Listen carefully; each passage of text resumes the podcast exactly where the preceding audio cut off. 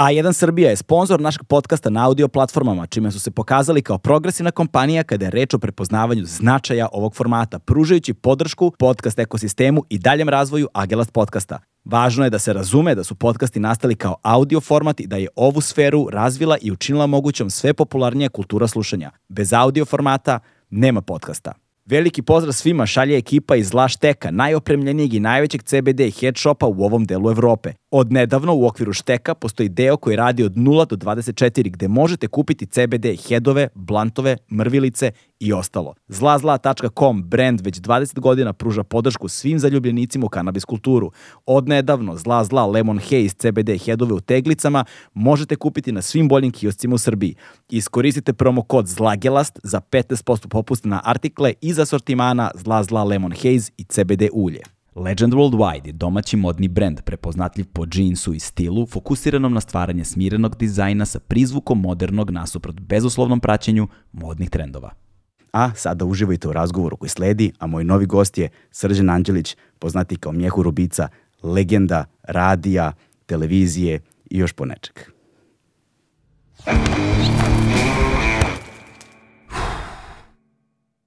Hmm.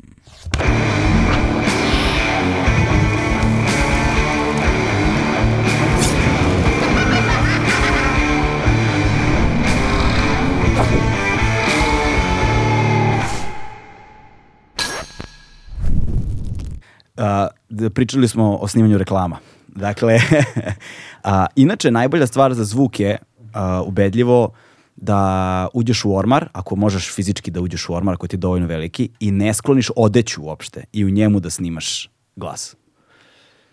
Da. To je najbolje. Recimo, evo, ljudima koji slušaju, uzmite mobilni telefon, stisnite record u sobi, stavite telefon na sto u sobi, snimite svoj glas i onda uh, od, idite u ormar, nabite glavu među odeću, stisnite record, snimite glas i poslušajte razliku među ta dva vokala. Sve će vam biti jasno. Ne, naj, meni je najvažnije da se uđe malo u crveno. Aha, meni u klip. To, da, da, meni je to najvažnije. Da. Što? Pa kad sam uh, počeo da radim taj svoj kao radio, onda mi ljudi kažu, ovaj, znači ovi, ovi moji drugovi koji se razumeju u ton, kaže, samo pazi ovo na crveno. A ja primetim kad ne obraćam pažnju uopšte na to i onda na kraju kad sve snimim, pogledam, on ulazi u crveno, ulazi u crveno, ulazi u crveno. Ja kažem, pa čekaj, ja sam zbog toga i došao na radio. Da bi se ulazilo u crveno. Da. Onda ja ostavim, nema veze. I to bi trebalo onda se... Nije, kaže, strašno ako je mnogo. Ja kažem, podnošljivo je. To je treba da. onda ako ovaj, treba da imaš emisiju koja se zove Ulazim u crveno. Pa da. Ulazak u crveno. Pa da. Znaš, ili samo crveno. Pa da. I onda tu bude sve što je... Ne, ne, to podrazumevam stvarno. Mora, mora nešto da ti malo zasmeta. Da, misliš? Stvari. Da, da, da. Ka, čekaj, kad, kad kažeš zasmeta, na što tačno misliš? Na koji način? Pa mora, ja, ja, ja e, mi smo kao klinci došli s ulice na radio i mi nismo znali ništa. Ti, sad, ti meni sada pričaš kako da se opremi zvučna soba, ja te gledam kao da imam 19 godina kad sam došao. Da, da. Mene ni tada to nije zanimalo i sada me slabo zanima. Da, da, da. Razumeš? Da, da, da, da. Ja sam rekao, aha, to su, to su sad ljudi tonci, to će oni to da rade, a ja ću da kvarim. Mm. I, ovaj, I pošto smo došli s ulice, pošto ništa nismo znali o tome, većina nas, ovaj, onda nikad nismo imali to opterećenja. Znaš kako su meni govorili, ovaj, krajnje dobronamerno da kao ti, imaš ti nešto zanimljivo i tako dalje, ali treba bi pre nego što uđeš u studiju da govoriš uh, A, E, I, da otvaraš kao A, E, I, O, U, A, E i ne znam šta već. I ja gledam i kaže tonac, ajmo kao u program. I ja uđem pre mikrofon i kažem A, E, I, O, U. I sad Gorica tamo stoji kod tonca i kaže ovako ne vredi.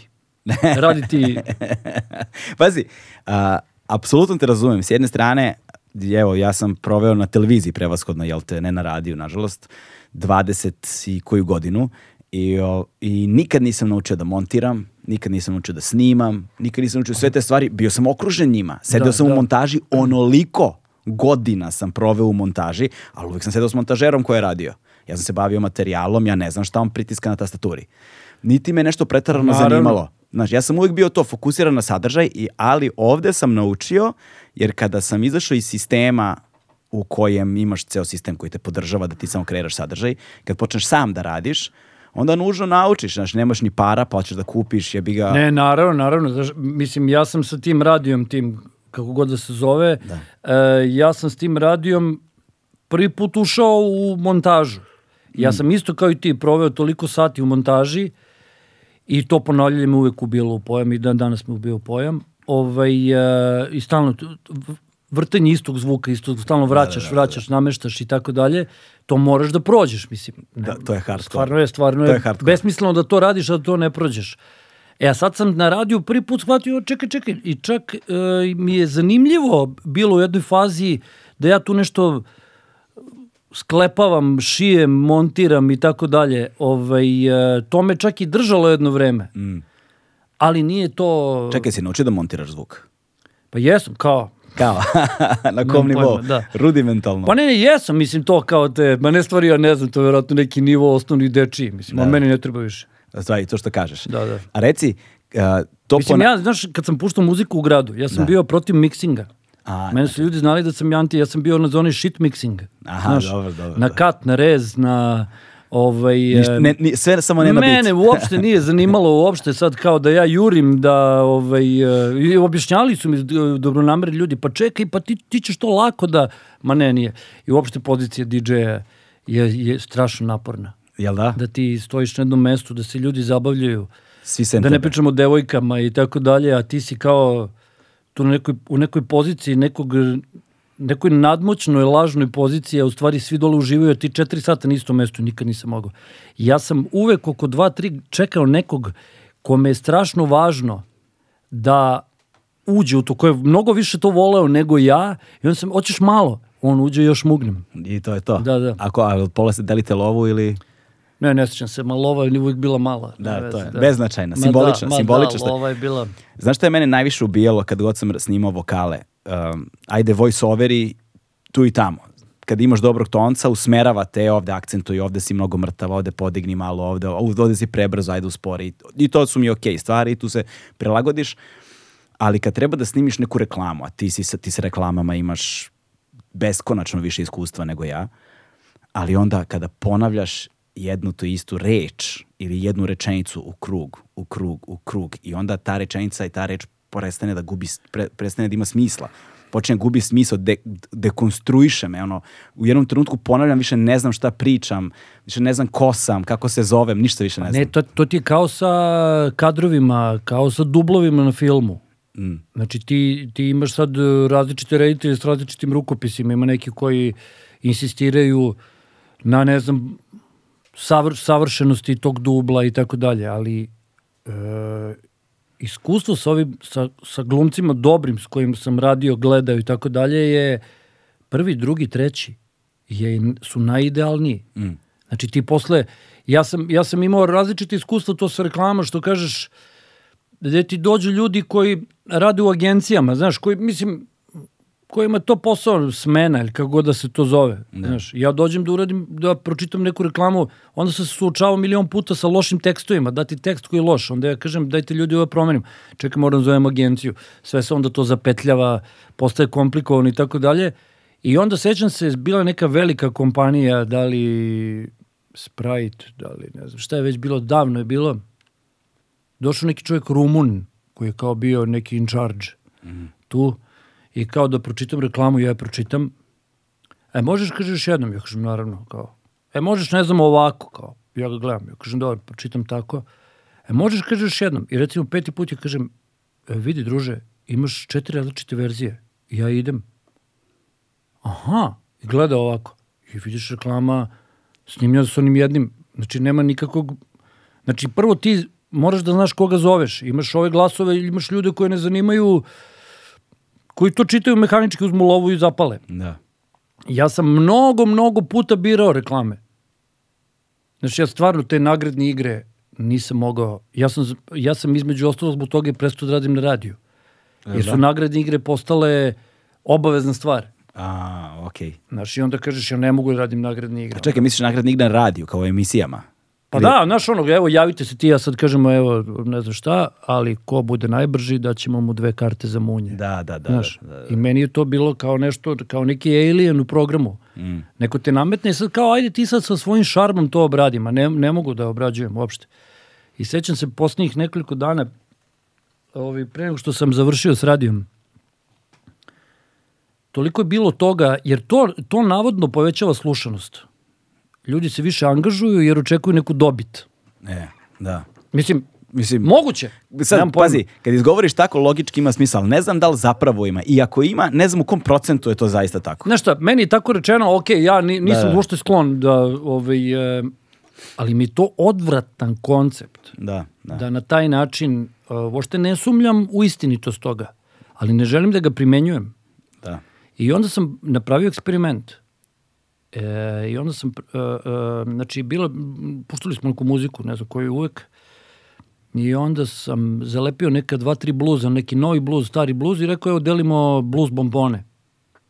Pazi, mi smo tada bili u bulevaru Zorana Đinđića, to je tamo kod e, Novog Merkatora, Aha, aha, da, ona da, velika ulica. da, da, da, znam, znam. I ja odem u prodavnicu i kupim kiki bombone. I javi se deset ljudi. I kaže ovde, ne znam, taj, taj sa voždovca. Ja kažem, dobio si bluz bombonu, moraš da je ceo dan sisaš, nemoj slučajno da je progutaš odmah, jer onda si trajno u bluzu, nego ne znam što sam ja improvizovao, nije važno. I odem kupim koverte. I napišem imena ljudi, u svaki kovert stavim kiki bombonu Jedno. jedno. Završi se to. Ja dođem sutra. Ja zaboravio na to. Dođem sutra. Znači, recimo, sedmoro ljudi je došlo da uzme kiki bombonu. Zakon. I sad vidi, razmišljam, čekaj, znači, mogu da gledam to na na više načina. Mogu kažem da su ljudi potpuno stondirani. Razumeš? Ali ne želim da mislim na taj način. Znači, onda razmišljam, čekaj, znači i ljudi imaju, pošto smo mi odrasli uz slušaoce, Jasno. koji su bili na potpuno našem nivou ili mi na njihovom, mi nismo, zato ja nikada u životu nisam rekao dragi slušaoci, jer bi, se, jer bi ih pocenjivao time. Znači, mi smo rasli uz našu publiku, zato je ta veza bila tako snažna. I onda kažem sebi, pa i oni kapiraju da je zezanje. Tako Znači, je. ja zajedno s njima pravim parodiju na nagradnu igru i čovek dođe, recimo, iz Vlajkovićeva ulice, ode na Novi Beograd da bi uzeo blues bombonu. I ja kažem, e, ovo je trenutak kad treba da odem s radija. I onda je prošlo još, recimo, 7 dana, nisam da nikome pričam ništa ovo, ono kao. I bio je petak, sećam se, i ja sam radio neku emisiju, puštali smo sambu, salsu, sve živo, pošto ja obožavam to, iz Južne Amerike. Znam za tvoju fascinaciju latinskom, Da, da, obo, latinoameričkom muzikom. obožavam, obožavam. I od Jamajke, sve, sve. sve. Posebno Brazil, znam da ti je bio Ne, ne, sve to obožavam. Da. I Trinidad, i Brazil, i Kolumbiju, sve. I ovaj... A... I šta sad teo ti kažem, čekaj. Znači, petak je bio, Da, bio odeš. petak i ja, ja puštam tu sambu i ništa se ne odjavljuje, ne mogu to uopšte sad to kao ja, ovo, ono, nego samo završim emisiju, dođe jedan prijatno. I stiže mi poruka, ovaj, moj otiše na more, ja solo, idem, popuno rasterećen, sve sam završio s radijom, i stiže mi poruka Maksa Kavalere Au, iz Sepulture. znam, znam ko je Max. Da, stiže mi poruka, šokiran čovjek, došao u Beograd i slušao sat vremena, a pazi, ja nisam puštao klasičnu sambu, ja sam vrtao svašta. Jasno, jasno. I on čovjek šokiran i kaže, ne znam, zaboravio sam sad šta mi je napisao, ali napisao mi nešto, čovjek došao u Beograd, sleteo, nemam Da, pojma. vero, verovatno sa Soulflyem. Ver, da, sigurno sa Soulfly, Soulflyem i onda je on bio u Beogradu i onda kaže, ne znam gde je bio, kod koga je bio, jer kao cepa im 92-ka i on kaže, sat vremena slušam brazilsku muziku, čovjek potpuno šokiran. I kaže, želim ti sve najbolje, samo nastavi. Ja kažem, Max, ja sam završio. A čekaj, reci mi, kada si ti otišao sa radija? Ja, mi, ja sam otišao s radija ja ne znam da li je bila 2005 ili 2006. Mm, ok, znači tad je Ja nisam otišao, ima- ja nisam otišao iz B92. Da. Ja sam otišao iz radija. Ali sam uh, imao taj osjećaj da sam tad trebao da odem skroz. Da. Ali sam imao neku imao sam još uvijek želju kao ajde da vidimo šta možemo, ali već je to bilo opadanje, već je to bila ta posljednja faza koja, mislim, kad bi sam mogao da vratim vreme, otišao bi tad i sa 92. I sa, televizije. Da, da, skroz, da, da. A to je, vidiš, jako čudno sa tim našim medijima i sa tim našim medijskim ekosistemom. Čekaj ti sipam vode. O, pa je, ali ali volao bih baš onda da pričamo, pričamo o tome, jer kao ovaj, negde, evo, ja sam tu, mi smo tu, go- govorimo o tom nekom podcast ekosistemu, koji zapravo još uvek nije ni ekosistem, ni, bog, ne postoje nikakvi industrijski standardi, sve to relativno novo i relativno nerazvijeno još uvek. Nekolicina nas je samo koji uspevamo da pravimo nešto konkretno od toga, sve ostalo je i dalje na nivou ili hobija ili ono, imaš primarni izvor primanja, pa ti ovo nešto sekundarno, tercijalno i tako dalje. Na, na prste jedne šake možda nabrojiš broj podcasta koji ma je to primarna delatnost. Ali sve ovo ne bi postojalo na ovaj način, na ovako kako jeste, da nije bilo radija koji je to napravio. Dakle, ja opet kažem, podcasti su produžena ruka radija. Radio, i to sam ponavljao da onoliko puta, ali nije zgorek ponoviti opet od formatizacije radija, te čuvene koja se desila, ubijanja govornog programa, pravljenje tih automatizovanih lista i tih fora od nagradnih igara preko onih dvominutnih segmenata gde u nasmejani vojiteljski par čita vremensku prognozu ovaj, i daje servisne informacije o stanju na putevima. Dakle, je e, ubijen je dakle, govorni program, ali potreba za govornim programom nije nestala.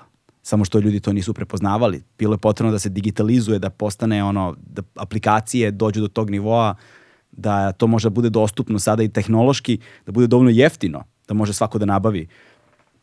Ali, Da, ne, ne znam šta, ne znam, to su sad e, teorije medija koje ja uopšte m, ne pratim i slabo i razmišljam o tome. pa pazi, ali ti dalje fun funkcionišeš, na neki način si ti podcast i dalje. Ja inače to ne zovem podcast. Znam da ne zoveš podcast, ali to ne zovem to podcast. funkcioniše na taj način. Ne, ne, ali samo hoću ti kažem, ja nemam pojma, e, ja e, ne znam da li to što mi govoriš je optimizam ili je to realno stanje. Ako je opti- mislim, cenim i jedno i drugo. Da, Ovaj, ali sad u ovom disperzivnom momentu, kada je, imaš toliko tih sadržaja koji u stvari nisu sadržaji, tako je. e, ja se vraćam, evo sad gledam iza tebe grčka mitologija. Tako. Znaš, ja imam potrebu da se vratim, mislim to već traje 20 godina, da se vratim, o- kako je govorila moja profesorka, ovaj, punačkim knjigama. Razumeš? Jasno. I tu se osjećam fantastično. Ali, da, znaš I, šta? i, i, jer ova količina sadržaja kojim smo, kojim smo mi okruženi, koji je kvazi sadržaj, to je zatrpavanje, bukvalno, je, uh, je besmisleno. Znači ti, ti uh, ne, ne, ne, ne govorimo o tome da ti sad nešto kao sad uh, po svaku cenu zapamtiš. To je jedan pritisak, nema potrebe time se baviš.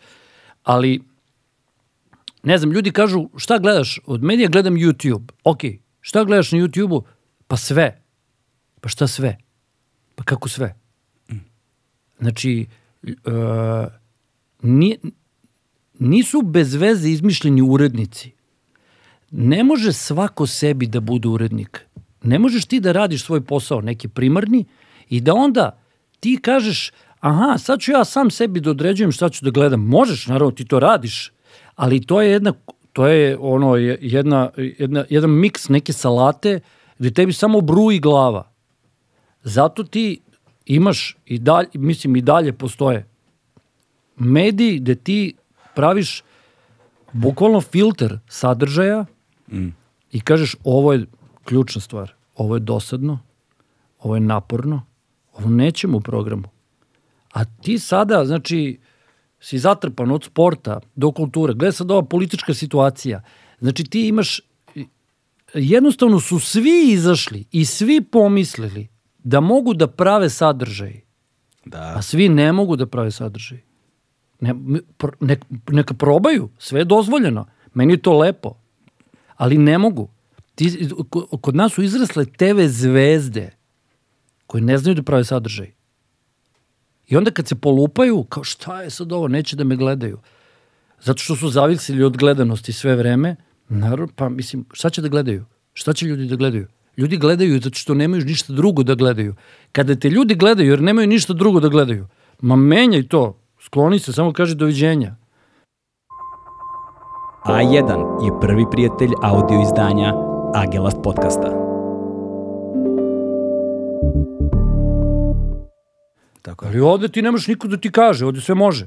Mm. Znaš kako su oni, mi smo obožavali ko klinici grupu Pogus. Naravno. Pa je bio ovaj, Shane McGowan. pa da, pa je bio taj, iz njihove neke rane faze bio neki single koji je bio hot dog with everything. Znaš, dođeš ono, u, znaš, uveče dođeš na noćnu klopu u tri ujutru, kažeš šta ćeš od priloga? Sve. Od Razumeš? svega pomalo. Od svega, pomalo. I onda naš prvi za ono zagreže sve ti su. e, to su mediji. To su mediji danas. Hot dog with everything. Tako je, jeste. Ovaj, to si veoma dobro načeo temu. Uh, plašim se da malo preskačemo, ali nema veze kad si je već načeo.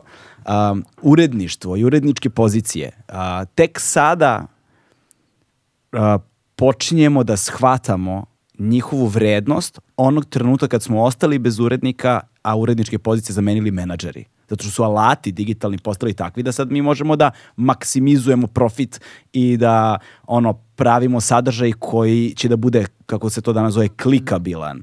Ali to šta taj sadržaj zapravo nudi, to nikome nije važno, zato što ono šta nudi ne pravi novac. Tako je.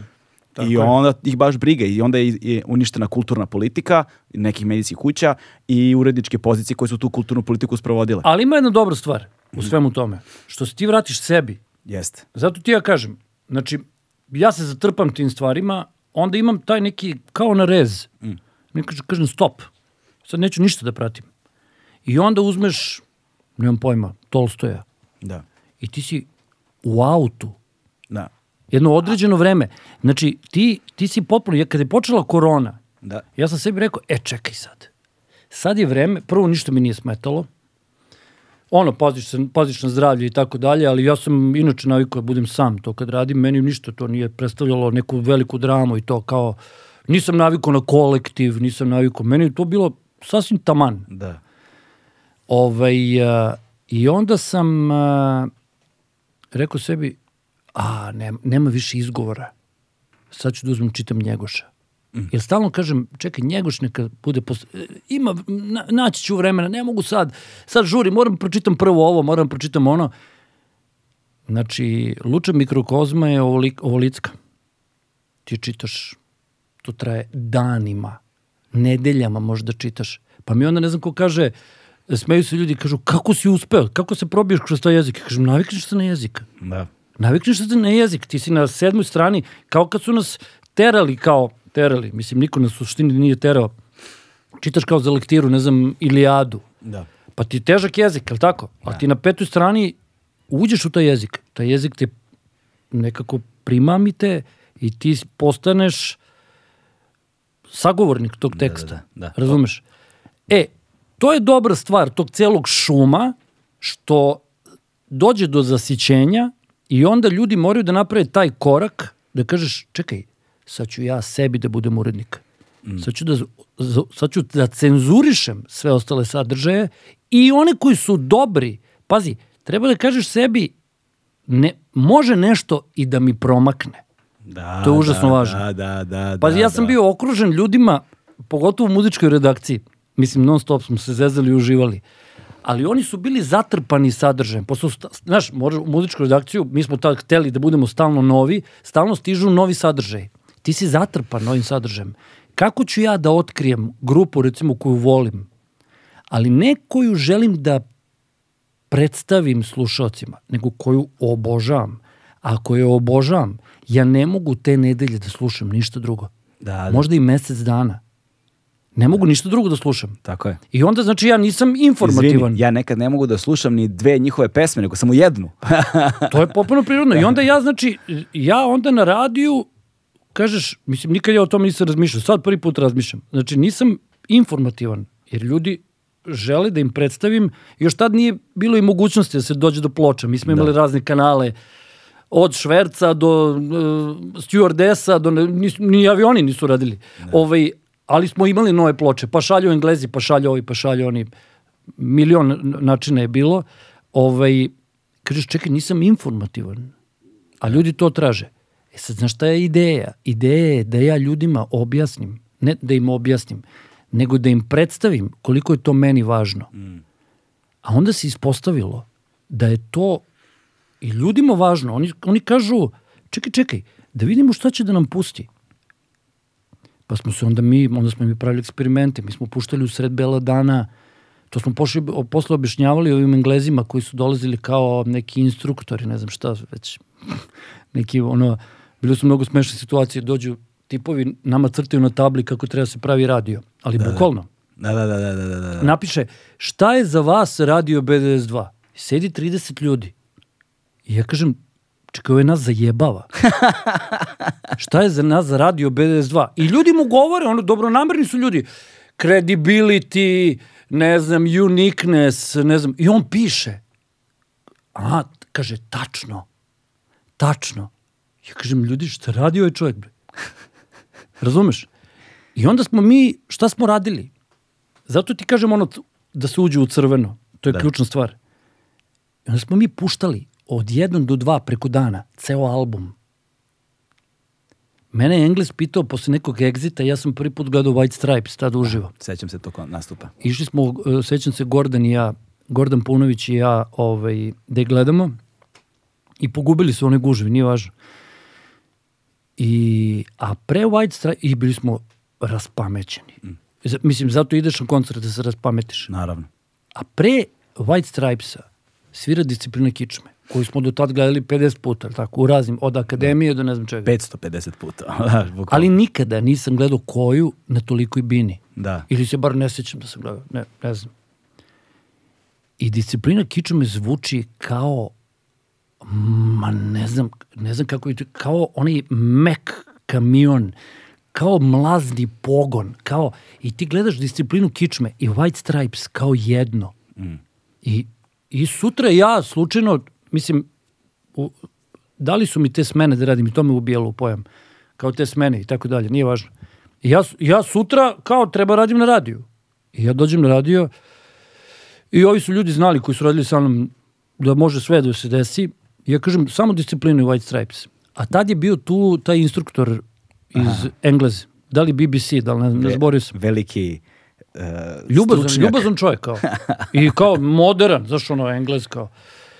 I on kaže meni kao, treba on i ja da popričamo, pričao sa muzičkom redakcijom. Ja sam bio večito kao lutajući metak. Ja nisam bio ni muzička redakcija, nisam bio ni novinar, ja sam, ja sam pravio svoj, svoj radio, bukvalno. Sa ekipom s ulice koju sam svu dovu, sve dovukao. I ovaj, I on kaže meni, ja ovo nikad u životu nisam čuo. Tako mi kaže čovjek. Ovo nikad, nikad. Ovo nema, nema šansi na piratskom radiju. Da, da. Ne može se desiti da sat i po ili sat, ne znam koliko je trajalo, da idu White Stripes disciplina, White Stripe disciplina. I kaže, kaže da to puštaš u podne. Mm. Jer kaže, vidi, neminovno će ljudi da ugase radio. I on, ja mu kažem, ali ja uopšte ne razmišljam ljudima koji će da ugase radio. I ja ovo pravim, ja sam juče bio na koncertu i ja sam i dalje oduševljen. Znači ja moram to da nekako dobacim do ljudi, mm. da im kažem kako je bilo. On nije to mogao uopšte da... Ja razumem, znaš, taj koncept medija u tom smislu, e, ja bi dobio otkaz, verovatno, prvi dan na engleskom radiju. Bilo kom radiju ja bi dobio otkaz. A ne bi, ne bi nužno, znaš, kako kaže, o gnev mi pevaj muzo, Ahileja peleju sina. Ne bi, ne bi, ne bi, ne bi dobio nužno, zato što u organizovanim sistemima gde postoji koordinatni sistem jasno postavljen na vertikale i horizontale, za osobu poput tebe našli bi, uh, našli bi stanicu na kojoj je tvoja vrednost ovaj, uh, maksimalna u tom smislu. Znači, oni već imaju razvijenu, po brojem jedan, slušalačku publiku, ogromnu i ako je na engleskom govornom, ako je na engleskom jeziku, to znači da je publika pritom i globalna, između ostalog. Pa ne, naravno, da. Znaš, tu govorimo o jednom sasvim drugačijem sistemu u kojem onda oni mogu sebi da priušte, ok, ovo nam je ono regularni program na BBC Radio 1, možda ne bi mogao, skoro Ali, sigurno. Ali znaš šta je ovde fora? Ali na BBC Radio 4... Ali znaš šta je ovde fora? Mogu sam ja to da radim ja sam radio ne znam koliko godina, više sam zaboravio noćni program. Noćni program to je, zakon. haos. To je haos. Da. Ta anarhija nam treba. Sam. Ta anarhija nam fali, baš nam fali. Obožavao sam. Da. Ali ovde je meni bio što da to radim u podne. Mm. Nije nam, i mi, mi, mi ko klinci, razumeš, e, e, ja se sećam kad je Public Enemy izašao, to je, nama, se, nama su se glave otvorile, razumeš, sa tim, sa tim, sa tim zujalicama, sa tim zujanjem, sa tim nekim tako agresivnim, tim funkom. Sa, uh, uh, i, onda, I onda se sećam da smo mi to puštali na studiju B. Mm. Ceo album.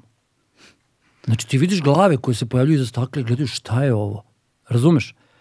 I iz, iz toga, to je bilo, sad ti možeš da kažeš, to je bilo i med, medijski, kako bi to rekao, polupismeno, neinformisano. Nismo znali kako mediji funkcionišu. Pa u, u tome i fora. Da. Što mi to nismo znali. Mi nismo znali nikakva pravila medija. Mislim, ja nisam znao. Ja bar nisam znao. I znam da jedan dobar broj ljudi nije znao. I nije nas zanimalo.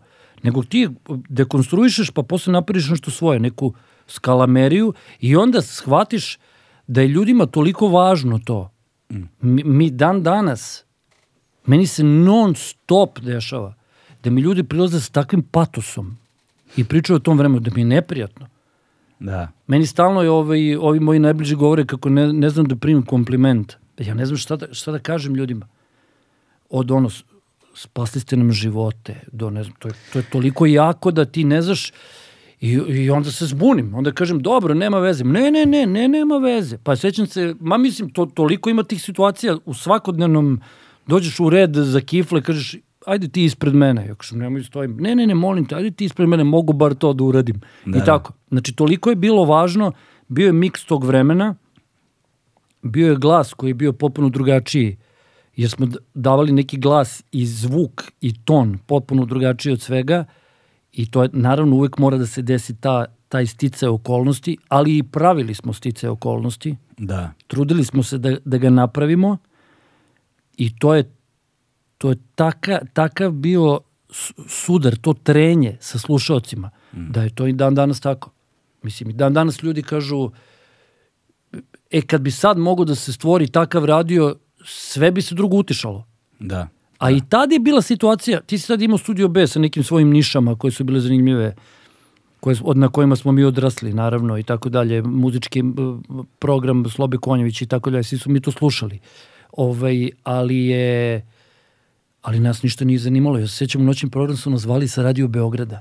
Uje. Da, Da, da, da. ali pazi, Radio Beograd ima opasan noćni program svoje vremeno. Ali znaš šta je zanimljivo? Zva- Kakvi su diletanti tamo sve radili, noćni program, to je ludilo. Ali znaš kako su nas zvali? Zvali su nas, uh, mislim, na, nama su I, stalno izvini, pretili. i Radio Politika je tad imao neki nenormalan noćni program, sećam se. Mislim, da, bar ne kad sam znam, ja bio ne nackli. znam, ne, da, nemam pojma. Ali ove, ja nis, nikad nisam ni slušao mnogo radio. Osim studija B, malo nisam se uopšte bavio radio stanicom. Ja sam slušao, da. Ovaj, ali je, ovaj, sećam se, zvali su nas, stalno su nas zvali, zvali su nas i ovi koji su nam pretili i sve, sve živo smo to prošli, nema veze. Ali su zvali, sećam se, jedno večer sad je u Beograda, kivni. Ono, znaš kakva je neka ljutina, neki bes u glasu, šta vi to klinci radite? To se tačno sećam. Ja kažem, ko je to? Kaže, ovde, ne znam, čovjek se zove, ne znam kako, se radi u Beograda. Ja kažem, pa šta radi? Pa ne, mi, a verovatno su i polucirke tamo, znaš, na smenama, onima, ovo, ono. I ti vi osjetiš bes, šta vi, šta vi to glumite? Šta vi to radite? Razumeš? Ja ne, ne, se ne sjećam, neki konflikt je bio. Ja kažem, pa nemam, mislim, kao, ne, ne možete slušati. Ne, slušamo, šta, šta tačno vi pokušavate i tako dalje. To je toliko bilo različito od svega. Baš zato što ti, što je bilo prvo u crveno, Da. a drugo ti ne znaš šta radiš, ti dođeš eksperimentiš, šta je mikrofon, šta, a šta kažeš, ne smem da mu priđem. E sad ću da mu priđem, sad ću da mu priđem. Znaš, To, to, to. Pazi, a, sad, da, tu si otvorio jako puno tema o kojima bih volao da govorimo, da napravimo nekakvu strukturu, pa da idemo barem ono hronološki kroz vreme, ali pre nego što to uradimo, nekoliko napomena na sve ovo što si rekao. Prva stvar, dakle, počeli smo od toga da li je to što ti radiš podcast ili nije. Znaš, ja bih počeo od onoga što je kao negde definicija podcasta kao, kao, kao e, složenice, jel te, ne, ne složenice, nego zapravo to je skraćenica od play on demand broadcast. Tako da ti zapravo to jesi. e, on demand, šta znači on demand? Pa, na, Da ne- znači ti kada snimiš, pos, pošalješ ljudima, ja dobijem mjehu rubica. a ne, ne znam, da, da, da. i ja ali- puštam on demand kad ja želim. Da, ali vidiš, recimo, ja stalno za, zamišljam to ovaj, kako ljudi kao... Nije neko određeno vreme kad se pušta, nego može kad god želiš. A da, da, e, e, to mi se najviše i dopalo. Pa da. Ovaj, ali, I ti si na neki način sam svoj broadcast, sam svoj emiter. pa da, ali što to, nije, što to ne bi bio radio? Pa jeste radio, ja to i govorim. Dakle, samo je, samo je to evolucija. Ono, to je sad samo novi tehnološki stepen u kojem se uh, radijski govorni program prevashodno našao. Ovo što mi radimo je, ovo je radijski program, u suštini.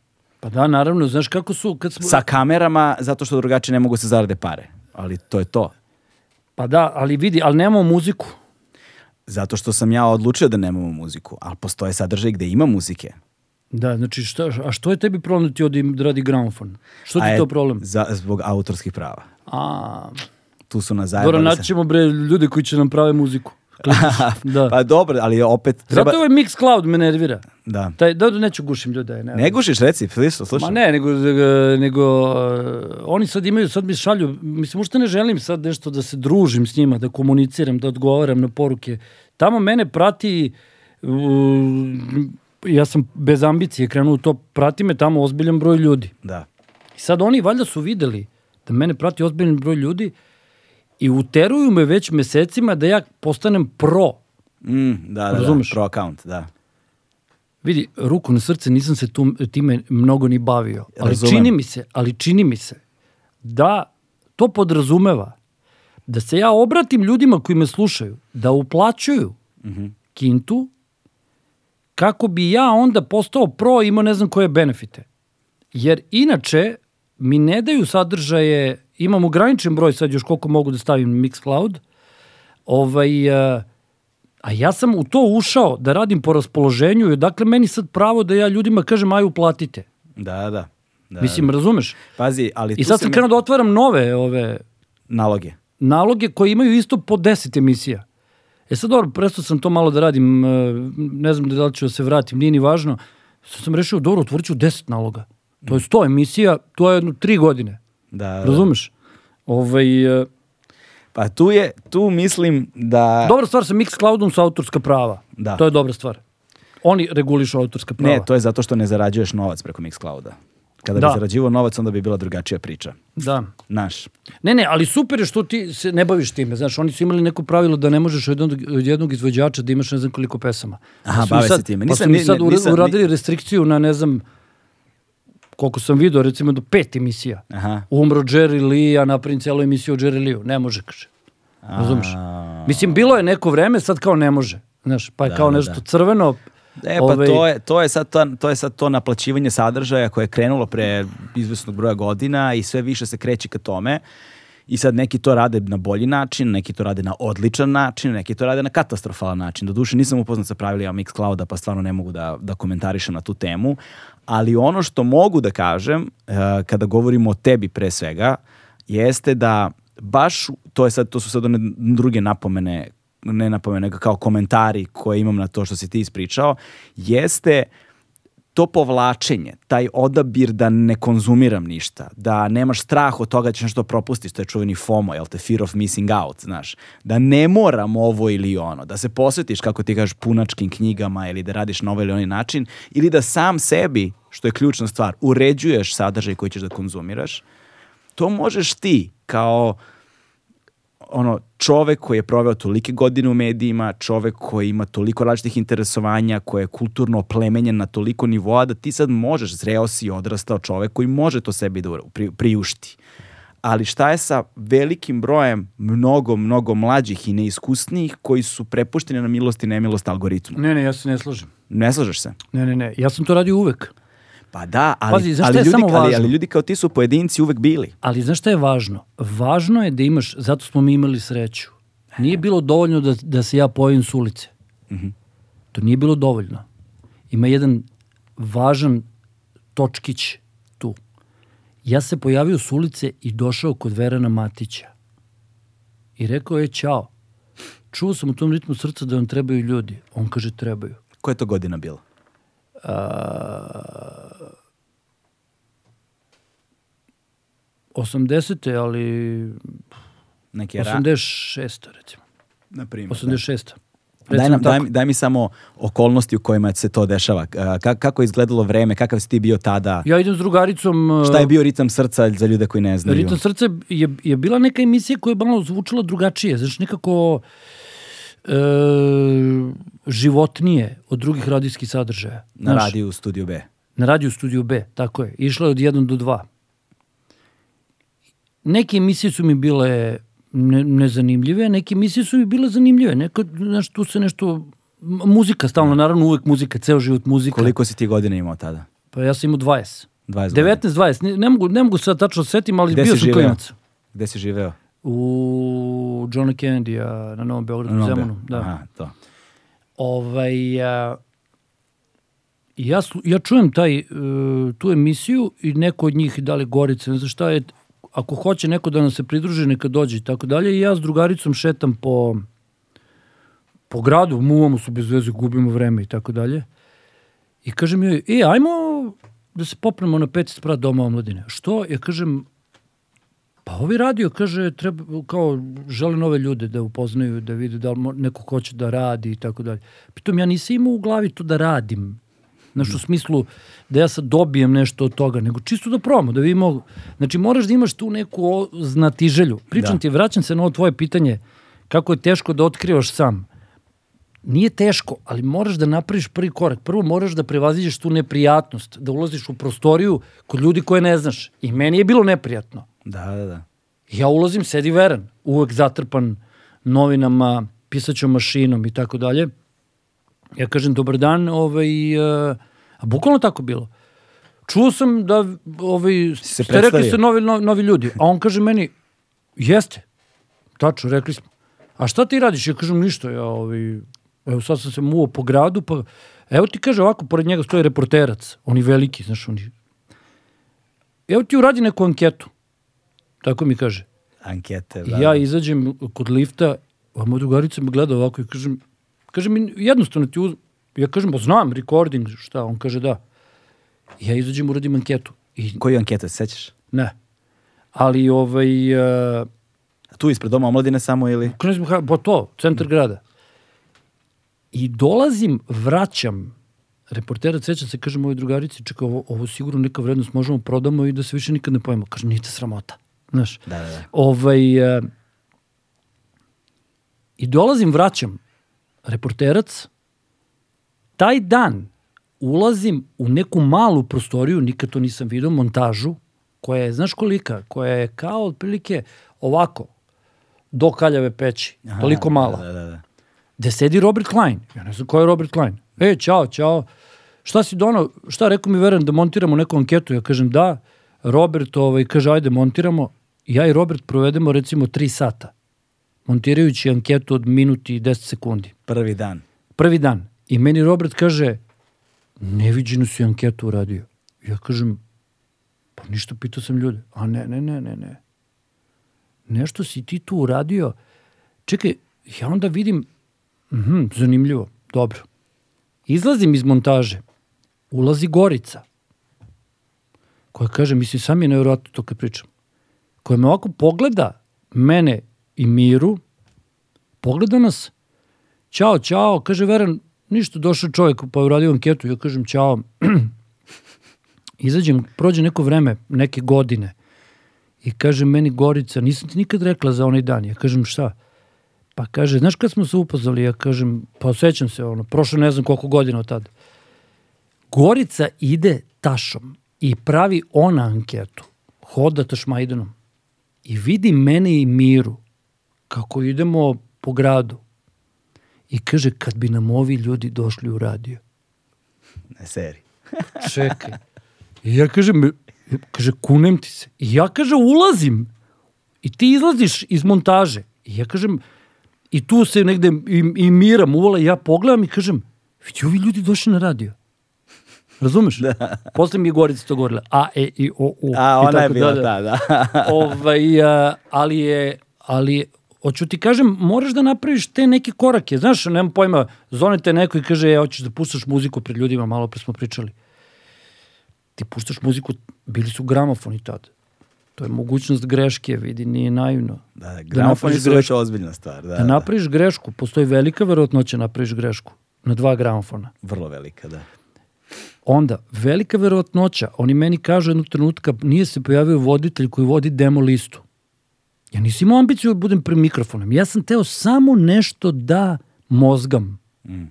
Ankete, super. Ja sam tri meseca samo ankete radio. Po kiši, snegu, samo ankete.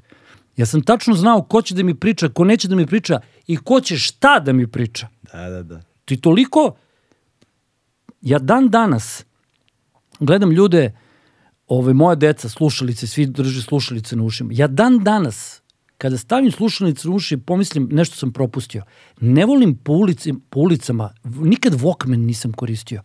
Jer skineš slušalice, sve čuješ, gledaš, učestvuješ u tome. Staviš slušalice, ti ne učestvuješ. Tako je. I ja sam možda zbog tih anketa, nemam pojma, stalno bio učesnik na ulicama. Znaš, stalno sam znao, a ovo će tamo, ovo je tamo ulični svirač, dobro, imaš te neke tačke da ideš, o- ovi tamo, onda vidiš izlaze ljudi iz neke firme neraspoloženi, neće niko da mi priča. Ovde, znaš, sad sam zaboravio sve, naravno, mislim, nisam radio anketu od 88. recimo. Da, da, da. Ovaj, uh, ali, uh, znaš šta, uh, preopširno mnogo ovo. Nema, ne, nije, ovaj, nije, nije ali je- preopšeno. Nije preopšeno, ovo je taman. Jeste, jeste.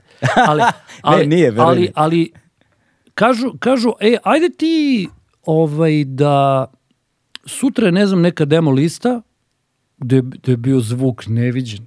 Mislim, bilo je toliko dobrih bendova. Voditelj je, recimo, bolestan, Mm. e bi ti vodio. A pazi, ja slušam muziku, izlazi u grad, iz, mislim, osjećaš se kao, kao da si, u, kao da skočiš u bazen i plivaš. Da, Razumeš? Da, da, Prirod, najprirodnija stvar na svetu. da. Š- Ko je da probam? I ja dođem, Robert Klein tonac, slučajno. Kaže Robert, o, hoćeš da probaš kao? I ja kažem, pa ajde, rekli mi da dođem. I ja uđem u studiju, na studiju B, ja uđem u onaj veliki studio, i kaže Robert, evo ti, nemoj ništa da brineš. Ja kažem, ja ne brinem uopšte. da, da. On se smeje. Kaže, ovde imaš ono otkucano, znaš ono prvo mesto, drugo mesto, deseto mesto i tako dalje bendovi. Ja razmišljam, šta je ovde da radim, čitam prvo mesto, drugo mesto. To je ono, ko neko podcjenjivanje, ono. Ne mogu to da radim. Ali ne mogu sad da mu kažem, Da, znaš. da. I vidim u uglu studija onu arhitektonsku tubu. Znaš, u kojoj se da, radovi da, da, da, da, da, da, da, za nacrte, da. Da. I pogledam tubu, odem do nje prazna. I onda sam vodio prvo. Prvo moje pojavljanje radio je bilo E, galebe, što Da. ima novo, prvo mesto. I Robert ovako drže ruke u vazduhu i ja sa vreme deseto mesto, deveto mesto, i se čujemo, imamo neki kvar u radiju, imamo i tako dalje. I ti onda vidiš, i, ali vidi, opet se vraćam na to da meni niko nije rekao to ne može, neće više nikada biti pred mikrofonom, nego je Veran to u nama ohrabrivao. I čak i to što je ohrabrivao, nije radio indiskretno. Jao, bravo, nikad te nije hvalio. Nikad ja nisam ni tražio da me hvali. Samo ti je dozvoljavao. Nego nam je, on se nama nije mešao. On je bio urednik koji je, i ja sam to kasnije primenjivao. Pazi, ovo što ti sad pričam, sad prvi put osvešćujem čak. Da. Ja sam onda dovlačio ljude sa radija po tom kriterijumu. Gorice, što ovo dvoje ne dođe u radio, i Verana koji te pusti. Razumeš? I onda mi Joma, Maja, A, da, Zipa Joma. Kaže, to sam sad skoro negde pričao, ne, ovaj, uh, sad sam malo sebi dosadan, pošto sam sad skoro nekome pričao. Meni pa si ljudi- pričao. Tebi sam pričao. Meni si pričao, ali nema veze, ponovi.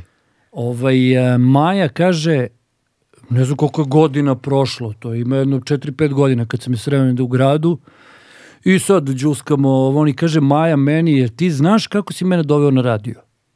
I ja kažem, ne znam, znam da sam je doveo na radio, ali ne, ne znam, ja kažem, pa sam ti rekao dođi, ma ne, ni, rekao si ti meni dođi. A kaže, znaš kako? Ja kažem, ne znam. Ja sam ušao u neki klub i Maja je džuskala. I ja sam joj prišao i rekao, opasno džuskaš, dođi na radio. I ja kažem, ja me zezaš? Ona kaže, ozbiljno ti kažem, ja kažem mu, a mi se dopada. Da. E, I tako smo se mi iskupili, ali sve vreme si imao čoveka koji, koji nam je, on imao jednom ambiciju, pa mi je rekao, dođi da uradim kao novinarski prilog. Ja sam mu direktno rekao, ko bre da radi? Sećam se, kaže mi čovek, pošto je on, znaš, ceo život u tom aktivizmu, on celog sebe daje Misliš na Verana? na veranu. Da, da. U novinarstvu, u aktivizmu, u, stav- u, u, apsolutno je u tome, od kad ga znam. I onda on kaže, bilo one, uh, one lažne banke, uh, Dafim and, Aha, da, da, da, da. da. jezde da fina to, da, da. I čovek hoće da se spali, u, sa, sećam se, u malom mokrom lugu. Očajni neki čovek preti i prišli su mu i policija, novinari i tako dalje, čovjek hoće da se spali. I meni Veran kaže, ovo je za tebe idealno. Idi u mali mokri lug da napraviš prilog. Ja mu kažem, jesi ti normalan? Da idem da pravim novinarski prilog sa čovekom koji hoće da se spali. Ja nisam mogu da, da shvatim uopšte. I on me ovako pogleda i kaže, pa čekaj, ali da odeš da uradiš to za radio. Ja kažem, ne pada mi na pamet, bre. izađem napolje. Znači, ti si mogu da imaš urednika koji kaže, molim, ti si meni odbio saradnju i tako dalje. Ne se pojavljaš više ovde i tako, mislim, ja se ne bi ni pojavio. Mene ništa nije zanimalo. Ovaj, ali to Vera nikad nije uradio. Znaš, imali smo, znači, mogućnost da pravimo greške. I ti kad si klinac Da. i kad se formiraš, ako nemaš slobodu da, da grešiš, kako ćeš ti da se razvijaš? Jeste, da. I to je, to je nešto na čemu ja isto treba da budem zahvalan urednicima koje sam imao, većini urednika koje sam imao, ali da opet sam se ja vrlo kret, kretao po vrlo specifičnim medijima. Nikad nisam bio baš ono na RTS-u, znaš, i tako to.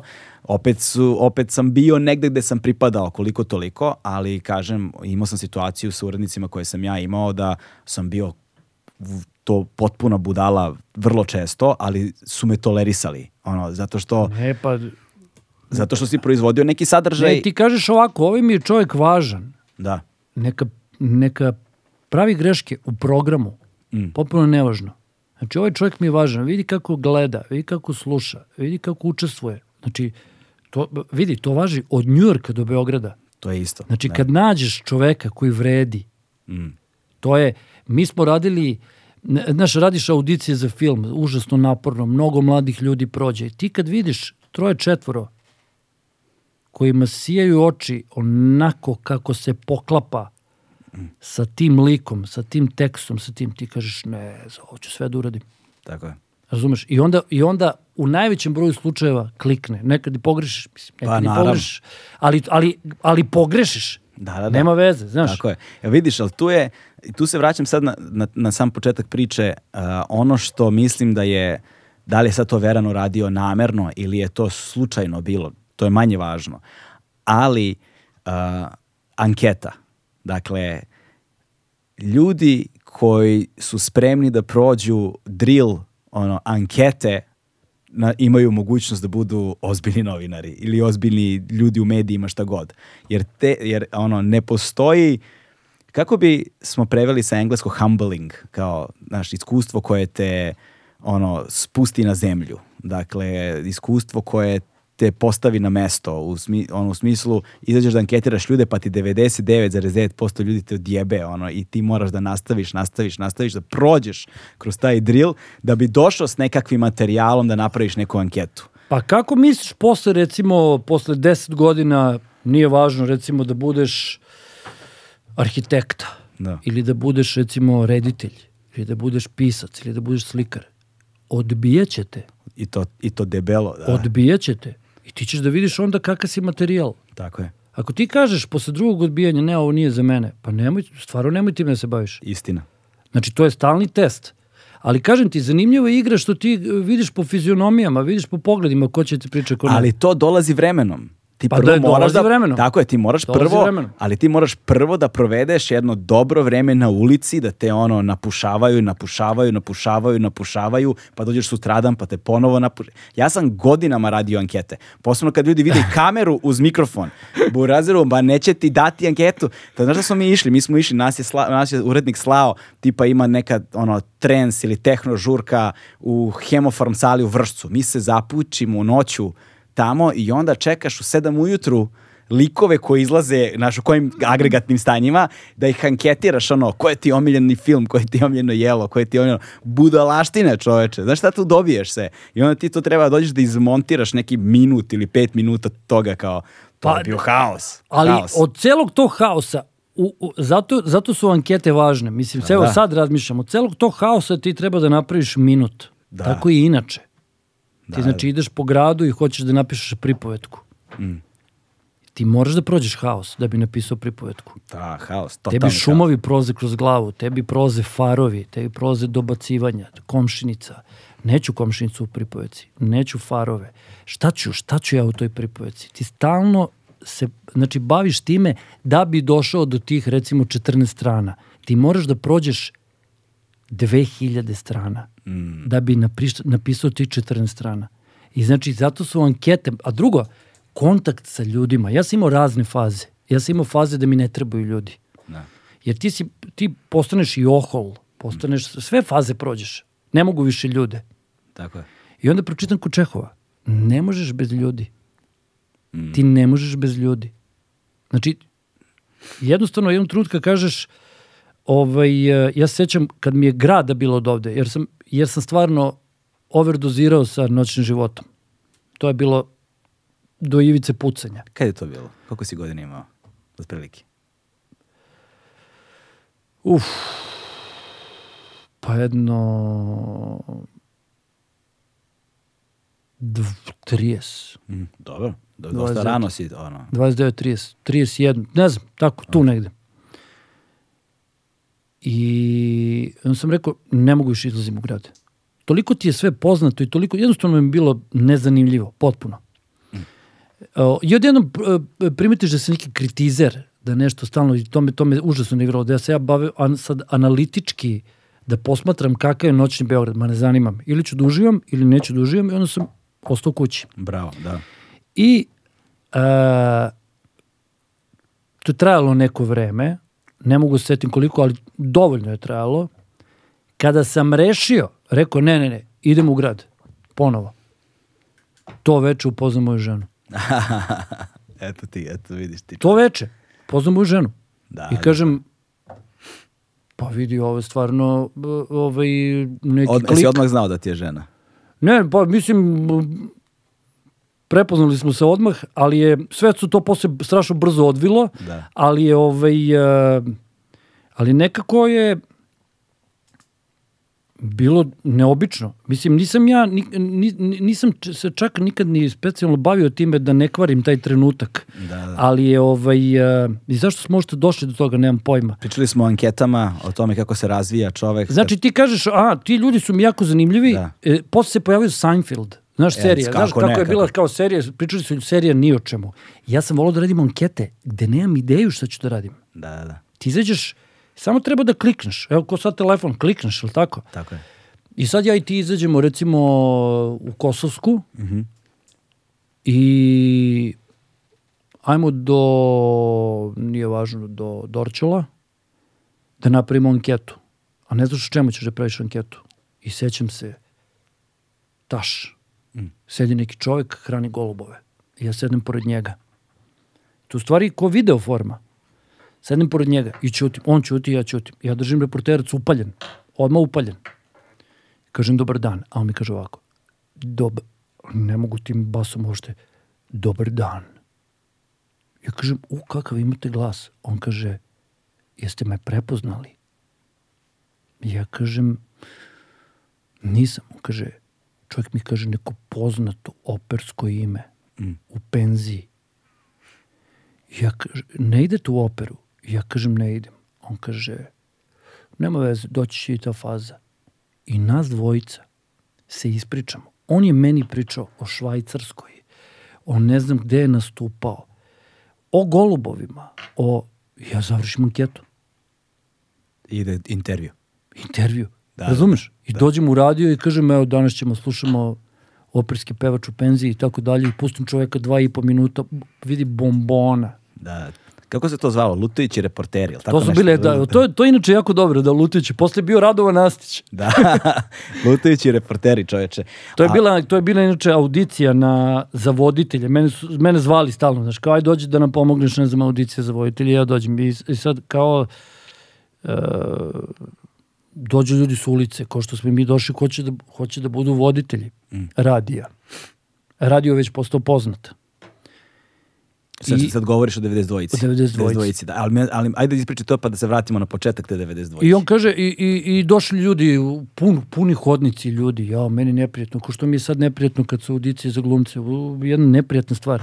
Što ti vidiš želju u tom hodniku, to je nabijeno nekom energijom da ljudi bi voleli, a ne mogu svi da prođu.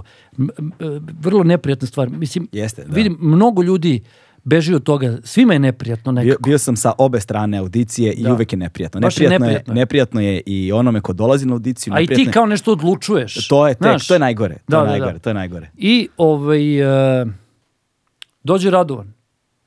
Sedimo nas troje četvora, a ja sam tad skupljao ovu bolumentu celu s ulice, to su ljudi inače koji, sad, koji su obeležili ovaj Beograd. ovaj, i uopšte našu kulturu i zabavu i muziku ko, i sve. Koga, koga si sve tu doveo? Ma- Na, navedi neke samo da čisto... Ma ne znam koga nisam. E, Milica Tomić e, je govorila, slikarka naša je govorila, a, sećam se, vidimo se negde u gradu, pa mi kaže, e, znaš šta, znam da je grad petkom bezbedan, svi su ludaci u ritmu srca. To, to, to. Ovaj, e, I dođe Radovan, znaš, sedne. I Radovan e, muca i sad ovi ljudi mu postavljaju tako stan, standardna pitanja, razgovaraju s njim, ja mu kažem, pa znaš ti gde si došao? On kaže, pa došao sam na audiciju za voditelja. Ja kažem, a meni odmah beskrajno simpatičan. I ja mu kažem, ali sad pokušavam da budem kao, što ja ne znam, kao da budem profi. Ja mu kažem, a mucaš? On kaže, pa malo kao, znaš, ja kažem, dobro. A znaš ti šta znači, da, ovaj, jer tad se radio ipak malo formatirao, malo ipak, to je neka polovina 90-ih recimo, ipak je malo, ona faza anarhije malo prošla. Još uvek je bilo dobro, ali, još uvek, ali malo sad imamo neki kao koncept, imamo neke, neke okvire i tako dalje. I ja mu kažem, znaš ti šta to znači? Sad te mi primemo, znaš šta znači? On kaže, pa vodim program. Ja kažem, čovječe, e, vremensku prognozu ima čitaš. Ima čitaš koji je pritisak napolju, ima ne znam, gužve u Beogradu. To, je- to je bre pakao. On me gleda ovako. Kažem, jesi to hteo da radiš? Pa ne, ja sam mislio da se zezam. I ja kažem, pa u ritam srca, bre. Šta još radiš u životu? On kaže, gledam porniće i pijem bensedine. ja kažem, ja kažem, pa slušaj, pa samo ritam srca. I on čovjek dođe u ritam srca. Kako ti je vodiš program, sediš na smeni dva sata, ja kad ću kući, kad ću kući. Da, Razumeš? da, da. Ali, e, sad, e, kako je izgledala ta tranzicija, dakle, sa Studio B, B92, kada se osnivao B92, koje su to bile okolnosti, koje je to bilo vreme, ono, znaš, ti si tu bio od samog početka, jebi ga, vas nekoliko, koliko vas je bilo tu? Znaš šta, ja sam uh, radio iz dana u dan. I ja, m, ja nisam bio previše svestan konteksta, koji je bio vrlo čudan, nezgodan. Ti si imao, jednu, ti si imao jedan okvir, jednu zemlju koja je imala milion problema, ali koja je ipak imala, znalo se šta, kako, kuda i tako dalje. Postoje, postojala je neka vrsta, znaš, nek, nekih uh, uzusa, u, u, od profesija do poli- politike, sa svim problemima, jasno, sve. Ali onda prelaziš, strašno se sve ljulja i mm, malo je ljudi bilo stvarno u to vreme, ali tih nekoliko glasova je dosta odzvanjalo da može svašta da bude sa tom zemljom. I u tom periodu, to, tom rovitom periodu, nastaje e, B92. Koja godina to? Popuno slučaju 89. Da. Ja ne znam te detalje, inače Jasno. podatke ne pamtim baš. Nema veze, ali mi se dopada, znaš, zato što puno puta smo pričali priču o radiju, B92 posebno, ali mi je super sad taj tvoj ugao kao nekoga koji je ono, nije, nije, nije sistemski tu dolazio, nego je prosto bio slobodni igrač. Em, ceo radio je tad bio slobodan igrač. Zato sam ja ostao na njemu. Da, da, da. Razumeš? E, bio je taj jedan period, e, znači to je bio period Ante Markovića, tad je stvarno delovalo da nešto može da se desi. Znaš, očekivali su ovi progresivni delovi društva demokratizaciju. To nije bilo demokratsko društvo. Ali su se stvari otapale. Pa smo onda očekivali da će zemlja da cveta. Razumeš? Onda je bilo odjednom više love. To je bio taj period neki čudan. Zatiš Ja je da- pred buru. Ja i dalje mislim da je to bio neki veštački period, jer odjednom se stvorilo više love. Nemoguće, kako to? Mislim, ja se ne razumem u lovu. Da. Ali kako to odjednom da ima više love? Znaš, nemaš do ponedjeljka, od ponedjeljka imaš. Sad karikiram. Jasno, jasno. Ovaj, a, mislim, Beograd, Beograd, Beograd, Beograd je eksplodirao 89. godine u svakom smislu kao, kao prvoj polovini 80-ih. Ti si im utisak da smo u raketi, sad ćemo da letimo. Znaš, i u toj atmosferi je nastao B92. Onda je bio taj neki ozbiljan konflikt, jer je, jer je B92 nastao od ritma srca i od indeksa. Indeks je nekako bila radio stanica sa nekom ambicijom. Oni su imali veliku slušanost. Ne znam sad, da sve što ovo sad pričam manje više možda i grešim, ali Jasno. oni su nekako bili novinari. Znaš, mi smo bili klinci s ulice. Većina nas. I onda je ta ekipa s indeksa pokušala da preuzme radio. Čekaj, šta, šta misliš po time da preuzme? Da preuzme, da oni budu in charge. Aha. da oni vode radio. Mi bismo svi otpali. Znači, hiljadu posto. Mi bismo prvih nedelju dana svi dobili otkaz. Da, To, to je milijardu posto. Jer je bila netrpeljivost, bukvalno. A, bilo je netrpeljivost. Da, na vama. nivou, ja ti pričam na nivou, uh, ne pričam na nivou politike, to se, to se i ne sećam. Da. Na nivou estetike. Da, da, da. da. Mi nismo ste, mogli da shvatimo uopšte. vi ste bili anarhija u tom smislu. Pa ne znam da smo bili anarhija, nego jednostavno nisam mogao uopšte da razumem uh, kako vode program, kako su potpuno, dru, potpuno nebo i zemlja. Ovaj, i, i, I sad bi to isto sve ponovio. I onda su bili sastanci gde su oni bili šokirani, su nekako dolazili u sakojima na sastanke. Mi smo dolazili Tako. sa ulice, mislim, razumeš? I onda oni, i ti vidiš k- kako nas pocenjuju, znaš. E sad pazi, lako je meni da pričam, nas je bilo nekoliko koji smo tu e, bili drčni i, i ovaj, ali Veren je u stvari prošao najgore. Znaš, Veren se stvarno i nervirao mnogo i pokušava, bil, bi- bili smo mu naravno neviđena pomoć. I to je neka nađena admini, administrativna neka, kroz neku smo špijunku prošli, onu ključonicu. Mm. Razumeš, neke popuno stice okolnosti, zaboravio sam. Neki uh, gradski komiteti omladine, ne znam ko je nas osnovao, pa je trebalo da traje, ne znam, pet ili sedam dana, pa smo posle toga, to je bilo eksperimentalni radio. Pa onda te niko nije puštao. Ko kad bi se parkirao sad u zelenoj zoni, a ovaj te voli, ovaj što, iz parking eh, servisa, pa ti ne naplaćuje kazne. Tako smo mi prošli mimo sistema. Posle je bilo problem da nas ugase, jer je već to odjeknulo. Da. Da. Onda je problem da ugasiš. Razumeš? I tako da smo imali sreću, u stvari. Pa da, to je to. Želeli smo strašno to, ali smo realno imali sreću. Jer ovi bi nas progutali. To su bili neki ozbiljni igrači. Mislim, u indeksu koji su bili ambiciozni, koji su izgledali u odnosu na nas kao, kao funkcioneri. Kao stroga korporacija. Ali bukvalno kao funkcioneri. Da. Znaš, kako tu muziku puštate, dolazili su, šta vi to pričate pred mikrofonom i tako. Kao tolerisalo su nas, ali stvari je bi- bilo nemoguće da jedni i drugi opstanemo. I oni su se povukli. I onda je radio bio naš. Onda vidi, onda više nije bilo granice. I onda se sa tom situacijom u zemlji poklopilo da se formirao radio, onda je i kasnije došlo do te cele nesreće, užasa, ratova, izbeglica i tako dalje i onda je radio sve vreme bio svedok toga. Mi nismo mogli drugačije. Ne možeš ti da uh, uh, sa svojim slušalcima si ti na ulici. Znaš kako je kad su bile one velike demonstracije, 9. mart, ja sam inače već to kasnio. Ja sam kasnio i na radio, stalno. Da. Ovi su stalno govorili, nisu nikad znali da li ću da dođem, ja sam stalno kasnio, ne vredi. Dobro, danas je došao na vreme. E pa eto vidiš. I to baš e, na vreme. Eto vidiš, to mi se užasno redko, redko dešava, baš da dođem na vreme. Ali, ali neka sam nikad bezobrazno, ali ne, to pet minuta, ja ne, ne pamtim kad sam u bioskopu gledao špicu. Da, da, da. Sad me, sad me spašavaju ovi traileri, što A. puštaju pre filmova. I reklame, Pa pola da, sata. i onda kažem u dobro, ali ja i to uračunam pa zakasnim. Da, da, da. da. Ovaj, a, nego šta sam teo ti kažem sad. Ti I si onda, uvek kasnio to i dolaziš 9. Pa ne, i onda, mart. i onda je uvek, da, da, e, i, i onda ti si sa slušalcima na ulici. Ja nisam mogao da zamislim sebe da ja budem u radiju dok su oni na ulici. Ja nisam možda to mogao, i zato ja nisam nikad posmatrao to profesionalno. Ja kažem, gore su novinari. Novinari će izađu pa da kažu sa Slavije je krenulo 5000 ljudi, ne znam, desilo se to, desilo se to. Ja da budem pred mikrofonom, a ja sam znao da ja njima značim da ih potpaljujem, Da, da. da, izađu na ulicu.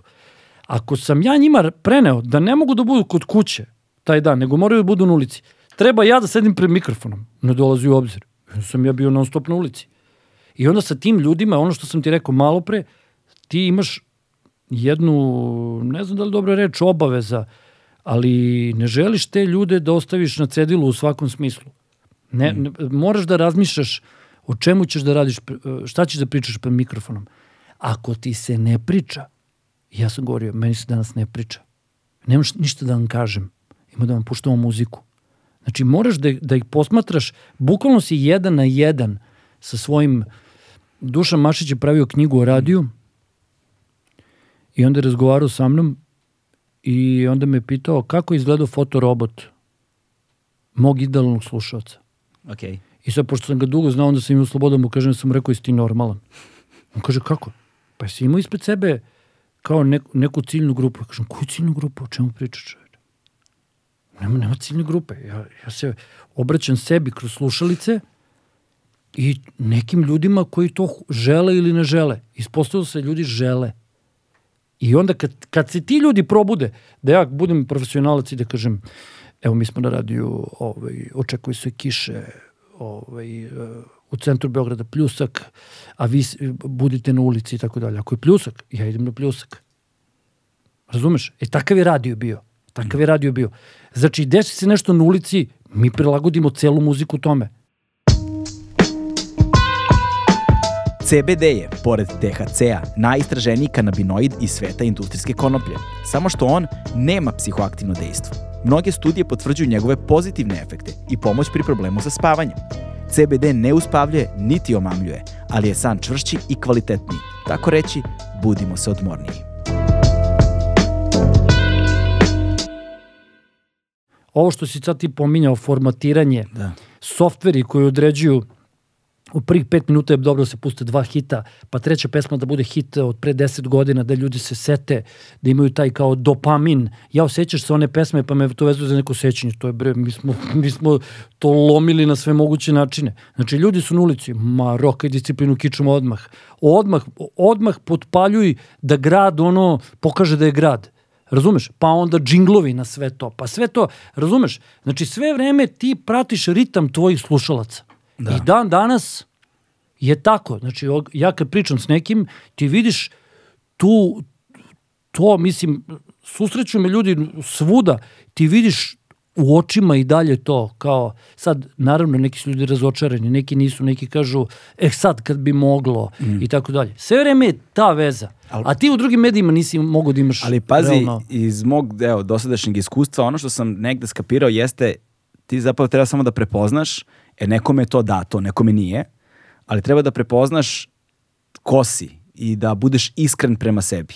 Onom trudu kada postaneš iskren prema sebi i radiš ono što te zaista interesuje i tvoja emocija je u tome iskrena, ljudi će da prepoznaju. Koliko god mislio da si jedini i da nema takvih ili da vas je vrlo malo, zapravo to nije tako. I prepoznaće jako veliki broj ljudi. I onda će kreirati taj odnos poverenja sa tobom.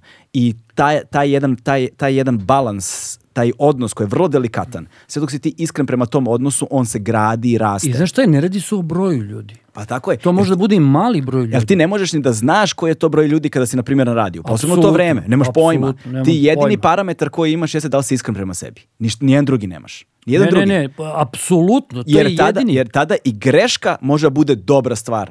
Pa zato vidi, što si iskren. Vidi kako ja govorim. Ja, fa- ja mislim, znaš, ja, e, A, e, i, o, u. pa to ti kažem, razumeš, mislim, e, Radovan Astić, evo sad Da, sam da, ti da. pričao. Znači, u, u tom ritmu srca je, je bio, recimo, sad, sad pričam po sećanju, ne znam, e, Dule Čavić, Da, da, da. I Dule Šaponja, recimo, koji se sad bore, Dule Čavić se bori za ovo u blokovima Nasip ovaj za savski, nasipe. Uroš Đurić, koji dolazi u ritam srca kao, kao, u- kao u svoju, to je bila naša kuća. Mm.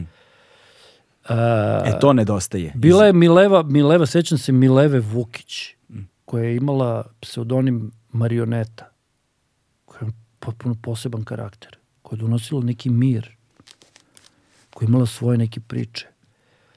Jarboli, Mm. posle fantastičan naš ono bend, oni su se došli u ritam srca, baš kao Jarboli, dvometraši i radili svoje priloge. Prota i Škarta, Nenad Racković, recimo, Nenad Racković i Uroš Đurić su bili urednici ritma srca petkom, pa su onda se kao rotirali, znaš, ovaj jedan petka Nenad, o- ovaj Johnny, a jednog petka Uroš. I sad, pošto je to bila neka kinta, neka, neka smejurija od love, a, a ja sam bio kao zadužen za ritam, zadužen, nisam bio zadužen, nego sam uživo s njima za, za ritam srca, onda ja kažem, e, morate da upisujete ko je šta radio, da vidimo neku tu lovu da podelimo. To je bila lova na nivou, recimo, da dobiješ za mesec dana 1200 dinara. Da, da, da. da. Bukvalno. Ovaj, uh, Onda provolim Johnny Rackovića, piše ko je zakasnio i ko nije. Pandur. Piše u svesci. Ja pogledam, kaže, ovaj se nije pojavio. Rekao, vidi, ovo je druka, ljude. Razumeš? Ovaj, ne, ve, znači, non stop je bilo, non stop je bilo, e, onda se Čirilo pojavi na kraju uvek sa po, poslanicom. On se obraća kao sa poslanicama. Ono, ovaj, onda Saša Marković Mikrob je bio ponedeljkom. To je kao, e, on otvori emisiju sa, sa tim nekim svojim uvodom najavi. To je, vidi, kao, kao da otvoriš prozor u proleće. Da, da, da. Razumeš? I svi ti ljudi koji su se pojavljivali, svi ti ljudi su sa svim tvojim, svojim svetovima su formirali taj svet ritma srca koji se prelio po celoj 92-ci i ono što sam ti rekao malo pre i po celom Beogradu. Kako ćeš ti sad da zamisliš sve te profesije bez tih ljudi? Ma da, Razumeš? Oni su svi bili na radiju u jednom trenutku u isto vreme. mm, vrlo, vrlo poseban trenutak. Razumeš? I sad, i sad ali- zamisli kako taj, ka, i kako to onda slušaoci, i onda naravno da slušaoci, ti, ti, ti imaš utisak da pozoveš 200.000 ljudi, oni bi svi došli u radio. Mi smo jednom, sećam se, sa Dušanom Nikolić sam radio dugo noćni program neki. I onda ne znam kojim povodom je bilo, delimo kao slušaocima nagrade. I donosimo od kuće. Nije tad bilo uopšte ništa kao da zovemo izdavačke kuće, da ne znam šta, nego do... I ja nađem neki češelj ili duša, ne, ne mogu se setiti nađemo češelj, neki oni plastični češelj, napišemo Elvisov češelj. Napišemo flomasterom Elvisov, čirilicom, Elvisov češelj. I javi se Galeb. Da. I kaže, šta ja da dobijem? Pa kažem, pa, se, pa dobro, pa šta bi ti da dobiješ? Pa nemam pojma, pa koji imaš problema? Čovjek, moram se šišam, ovo, ono. Možeš se šišaš? Pa tebi treba češelj. Pa treba mi češelj. Ti ćeš da dobiješ Elvisov češelj. Sutra da dođeš u 12. I dolazi Galeb sutra u 12 i kaže, dobar dan, dobar dan. Ali bukvalno ovako izgleda situacija. Ko si ti? Pa ja sam Galeb. Došao sam po, po Elvisov češelj. Jo, izvini, molim te. Samo da nađemo, koverte ovo ono, evo izvoli Elvisov češelj, ti ovako uzmeš, pogledaš, kažeš hvala i odeš. Znači, Kao sa blues bombonama. kao što smo svi mi došli sa ulice, tako su i slušaoci dolazili, Paja Četniks, recimo, i ta njegova ekipa, oni su dolazili, možemo dođemo da vas gledamo. Da, Kažem, da dođu. gledaju. Da, i oni dođu i iza tonca. Čuče i sede i gledaju nas. E, Mjehore, ti kažem, idemo mi sad. Ja kažem, vidimo se. Razumeš, prođu godine i godine, meni kaže klinac u liki, znaš. I kaže, e, tata, hoću da vozim skate. I ja kažem, ja vam prvo pomislim, ja, laktovi kolena. Ovaj, i ja kažem, e, pa dobro, izgradio sam onaj skate park, znaš, onaj tamo Novom na Novom Beogradu. Ali znam, kaže ja, e, gde ću da nabavim skate? Ja kažem, super, ajde ti kaži, mi ćemo da sredimo sve. Ovaj, e, ima neki paja, ne znam da li ga ti znaš, i dok on meni priča, ja gledam u telefon da li imam paju, nađem paju. Ovaj, i, I sad on meni kaže, ne znaš ti to, taj paja, ne znam šta, ja kažem, verujem ti, verujem ti, ja okrećem telefon, kažem, pričaj, pričaj, slušam te ja, i kažem, pajo, samo ti kažem, imam ovde nekog skejtera, a on ovako, On kaže, što ti čoveč, imaćeš najbolji skejt na Balkanu. Razumeš? E, Paja je dolazio oko klinac, jer ga je zanimalo sve to, od skreča do ne znam čega. Je Jeste, dolazio oko klinac. Sad e, radimo film, kaže Đus, brate, znaš ti, ja sam bio klinac kad ste vi radili emisiju, pa sam dolazio, pa ne znam šta, pa se on sad seća. Ko, znaš, ljudi su ulazili u taj radio, prolazili, mi smo kao imali čuvara, čuvar neki bio, neki mnogo dobri ljudi bili, ovaj, ljudi prolazili kroz radio, to je bila kao štrafta jedno vreme, razumeš? Da, da, da. E, zato je taj radio sve, sve to mogao. To je, razumeš? to je jedna stvar koja se pokazala ključnom za brojne kultne prevashodno, ali sve druge aspekte ono kulturnog razvoja pa gde god, šta god da posmatram sada, da li u svetu, da li kod nas, nije važno. Sve što pamtimo kao nešto važno, formativno, kultno, ovako ili onako, nastajalo je tako što je bilo između svega ostalog, pored, bez obzira to čime, da se, čime god da su se bavili, između ostalog su bili zborna mesta, saborna mesta. Apsolutno. Bili su mesta gde su se okupljali fizički prostor gde su dolazili ljudi i povezivali se. I mislim da je negde to i danas ipak negde važno, bez obzira što se veliki deo tih nazovimo ih odnosa premesti online. Sigurno, sigurno je važno. Znaš, ne bi akademija bila akademija, ne bi SKC bio Apsolutno. SKC, ne bi 92 bila, ne bi uh, ono što smo mi radili, od, ne, naša Metropolis televizija sa koja je rođena gomila budala i svega. Mi smo bre tamo živeli praktično, spavali u Apsolutno. montažama, blejali na terasama, Za moju generaciju je formativna stvar, ključna stvar bio SKC. Da. Posle imao SKC drugu inkarnaciju, koji je bio važan za drugu generaciju. Pa da.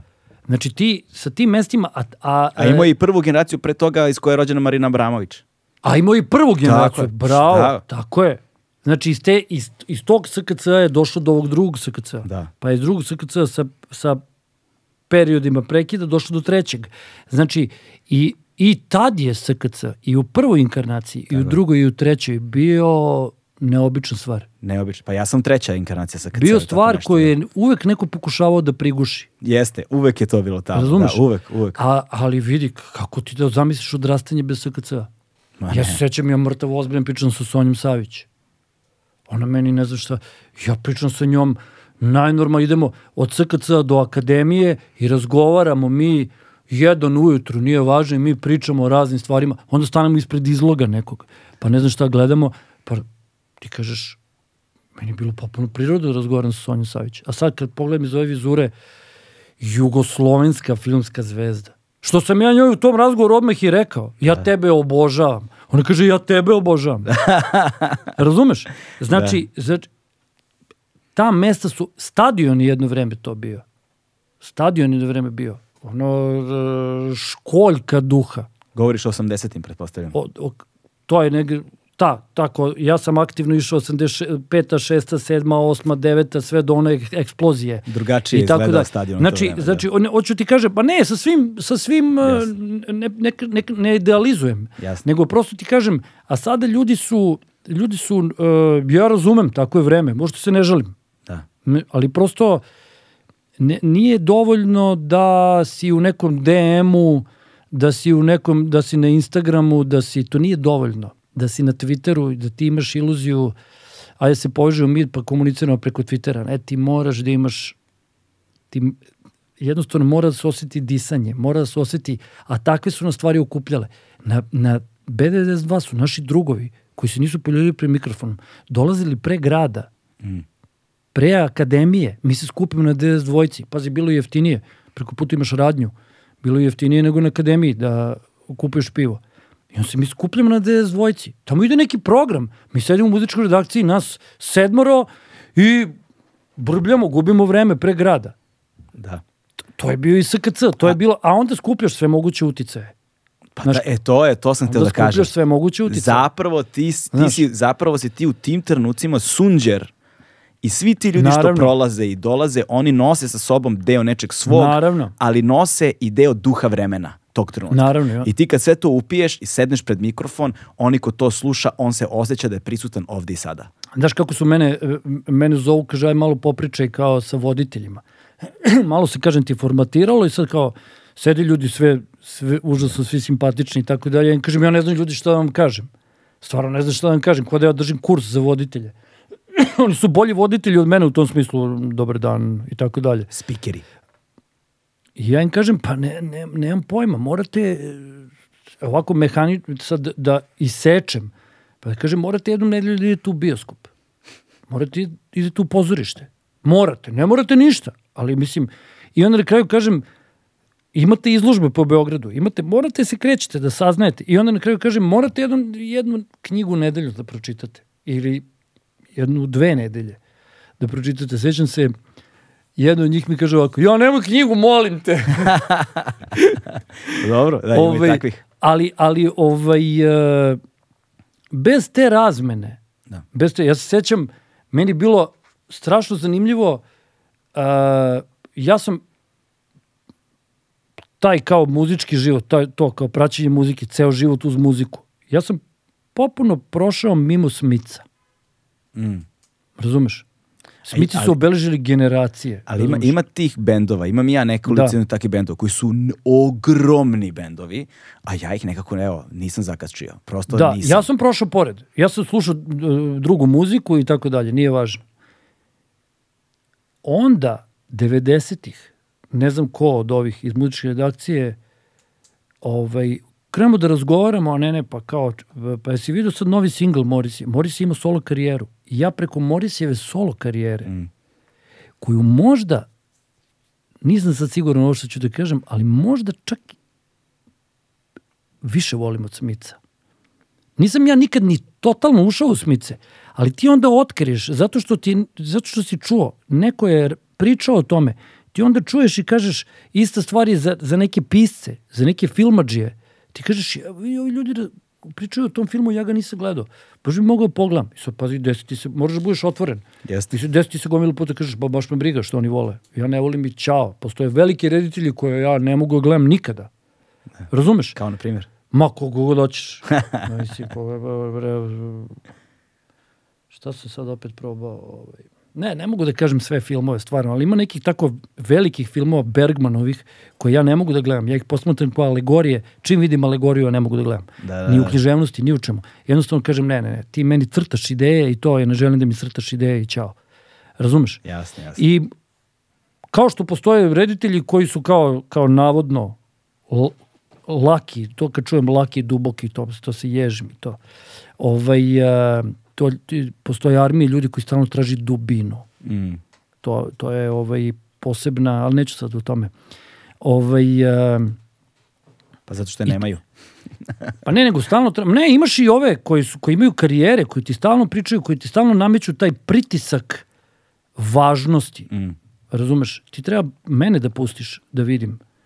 I to, znaš, e, težinu. Nema dovoljno težine. Ma pusti me sa tim mernim jedinicama. Da, da. Znaš, ho- hoću da odem u mesaru pa kažem dajte mi težinu. Ovaj, e, to je inače pocenjivanje, ozbiljno. Ne mislim samo, ne mislim e, čitalaca ili gledalaca, nego uopšte čitave, čitavog, čitave branše. Mm. Da, ti, da ti imaš taj stalno zahtev za nekom težinom. da, da. A ljudi ne kapiraju da je izvesti lakoću strašno teško.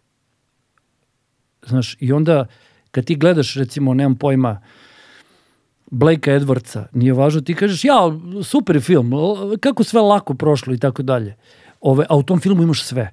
Da. Samo je pitanje koliko si otvoren. Mm. Znači, de, znači da imaš ljude koji, koji dolaze iz oficijalne kulture, koji su strašno zatvoreni, a predstavljaju se da su otvoreni.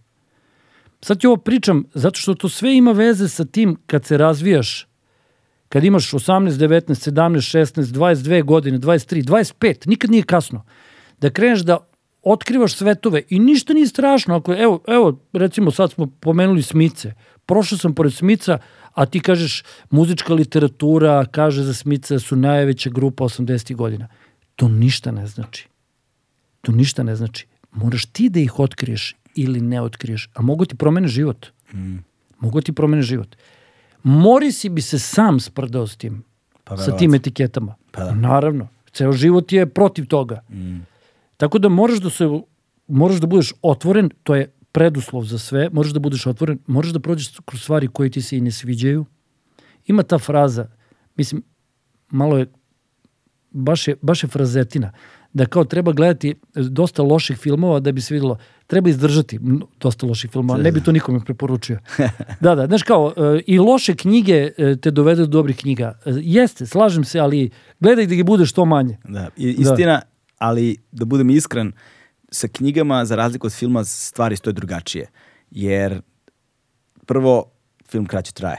Ne, pa onda i preguraš dva sata, ali da preguraš 200 strana, znaš, ne, To je test. to je ozbiljan test. 200 Jeste. strana gluposti, znaš, znači, nije, meni je, za mene je dobra knjiga kao dobro jelo, znači, dovoljan mi je jedan zalog da ti kažem da li je dobro, ne mora početi, ne pojedem sve jebi ga, znaš. Znaš kako, ja sam Nekada mi je dovoljno da pomirišem, znaš. Je, mi, mi se dobacujemo i se čita ovo, se čita moja žena i ja tako. Šta da čitam sad, šta, šta misliš o ovome, šta, šta ja, jesi čitala ti i tako stalno se nešto dobacujemo. I, ovaj, I ne znam šta je bilo, ne mogu se setim, e, šta misliš, jesi čitao ovo, jesam, ajde, uzmi to, pročitaj, super, i ona se zatvori, počne da čita, dolazi posle pet minuta i kaže, a o, kakav pisac. I ja kažem, ne može dobar pisac tako lako ni da sakrije da je dobar. Ne može, da. Ne može. Ne može dobar pisac da ti napiše prvih deset strana da budu bez veze. Teško. Ne može. Ne može. Zanimljivi su oni koji kriju znanje. Meni je to uvek zanimljivo. Oni koji kažu Ja znam mnogo dobro da pišem, ali ne moram da fasciniram odmah. Ne moram da budem najzabavniji, najpametniji, nego ću lepo da te uvedem. Ili ću, da, ili ću odmah, odmah ću te gađam u čelo. Da. Ali I to ume da bude odlično. to, to, ali sakrivanje znanja je velika veština. Da ti ne moraš da govoriš, vidi, vidi mene kako pišem. E, galebe, galebe, gledaj kakav sam pisac. To je isto velika veština. Da ti, da ti imaš u sebi jedan organ koji kaže polako. Polako. To ne znači da si spor. To ne znači da si monoton. Nego samo kažeš, ne moram da pokazujem svima da li sam nešto pročitao. Znaš da imaš te ljude koji nabijaju informacije da bi ih delili drugima. Da, da, da. To je isto recimo jedan dobar test. Meni uvek bio. Da, ja, ja sam sam skrizo to onoliko u životu. Pa, znaš, da, da stalno ti sad imaš, uh, svi pričaju o jednoj knjizi, ti kažeš To ja moram da je pročitam. to je- to ne je moraš vrsta- da je pročitaš. To je, to je jedna vrsta nesigurnosti isto. Pa, ali je dobro, ali ako si nesiguran, onda, onda iznesi to pred sebe. Tako Znaš, je, da. mislim, pri, kad smo pričali o radiju, Jeste. mi smo pokazivali nesigurnosti. Mm. Mi smo pokazivali nesigurnosti. Pa znaš ti koliko je, koliko je trebalo uh, stvari da prođe kroz nas, da ti, ja sam imao milion intervjua sam uradio, pa nekad ne stigneš da se pripremiš. Ne stigneš da, pa improvizuješ, pa kažeš, ma ja sam neviđen improvizator. To ću ja da... I to mi se desilo, 50 puta sam se izvukao. 51. put ne može da se izvučeš. Gledaš kako te čovjek gleda. Mm, I završi se intervju. Sve je na izgled okej. Razumeš? I on kaže super sam bio, ne super sam bio, nego super što sam bio, vidimo se i tako dalje. A ti ideš kući i kažeš ovo nije bilo dobro. tako je. Da, Ovo nije bilo dobro. Razumeš? Mm. I ako ima jedan slušalac koji, koji je se muo po stanu, pored radi je rekao, kako ti to pitanje? Sve ti pada u vodu. Jer si ga ispalio taj dan. I taj odnos, zato ti govorim stalno o tom odnosu jedan na jedan, da nema ciljne grupe, nego imaš ogledalo, radiš za sebe Mm. i ne možeš, kako, kako, kako ćeš da isfoliraš? Kako ćeš da slažeš? Nema, nema, E, nema. Mislim, probaj, ali Zato su recimo meni ovi dugi formati strahovito zanimljivi, zato što svako može isfolira prvih pola sata. Znaš, na primer. Ili 45 minuta. Ali kako razgovor odmiče, nema drugih, nemaš, nema džinglova, nema muzike, nema pauza, nema seča, nema ništa. Razgovor ide integralno. Vremenom se ogoljava, ali ono što je meni u svemu tome najzanimljivije jeste kako iz razgovora, iz razgovora, iz nedelje u nedelju, jer svake nedelje menjuju se gosti, ali ja ostajem isti da, kak, na koji način posmatraš sebe, na koji način vidiš sebe, na koji način se ti menjaš kroz vreme i Da, da. otkrivaš istinu o sebi najviše o sobstvenim manama. I to je ono, eto, to kad me neko pita za savet, to, tako nešto. Jedan koji bih je ono eventualno dao, eventualno jeste, brate, ima da grešiš, ima da se blamiraš i ama ne, ne možeš. to je sve prirodno. Ne, ja se sećam, nas su zvali na treći kanal, mi smo radili, Bane Antović je uspeo, ja, ja stvarno ne znam, to je isto vrlo slično, mislim na neki način kao B92, Bane je uspeo da nađe neku nišu na RTS-u, u najgore vreme RTS-a. RTS i tad u stvari se ugasio. da. To ljudi i dalje ne shvataju. E, RTS ne postoji. RTS je ugašen tada. Početkom 90-ih, kao i politika. Politika je ugašena novina. Mm. Nikada se ljudi koji su zaista čitali politiku nisu vratili politici. To je istina. Politika ih je jednom, jednom u najgorem periodu po njihove živote ostavila na cedilu, slagala, prevarila. Nikad se više nisu vratili politici. Nikad. RTS ljudi gledaju mehanički i oni se hvale rezultatima. A RTS u stvari je prazna kuća, ispražnjena od sadržaja. I to, to su, nije kasno da se napravi novi RTS, ali toliko godina je prošlo. Gde je taj napor? Nema ga. Smo mi videli taj napor. Ne.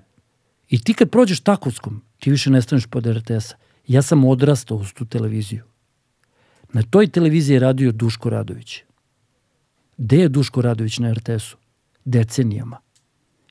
Proterali su ga. I te koji su mogli da budu Duško su proterali. Svi pokušaji sada su, su, kako ti kažem, neko može da gleda, oni, oni prave sadržaje. Neću pričam o tome, bolim ovo. Nije važno. Istina, ajde da, da, se vratimo na ovo. Tako sam ja otkrio, na primer, uh, Stone Roses sam otkrio preko Jana Brauna.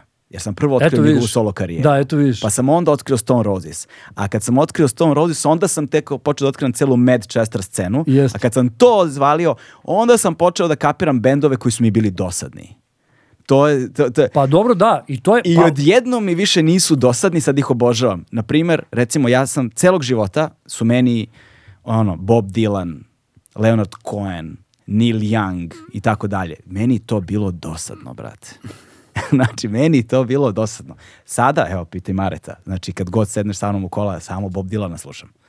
Znaš, ali sam morao da doteram do neke zrelosti, do nekih godina svog života. Apsolutno. Da mi to, da mi se, a uvek me je bolelo, znaš, ja sam imao ozbiljnu frustraciju time.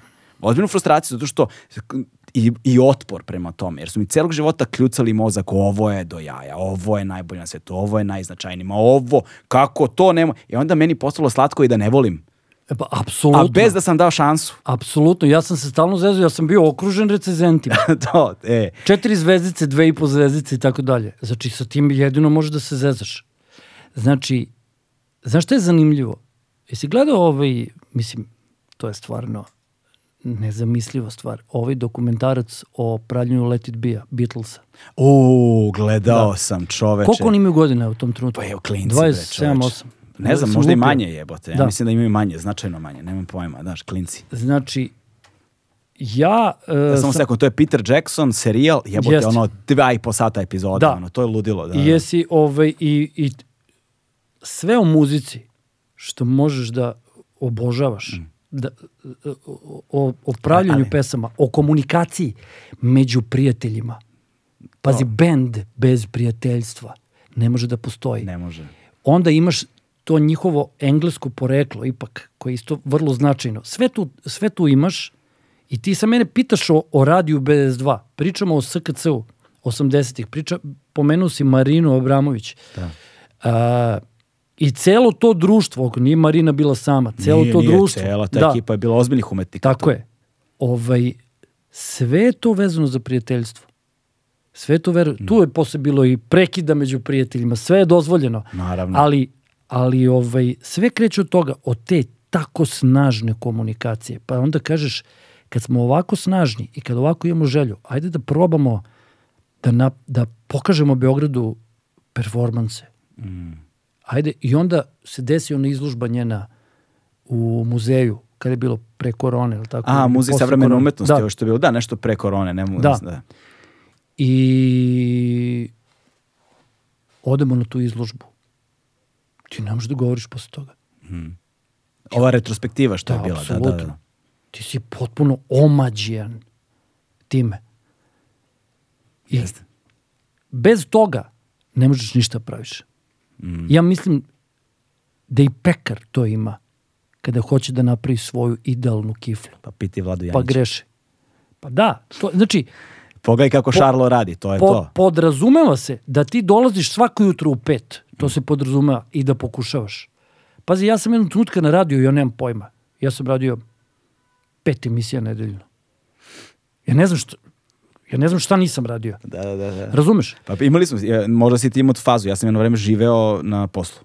Pa mislim, Da, dobio sam ja, nadimak ja se sećam, ja se sećam, ja sam radio, e, e, pravio program Godo Pasa. To. Razumeš? Znači, znači ti se jednostavno srodiš toliko sa tim. Bez toga, bez, bez uh, u, pogotovo u tim godinama, ako imaš distancu prema tome, tu je neki bug. Mm to je neki problem, neka greška. Distanciraš se, paziš da li ćeš da pogrešiš. E, sa slušalcima si na vi, to dragi slušalci. Sad je toliko i toliko sati, kužve su na, na kod sajma i to. Gazeli. Ma čekaj bre, ko tebe traži ti pričaš o gužvama? Moj komšija e, iz Zemuna, ovaj, braca koji je bio erudita i oni pra, ovaj, i slušao muziku i, i iz čuvene porodice Zulfir Krepašić, odakle mm, su krenuli okay. naši muzičari i tako dalje. Boba, Nebojša i tako dalje. I je slušao radio. I on je ušao u fazu. Meni jednom rekao, kaže čoveče, toliko sam se navikao na vas. da više ne utišavam nikad i muzika. Jer on je čovjek odrastao na džezu, na bossa novi i tako dalje. Da, kaže, da. više ni muziku ne utišavam. A kaže, šta puštati između ovaj, tih govora, to je strašno. Kako mi smo puštali stvarno radikalnu muziku za taj trenutak.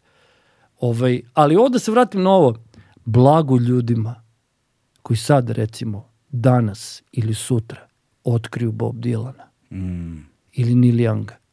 da, da, da, to je... Ja bih volao da vidim to lice koji prvi put pusti pesmu Bob Dylan ili stavi sluške i kaže šta je ovo? Da. Koji te kosmos čeka? Razumeš? A i Bob Dylan je bio klinac kad je pravio tu muziku. Pa da, ali vidiš, ja sam recimo, kao ajde, slušamo, slušamo, moja žena obožava inače tu muziku i ono Jug Amerike i Amerikano i Indiji i svašta nešto i sad tu smo se mi našli zapravo sa različitih strana, ona je došla negdje iz tog sveta, to je primarno njen svet, ja sam došao iz ono, s jedne strane hip hop, s druge strane ono punk rock, jebe ga, znaš, to hardcore, znači ja, znači potpuno, i metal naravno, to je sad negde kao moja, moj habitus, tu sam ja komotan, ali sam vremenom počeo da provaljujem kod te žanrovske muzike, da mi je postala repetativna, znaš, da mi je postala, da, sam, da me zasitio zvuk, da me taj, da, da me taj ono two step neki hardcore ili neki ono blast beat metala ovoga, više me ne radi, ne, ne, ne donosi mi ništa novo. Znaš, kao ta žanrovska odrednica, mora da bude baš izuzetan bend i onda sam krenuo prog malo više to, znaš, gde je recimo Tool i takvi bendovi, ali opet i to ti postane naporno za slušanje vremenom, znaš sve vremenom se zasitiš na nekom nivou. Vraćam se ja s vremena na vreme, naravno, ali nisam konstantno u tome. I sad imaš potrebu za novim nekim izrazom, koji ti ne dolazi, ne dolazi ti jebi ga, znaš. Ali onda te u raskoraku nekom u danu, znaš, ono, u pola gutlja kafe, znaš, na, na, u, u pola koraka na ulici, te nešto pukne kada ti je gard potpuno spušten i ukačiš ili melodiju ili neki tekst ili nešto i kažeš, ujebote što je ovo zanimljivo. Znaš, to je sonično drugačije, prosto da, da. sonično drugačije, zvučno je te drugačije. I ukačim i onda počneš da slušaš i naravno sad kao neupućena ne bih da pitam nikoga jer me malo sramota. Znaš, kao i onda ja sad pustim opet znaš, Bob Dylana na Spotify, što god sad slušaš te pesme, prvih 10, 15, 20 pesama su oni hitovi koje zapravo znaš. A, da, da, da, da. da. koje da. zapravo znaš Da, i ne da. kačete. I onda sam recimo ukačio pesmu, zove se Man in a Long Black Coat. Tu kad sam ukačio Bob Dylan, su ono, pa ovaj čovjek je umetnik jebote.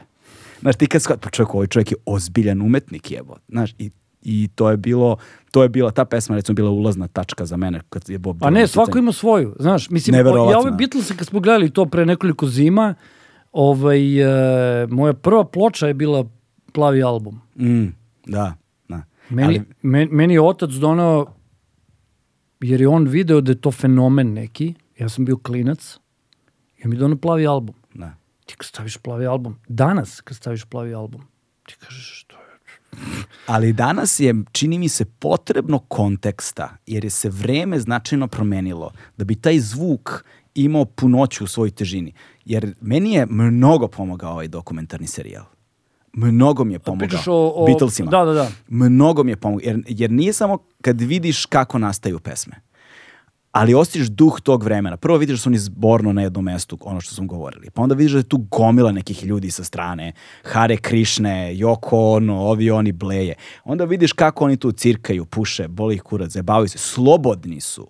Pre A, ne, su slobodni. apsolutno su slobodni. Apsolutno su slobodni, Da. ali i kada nailaze na problem, kako ga komuniciraju?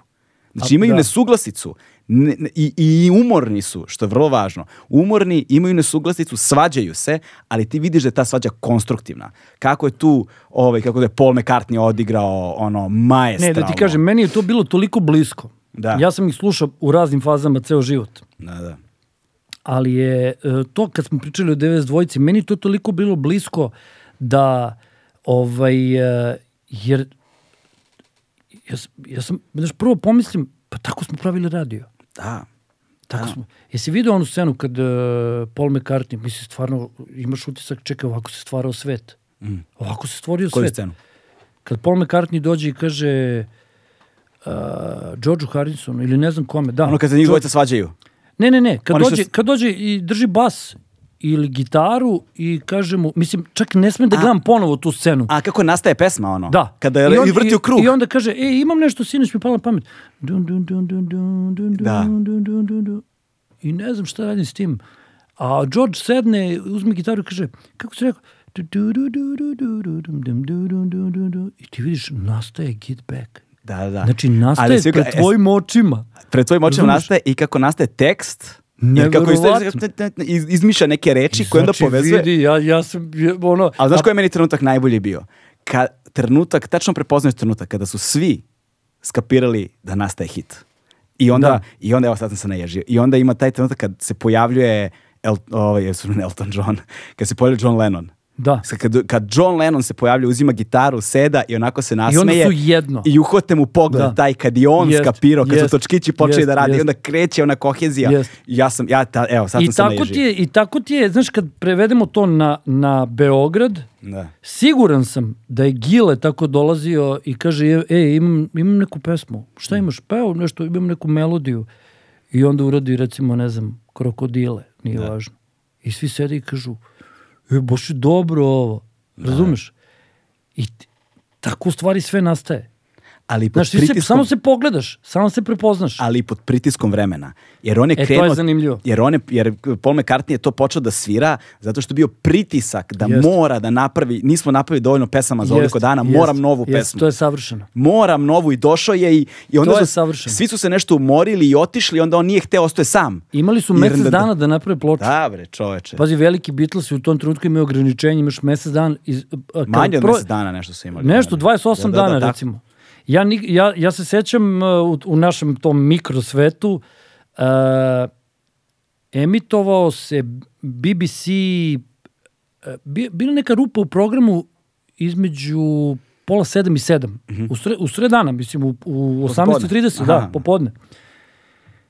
Tad se emitovao BBC, pola sata, vesti, ono, ovde BBC na srpskom i tako dalje. Znaš, kao ozbiljne vesti. I tad je bila rupa u programu uh, gde su obično, ne znam, Tonci ode popušta cigaru, nije važno, kao pauza. I ti u sedam se vratiš, pustiš jingle B92 i nastavi se program. Mi smo u toj rupi od pola sata uradili sve džinglove radija B92 na magnetofonima. I ja, šta je problem?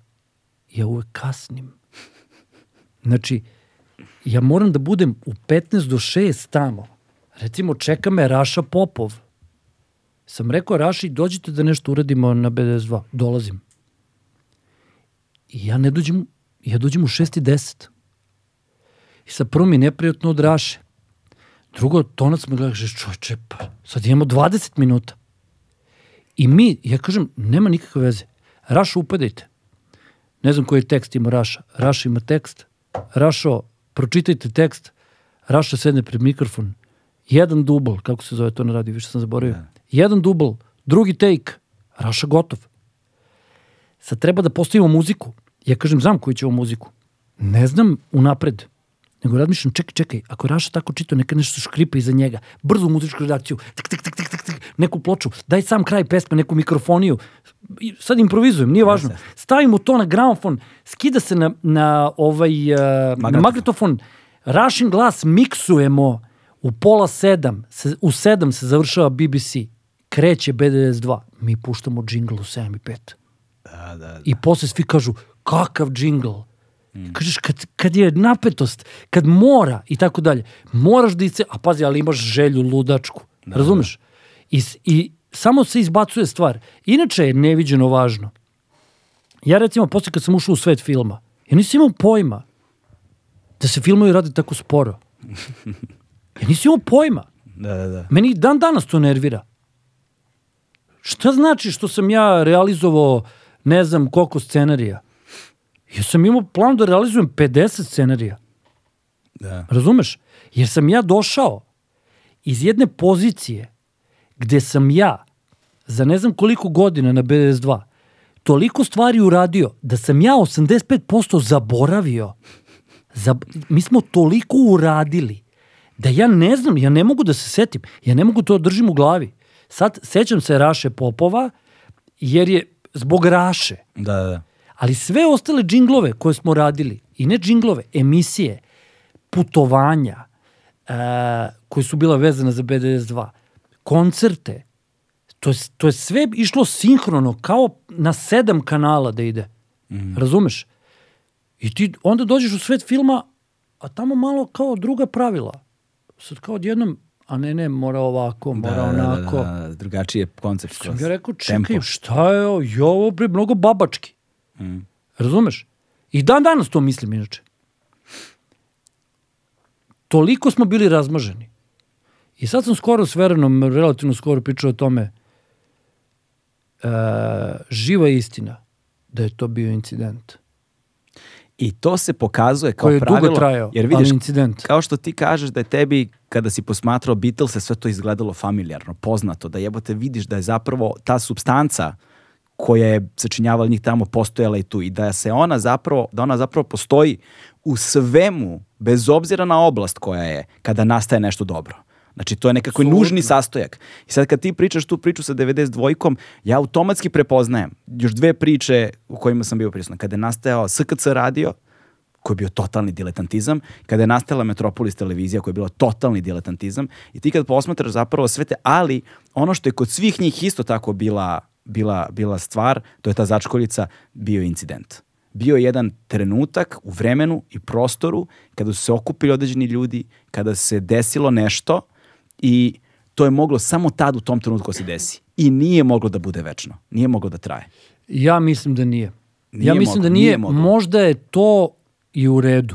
Pa ja mislim da jeste. Možda i u redu, ali e, veliko je pitanje kako bi, se raz, kako bi se ti razvio, kako bi se razvio Vikler, kako bi se razvio, ne znam koja se muvao tamo, se, se muvao Eufrat Gde, da, na PSKC-u. Pa da, Naravno. da, da, da, kako ne. Znači kako, ne, vi ste bili mlađi, mi smo bili zakucani na sebe, znaš, ali ja znam tu priču. Mm.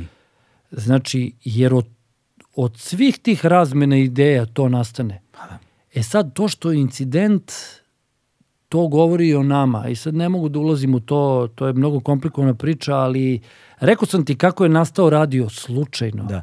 Ali Kako ra- Mm. dođe, dođe, dođe Murija, zatvorite, uđe sad, uđu dvojica i kažu, e, ja stavim cvikere i kažu, e, čoravi, Da.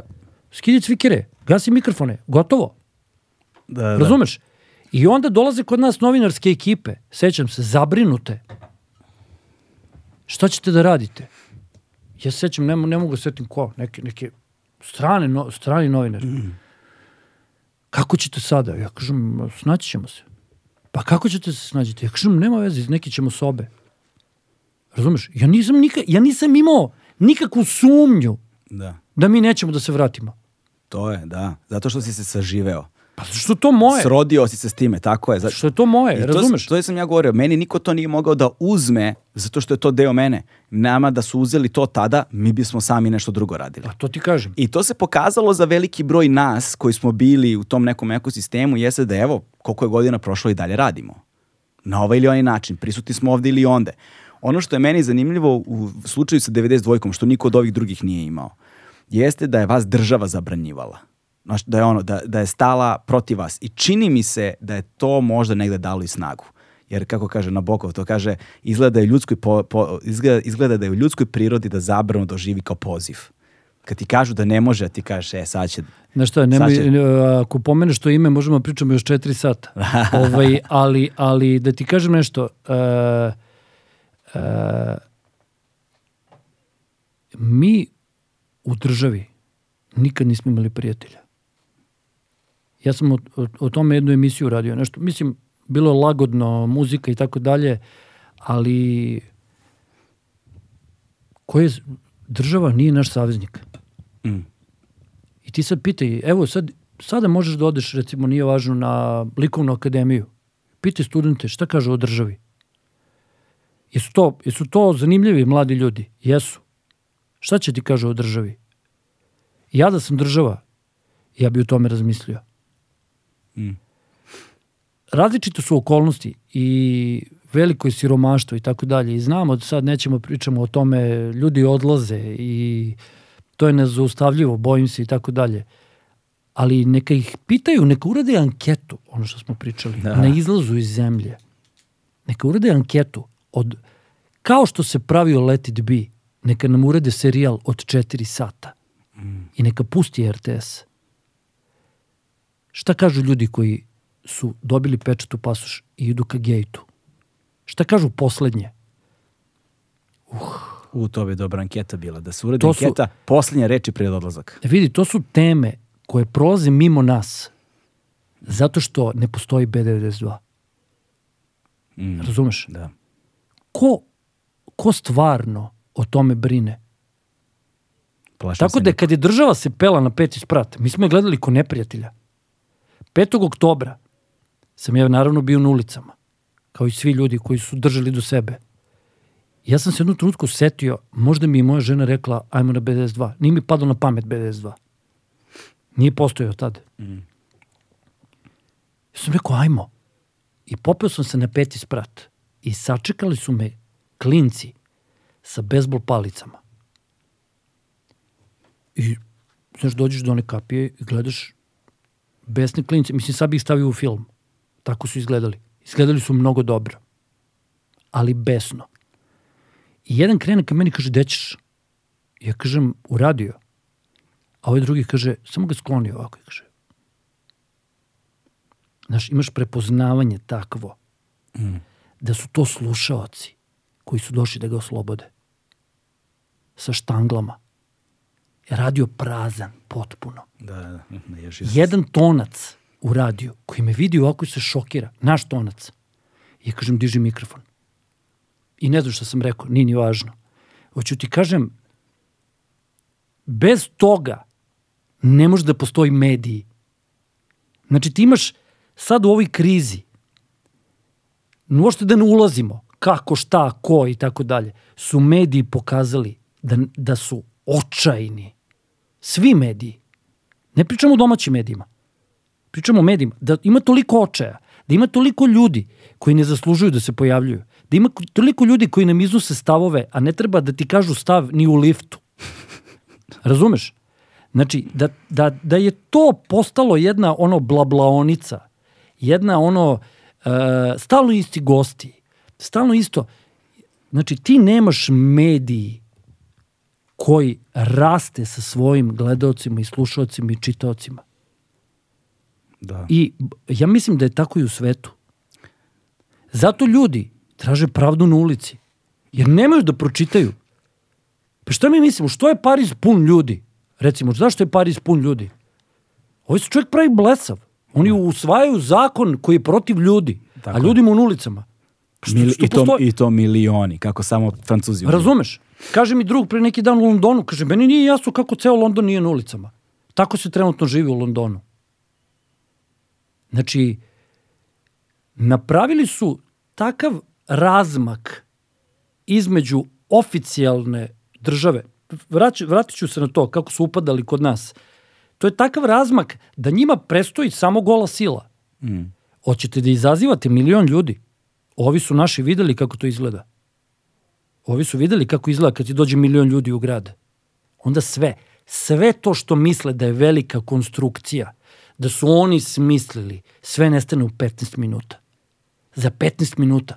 Mi smo svedoci toga. Mi smo gledali kako taj veliki tip koji se ne pojavljuje u medijima, koji sve zna, koji je robustan, koji odbija razgovore, koji lupa rukama u sto, koji se dere, koji pije viski, koji priča ono loše viceve, kako on sve može, kako ga nema za pet minuta. Za pet minuta nestane. Razumeš? Da. I ti i sad popnu, popreti se policija, nije važno, kogod da se popne. Verana su uhapsili, poče bombardovanje da uhapse. Uhapse Verana Matića. Što su uhapsili čoveka? Pa onda, pa imaš ubijene novinare. A pogledaj koliko godina traje da još ne znamo ko je odgovoran za ubistvo. Hmm. Pa, pa, treba svi da ćutimo. Treba, znači, taj dan treba svi mediji da ćute. Imaju crne ekrane. Znači, a mi mislimo proći ćemo. Proći će to tako. Nema veze, daj blok reklama, nije važno, ajmo malo kviz, ajmo malo ovo, ajmo malo ono, to će prođe. Ne, Daj, daj s- neku nagradnu igru. s, vidi, sve je to ljudima u malom mozgu. Sve je to pod nekim, u nekom loncu i tinja. I mnogo je bolje da ti kažeš ajmo da se dogovorimo. Ajmo da vidimo gde smo grešili. Ne, ti misliš da ti ne grešiš. Uopšte ne ciljam sad konkretno ni na koga, nego ti govorim na tu atmosferu. Ti hoćeš jedan mali radio, malu radio stanicu koja ti već krči na banjici da ugasiš. I ljudi izađu na ulicu i kažu, ne, ovo je naša radio stanica. Isto se desilo u Zagrebu. Ista stvar. Tuđman napravio državu, moćan, može sve. Ukine malu radio stanicu u Zagrebu, ceo Zagreb im izađe na ulice. Koju je radio stanicu? Zaboravit ću kako se zove. Sad, da ne lupam. Setit će Znao se. sam, da. Setit će se već ljudi. Da, hoću ti kažem, ovaj, e, ne možeš da otimaš, ne možeš, moraš da pratiš. E, mi smo to uspevali. Bez ikakvog napora smo samo imali dovoljno sluha, prvo da budemo drski, a onda da prepoznamo da su to naši slušaoci. Naši slušaoci. Zato, Znači ti ljudi u SKC-u, među kojima smo se mi muvali, su nas rodili da radimo program, a oni su bili naši slušaoci. Kako ćeš ti njih da ispališ? Ti ne smeš njih da ispališ. E, zato se vraćam na početak, na onaj deo razgovora gde si rekao da se ne slažeš, ali čini mi se da baš zbog toga danas u raljama, ono, u kanđama algoritma, to samostalno uređivanje sopstvenog sadržaja ne funkcioniše. Zato što su sve te platforme na kojima se sav taj inflatorni sadržaj proizvodi i emituje, sve su to komercijalne platforme za zarađivanje novca. I ti imaš ozbiljne guidelinese, ozbiljne, ono, ozbiljne pravila koja ti moraš da poštuješ ako ti uopšte želiš da tvoj sadržaj se ponudi nekome. Znači da se ponudi, da ga vidi, da mu izađe na tom homepage-u, ponuđenom u, u recommended content ili šta god. Tebi i šta ljudi rade? Klinci danas pronalaze nove neke kreatore sadržaja koji njima prave selekciju ovoga ili onoga i nude im. I sasvim slučajno, iako su uredničke pozicije masakrirane i ubijene i uništene i proterane pre x godina, oni nekim čudnim zaobilaznim putem sami ponovo otkrivaju i imaš klince koji sami ponovo kreiraju i, i, i organizuju sadržaj i prave društveni komentar na njega. To ne može da umre. To se, to, ali... To, to će se desiti, moraš to da tražiš. Tako je, moraš da moraš tražiš, Da tražiš. moraš da moraš da tražiš. provociraš tu situaciju, da ti Tako se je. desi. Sa tradicijom dugom skoro tri decenije, Legend Worldwide je prepoznatljiv domaći brend sa akcentom na jeans, pre svega, koji odlikuju bezvremenski, klasični modeli. Ali ti onda dođeš, ja se sjećam recimo, uh, R.E.M. dođe u Beograd. Mm, bio sam na koncertu. Da. Kada su nosili je divan B- koncert. B92 Da. majicu, da, da. Free B- naj- B92, ili tako nešto je bilo. I uh, oni se ponašaju kao da su naši prijatelji. Mm.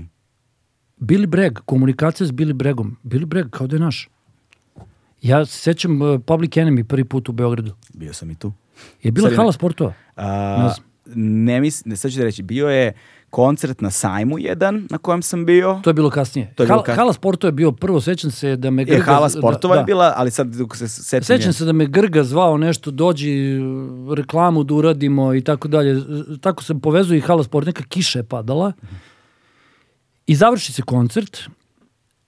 Ja ih tad nisam slušao kako sam ih slušao ranije, naravno, nije važno, ali moram da odem na Public Enemy.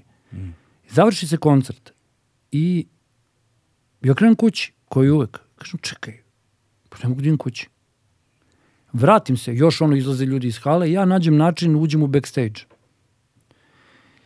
I nikad nisam bio u tom backstage-u hale sportova. I ovaj, a, pada kiša, otvoreni prozori, čak dio ovako stoji pored prozora i gleda u- na kišu. Gleda, u- gleda na, čovjek zamišljen. I ja stanem pored njega. I on se okrene i upoznamo se. I ja mu kažem, ovaj, jel ti znaš šta ste vi nama značili ovde? A on mi kaže ovako, znam. Sve zna. Da. On zna. Ja mu kažem da ti znaš da ne postoji stanica u Bruklinu koja vas se puštala kao mi. On kaže, znam. Ti kažeš, ma moj drug. Razumeš?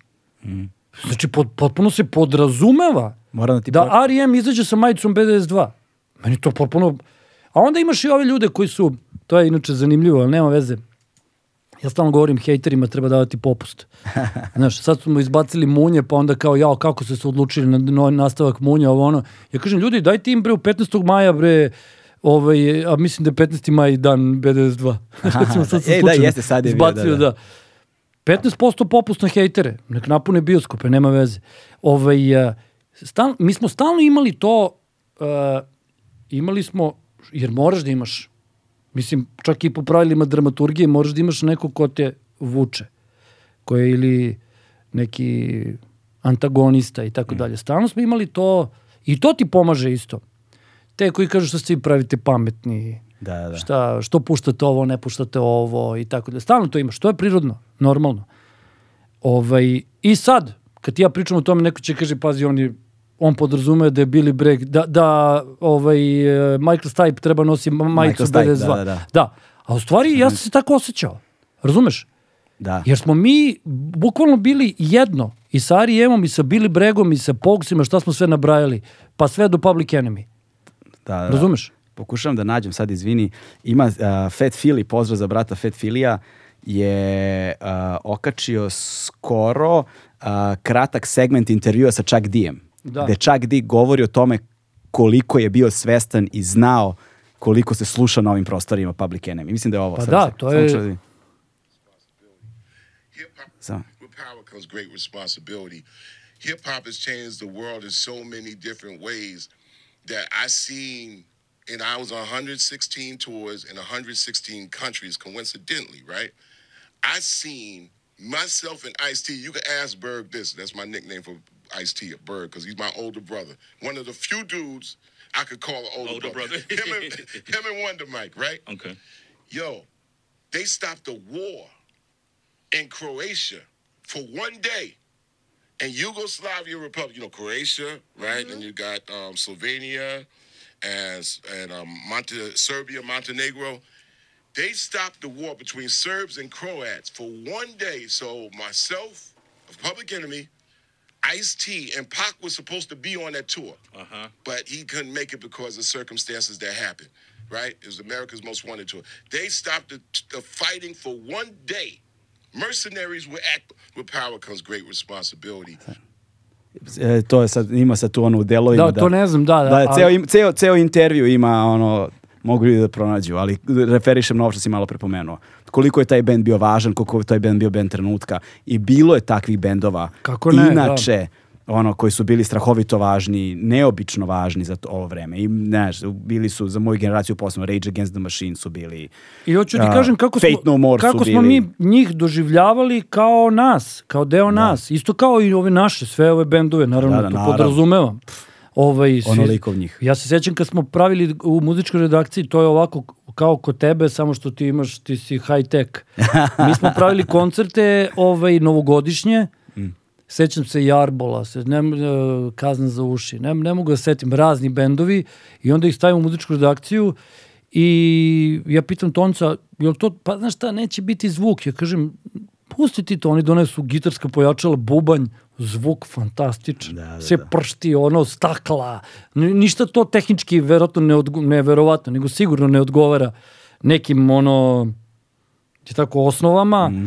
međutim, i mi zajedno s njima u toj prostoriji skačemo, uživamo, e, cirkamo, sve, sve uradimo kako treba. Nikome ne padne na pamet da to stvari ide u program.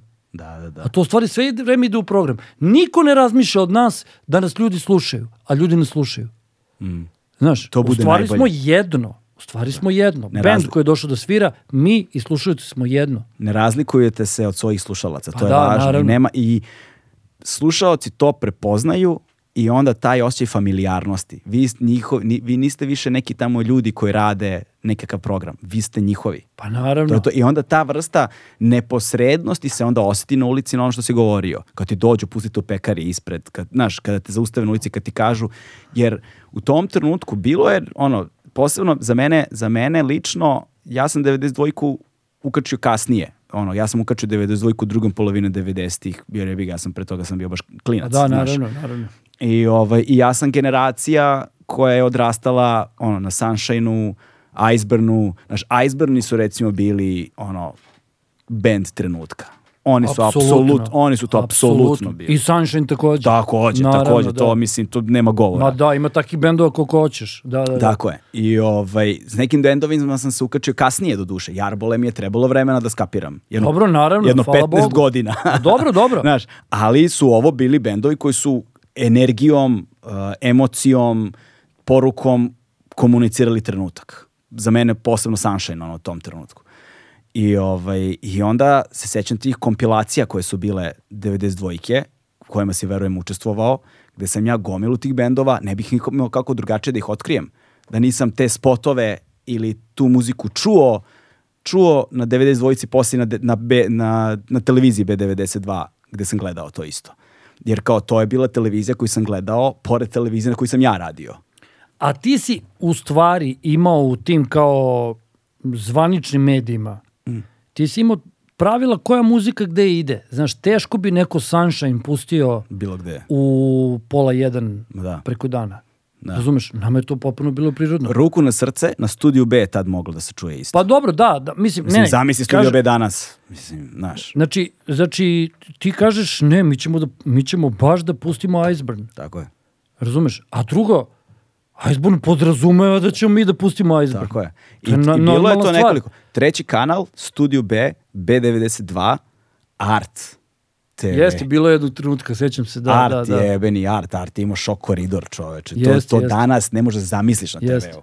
Kod nas, i sad možda ću pogrešiti, možda grešim dušu za još neki, neki kanal koji sam propustio, ali to je, ti, znaš, se sećam se trenutka kada su Darkwoodi došli uh, na MTV-u smo radili i ne znam ko je bio od njih i pitali kao 2007. 8. 9. koja je već godina, znači kada je već sve otišlo dođevala i pitali kao jel biste vi pustili naš spot kao, kao da što ga ne bismo pustili pa da znamo da li da ga napravimo. Eto vidiš. Jer tada još uvek Da. YouTube nije bio YouTube. On je nastao 2005. ali YouTube još Da, uvek da, nije da, da, bio da. ono što je Da, da, danas da, da, da. i ti nisi imao video komercijalnu platformu na koji ono video online još uvek nije bio ono velika stvar koja je danas. A televizije su umrli. I bio je taj džep, jedan kratak vremenski period kada prosto Ja sam tad već slušao teorije. Mm. Znaš, tad, su, tad sam već slušao te medijske teorije. Ako pustiš spot na televizijskom programu, ljudi menjaju kanal. ta, ja sam to slušao tada. Tako I sad ti kažeš, čekaj, ali mi imamo vr- mnogo važan spot. Mnogo važnu grupu. Ne, ljudi menjaju kanal. Pa nek menjaju. Pa vratit će se, da ih nagovorimo da se vrate posle. Kako? I šta me briga ako menjaju kanal? Mi hoćemo pustimo taj spot. I ti ako, kad jednom kreneš tim putem da non stop pratiš istraživanja, ma nema povratka. Tako je, pa tako MTV umro. Pa, mislim, nema povratka. Izgubio je, mislim, MTV se bazirao na Razumeš? tome. To, Izgubio znaš, je bitku a, potpuno.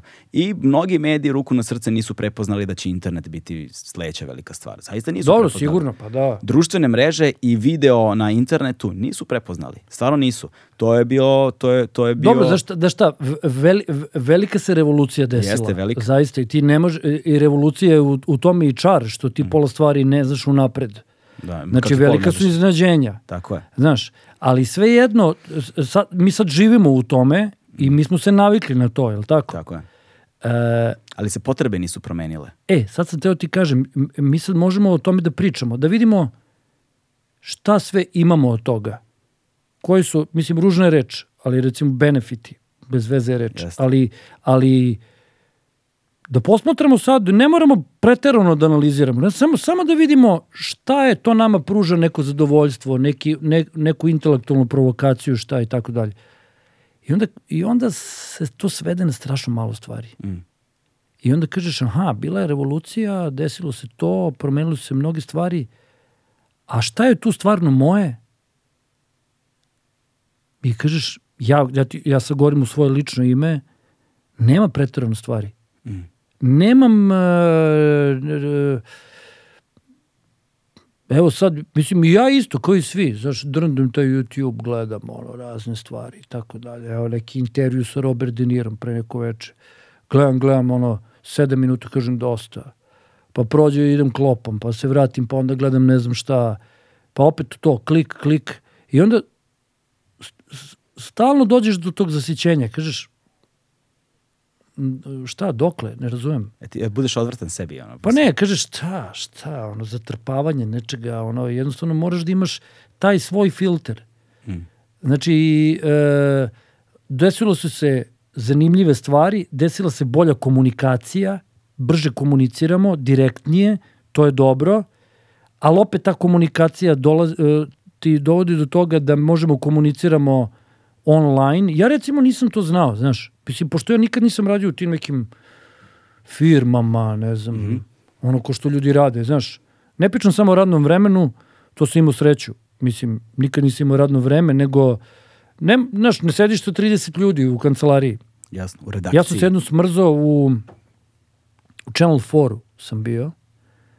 Se ja navikao na BS2 redakciju, to je bilo ono kokošnica, ali sve tako slobodno, sve. U muzičkoj redakciji lagodno. Da. Mislim, znaš, ulaziš u Channel 4, znači, nikad to neću zaboraviti. Otvara se lift, ja idem kod nekog tipa, nemam pojma da razgovaram s njim, nemam, ne znam, nije važno, otvara se lift. I ispred tebe je ogromna prostorija. U nekoj klasičnoj engleskoj zgradi, nije važno, ali kao hala, neka, kao mini hala. I sedi, recimo, sad preterujem, nije važno, možda i ne preterujem, sto ljudi sedi. Da, i svi sede ovako. Sede, kucaju. Kad se otvori lift, kad se znači otvori lift, ti moraš iz- izazivati reakciju ko je? Ovako me po- pogleda deseta glava, ovako i ovako nastavi da radi. Znači, ja prozim ovako, gledam, kucaju svi, rade, pro, prozim, prozim, idem kod tog čoveka i razmišljam šta je B92?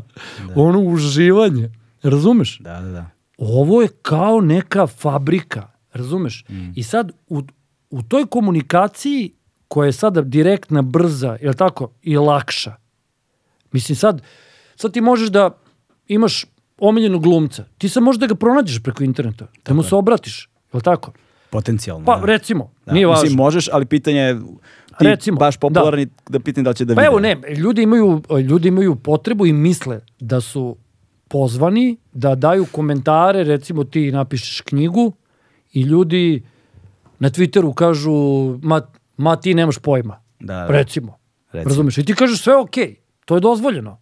Knjiga je sada vaša i vi možete da pričate o knjizi šta god hoćete. Ali ti kad skupiš sve te ljude, ajde da ostranimo najekstremnije, nisu zanimljivi. I ti kad sabereš sve te utiske, ti kažeš, ali realno, velika većina vas ne zna o čemu piše. Da. Ne zna. Mislim, možda bi se uvredili sad i tako dalje. Ali velika, bolje je da progutate tu misao.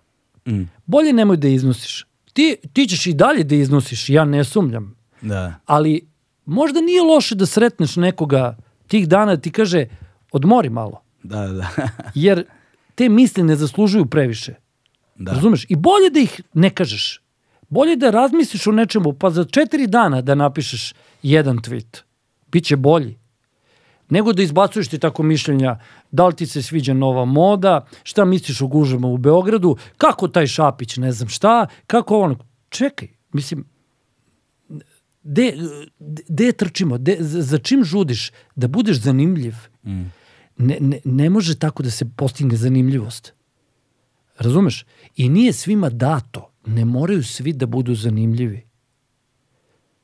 A sada ti imaš ljude koji pišu poznatom glumcu kako ne zna da glumi.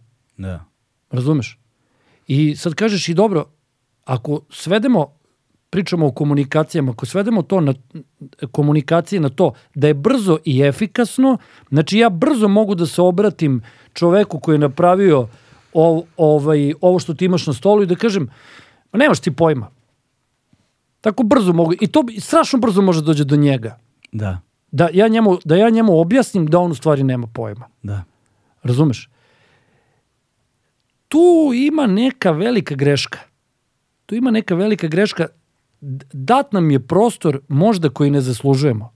Ne znamo da ga obradimo, jer ti, ceo taj haos, malo pre smo pričali, dođe Paul McCartney, nema pesmu, ima pritisak trenutka i Paul McCartney napravi tu liniju ko- koju zna ceo svet danas. Ne danas, zna ceo svet posle šest meseci. Da. Ne danas, posle šest meseci, bez ovih komunikacija, ceo svet zna za Get Back. Posle šest meseci, svi koji slušaju muziku su čuli za Get Back. I svi će pamtiti ceo život. A možda, a zamisli da je imao priliku da čita Twitter i šta ljudi misle o njemu dok je nastala ta pesma. Sad zamisli njih 5000 basista koji dođu i pokušavaju to da urade. Ma, ne, tako se stvari ne prave. da. Tako se stvari ne prave. Neko ume, neko ne ume. Neko može, neko ne može. I ja sad e, nisam o tome dovoljno razmišljao, ali sad improvizujem. Znači, nešto u toj brzini i u toj... Brzina je sama po sebi dobra. Mislim, sve, u- sve u redu. Ali brzina znači i da staneš na vreme. Mm. Brzina znači i ritam. Znači, sad ti banalizujem. Znaš kad džuskaš na podijumu, pa ne možeš džuskaš sve vreme brzo. Nije zanimljivo. Da, Ti imaš, e, ne znam, u džanglu koji je brz, pa imaš drop da. kad treba da staneš. U futbalu, kad je neko strašno brz, kad stane, ceo stadion proleti, zato što je on stao. Tu je fora, driblinga, da bek odluta tamo. A ovo je stao. Znači, u toj brzini moraš da znaš kad i da staneš. A to nije dato svakome.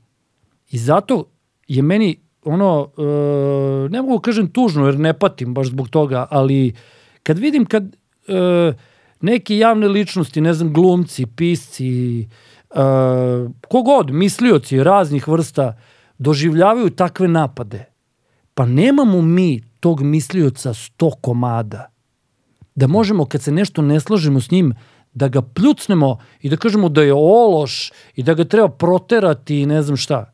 Znači mi nemamo takvih ljudi, mi smo mala zemlja. Mi nemamo takvih ljudi 10.000 pa ćemo da potrošimo njih petoro. Da. Razumeš? Jer vidi, ako nam se tih petoro učuti i kaže neću da govorim sada, ima da nastane takva praznina u gradu, u zemlji, da ćemo onda da kažemo šta nam ovo fali? Nešto nam fali. Razumeš? A najveći problem je što mi se čini da se negde ni ne stvaraju novi.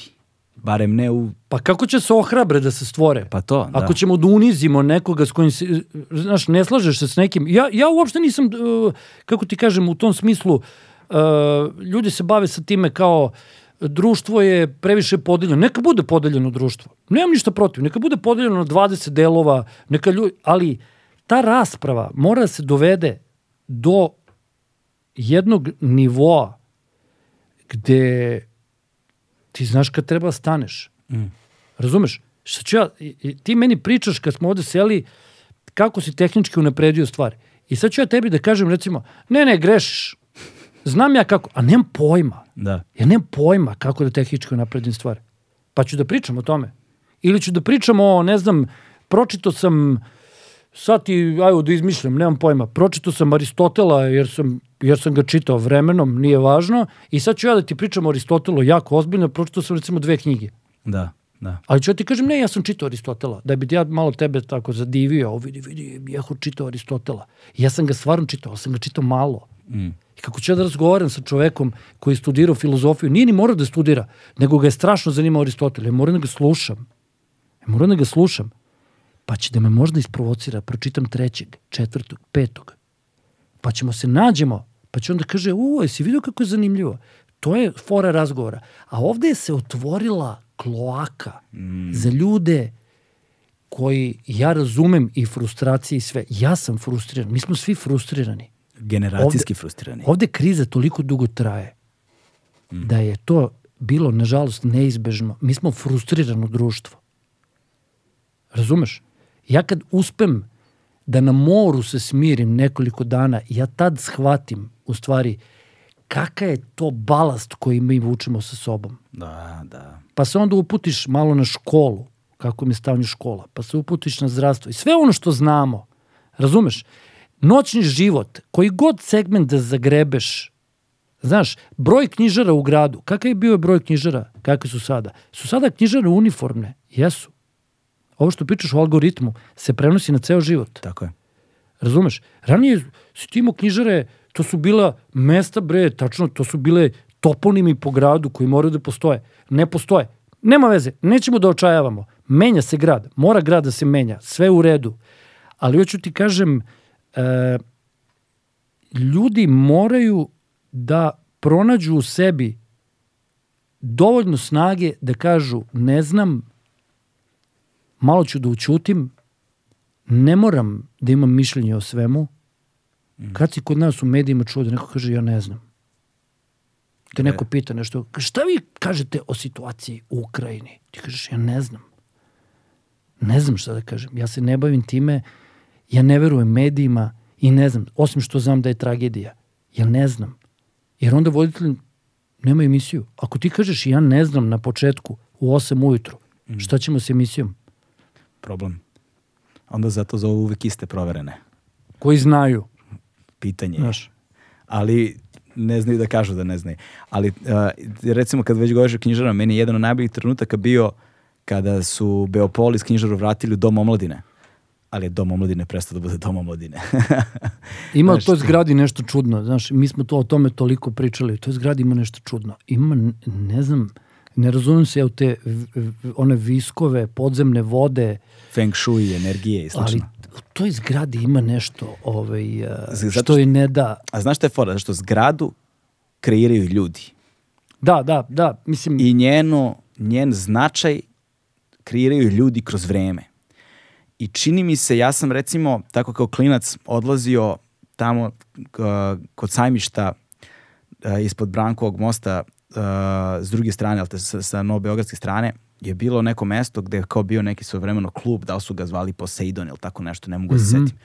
I tamo sam slušao, brate, išao sam neke breakdance evente koji su bili dobri, išao sam na Markija i Staminu, sam tamo slušao DJ Markija MC Stamina i svašta nešto, ali mi je sve vreme, odem i jebote, nešto mi bude mračno i teško i, znaš, ono kao, dobar je event i sve, ali nešto mi energija ne prija mi jebote. tamo su slojevi, ne, ovaj, I onda sam, tri puta sam išao na neke evente tamo, bili puni, bili uspešan sam tri puta na, posle trećine ono eventa izlazio, posle trećine događaja izlazio i odlazim kući onako smušan i nešto rekao, nemam bre pojma, nije mi bre ovo baš bilo, znaš, uf, ti ba ne. I onda sledeći, sledeći događaj koji su tamo pravili, kad se prave, ja vidim ovdje gde se tamo, znaš, a nešto mi se ne ide. Odmah mi se ne ide više, znaš. Da ti kažem, taj ceo A onda- deo grada je bruka Beograda, mislim, Da. i to će se valjda ispraviti. Valjda, ne znam, toliko se priča o tome, ali... E to je kao klinac kad smo išli, kad sam išao tamo kao klinac, stalno sam osjećao da mi je nešto, nešto ne klikće, znaš, nešto ne valja.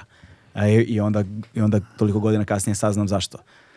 Znaš, I mislim da sad, znaš, sad zvučimo spiritualno previše za moj ukus, ali... Pa dobro, da, da, Znaš, ne, znaš, je- ja, se, ja se samo sećam tih razgovora u Domu omladine, pošto smo proveli toliko vremena u Domu omladine, e, i- nekako se i zove nekako Dom omladine, čudno se zove Dom omladine, a stalno neke uprave matorci, Da, da, da. je tako? Svega ima, samo omladine nema. Znaš, a, a ima dobre sale, mislim, ima Sve dobar program, mislim, svašta tamo ima. Znaš, ali ne, ne znam, mo, stvari, možda se sad stvar menja, ja sam mator, ne mogu sad da učestvujem u tome, ne idem tamo često, pa onda sad malo je, malo je pretencijozno da ja pričam o tome, ali u ono vreme je bilo čudno, znaš, stvarno je bilo čudno. Ovaj, Pa, e, znaš, pa dobro. ali vidi, ti kažem, Ali kažem, ka- opet kroz vreme. Opet kroz vreme. ali da ti kažem, evo ti SKC, šta je sad SKC? Ništa. Ja ne znam stvarno. Evo sad te pitam, Pa ništa, knjižara i ništa. Knjižara- I ništa. Je li ima koncert u SKC? Pa, ima neki predstava? valjda? Ja iskreno nemam pojma. Mislim da nema. Da. Ta, tamo se, znam da smo mi nešto pokušavali da organizujemo tamo u toj nekoj sali, velikoj sali SKC, što je, brate, samo bilo nemoguće ostvariti kontakt. Da, ne znaš, ne znaš što je, znači neki vudu bačen, Mm. ne, nešto tamo neki, sigurno ima neki, lupam sad, komitet, savet, nešto, verovatno, savez nemam predstavu, da. i tako dalje, da. Nema dovoljno strpljenja da se E bavim sad zamisli da otvoriš vrata, da damo neki oglas ovde kod tebe i kažemo, odemo tamo na razgovor i kažemo, dajte da skupimo 50 ljudi. Mm. SKC bi se razleteo. Mislim da bi ona, ona kula postala raketa. Mm. Sećaš se oni bioskop zvezde kad su ušli ovi Kako ljudi? se ne sjećam, dobre. To je bilo takvo 2004 ohrabrenje. 2015. tako nešto. To je bilo da, da. takvo ohrabrenje. Da ljudi uđu u bioskop i kažu ovaj bioskop je naš. Da, da, da. Razumeš? I odmah reakcija krene. I to je mala zajednica. Je li tako? Nisu oni radili istraživanja, nisu se oni bavili ciljnim grupama. Oni su samo rekli ovo je stvarno ovaj, strahota. Da. Znaš? I ušli su i, i, i uradili nešto. Isto je to, koliko, koliko traju taj plamen kratko, Da. malo se proširio. Neko mi je rekao da i dan danas nešto se Pa tamo ja desi. sam bio tamo, ne znam šta se sad dešava. Ja sam bio, Da. recimo, dve, tri godine posle toga sam bio učestvovao u nekom programu. Ali Bio sam- incident. Ali I to je bio incident. Bio je pre toga Inex film, Da. tamo je isto tamo skvot neki napravljen. I znači, znači ovaj Biggs Mm, da, evo, je isto bio, mislim, neki tako m, m, m, nema više Bigza. vrlo zanimljiv. Pa da, ali, ali ti kažem da od tih, kad skupiš sve te incidente, je grad e, koji nas zanima. Tako je. I sada, razmi... evo, sad kad pričaš o tome, ako razmišljamo, potencijalno je beton hala mogla da bude, ali su tamo napravili haos.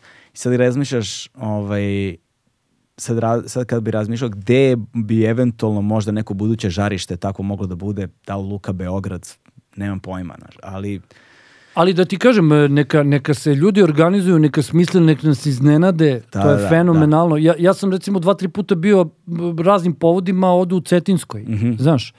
I sad, I sad znam da ima ti komunalnih problema, nije važno to na stranu. Sad, mislim, sve razumem, sve stvarno razumem, ali uđeš tamo i ja se odmah obradujem. Da, da. Kažem, u, vidi ovamo ovo, ovamo ono. Sad, živi, živi, Da, znaš. živi, živi, ne možeš to, to je to, znači šta god, gde god da nas stisneš, negde će da procuri. Nema A šanse. ovaj grad e, je uvek imao tu snagu. Mm. Uvek. Znaš, i kad, i kad e, i mi smo malo i razmaženi i Jesmo. ovaj, ali razmaženi smo zato što smo uvek bili okruženi sadržajem i ne možeš da suzbiješ sve ljude koji misle i koji nešto traže po gradu, lutaju, e, tumaraju i tako dalje, ne možeš im ništa.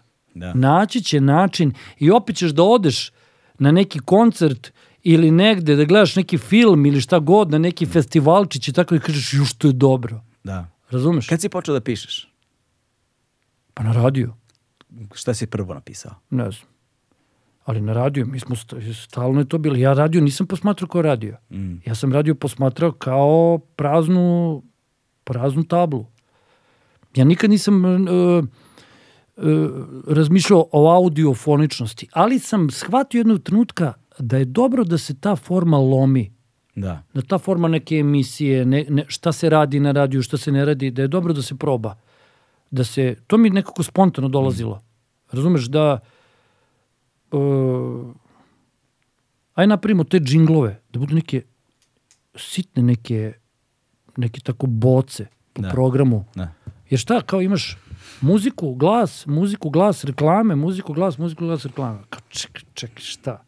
Dajmo tu nešto da vidimo šta može da se uradi. Da, Neku zvučnu sliku. Pa malo. da, nešto da, da, da pre, pa, pazi, radio je zvuk, mislim, zvuk glasa, zvuk muzike i tako dalje. Ajde onda da vidimo, i onda ono što smo pričali, onda su tako skupi ti ljudi i, i onda, ne znam, stalno misliš, Da. stalno misliš, ti pre pisanja moraš da misliš. Imaš i te pisce koji pišu odmah. Mm. Ali kad im sazri? Ili misliš na ove skribomane Imaš i što one samo koji, pišu? da, razumeš. Ovaj, pa imaš i, čitave one pokrete koji su pisali ljudi mehanički. Meni je to zanimljivo. Ja, sam, obo, ja obožavam da danas dadu, Mm. gde ti pišeš mehanički, gde ti beležiš zvuke. Mi smo takav radio prokušali takođe da pravimo.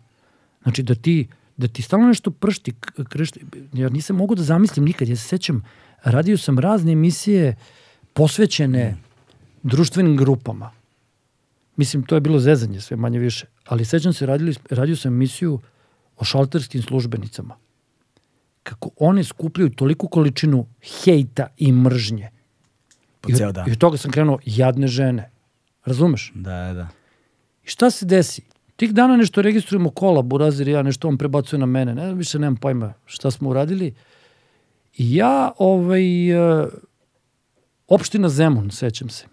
I nešto polumračna neka prostorija, stvarno mislim strašno da radiš. Takve prostorije. Znači sad da pogasimo sva svetla i jedva se vidimo. Sad malo preterujem, Jasno, ali jasno. polumrak je u pitanju. Da, da. Zapalimo sveće. Da. Dolazimo stvarno, znaš ono, zatrepani papirima, ljudi, gužva. I mi dolazimo na red i čovjek ima ono, znaš, onaj prostor u staklu i e, nešto kuca ovo ono i, i ja mu kažem dobar dan. I on ovako uradi.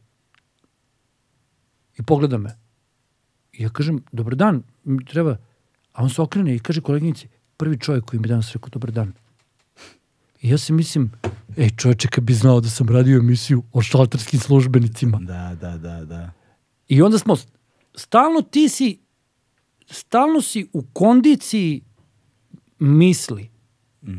Kako da uradiš nešto da bude zanimljivo? Kako da uradiš nešto da bude drugačije, da bude tebi zanimljivo? Da, da ne radiš nešto što si već radio?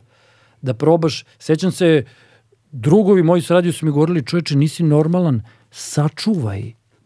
Ti si ovog, ovog meseca radio četiri različite emisije, neko bi od toga napravio godinu dana programa. Šta sačuvam? da. Šta sačuvam? To je dovelo do čitanja, Mm, pisanja.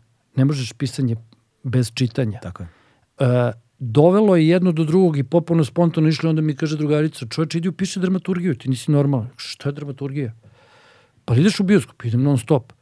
Pa dramatur... Ja kažem, scenariju i to. On kaže da, pa idi, idi upiši dramaturgiju. Onda jednog trenutka troje, četvoro ljudi je tu sa akademije, na radiju. Sve na, Alisa, koja je pozorišna, rež, pozorišna rediteljka, Barni, koji je bio student dramaturgije, Dušana, koja je bila student dramaturgije. Sad sam zaboravio.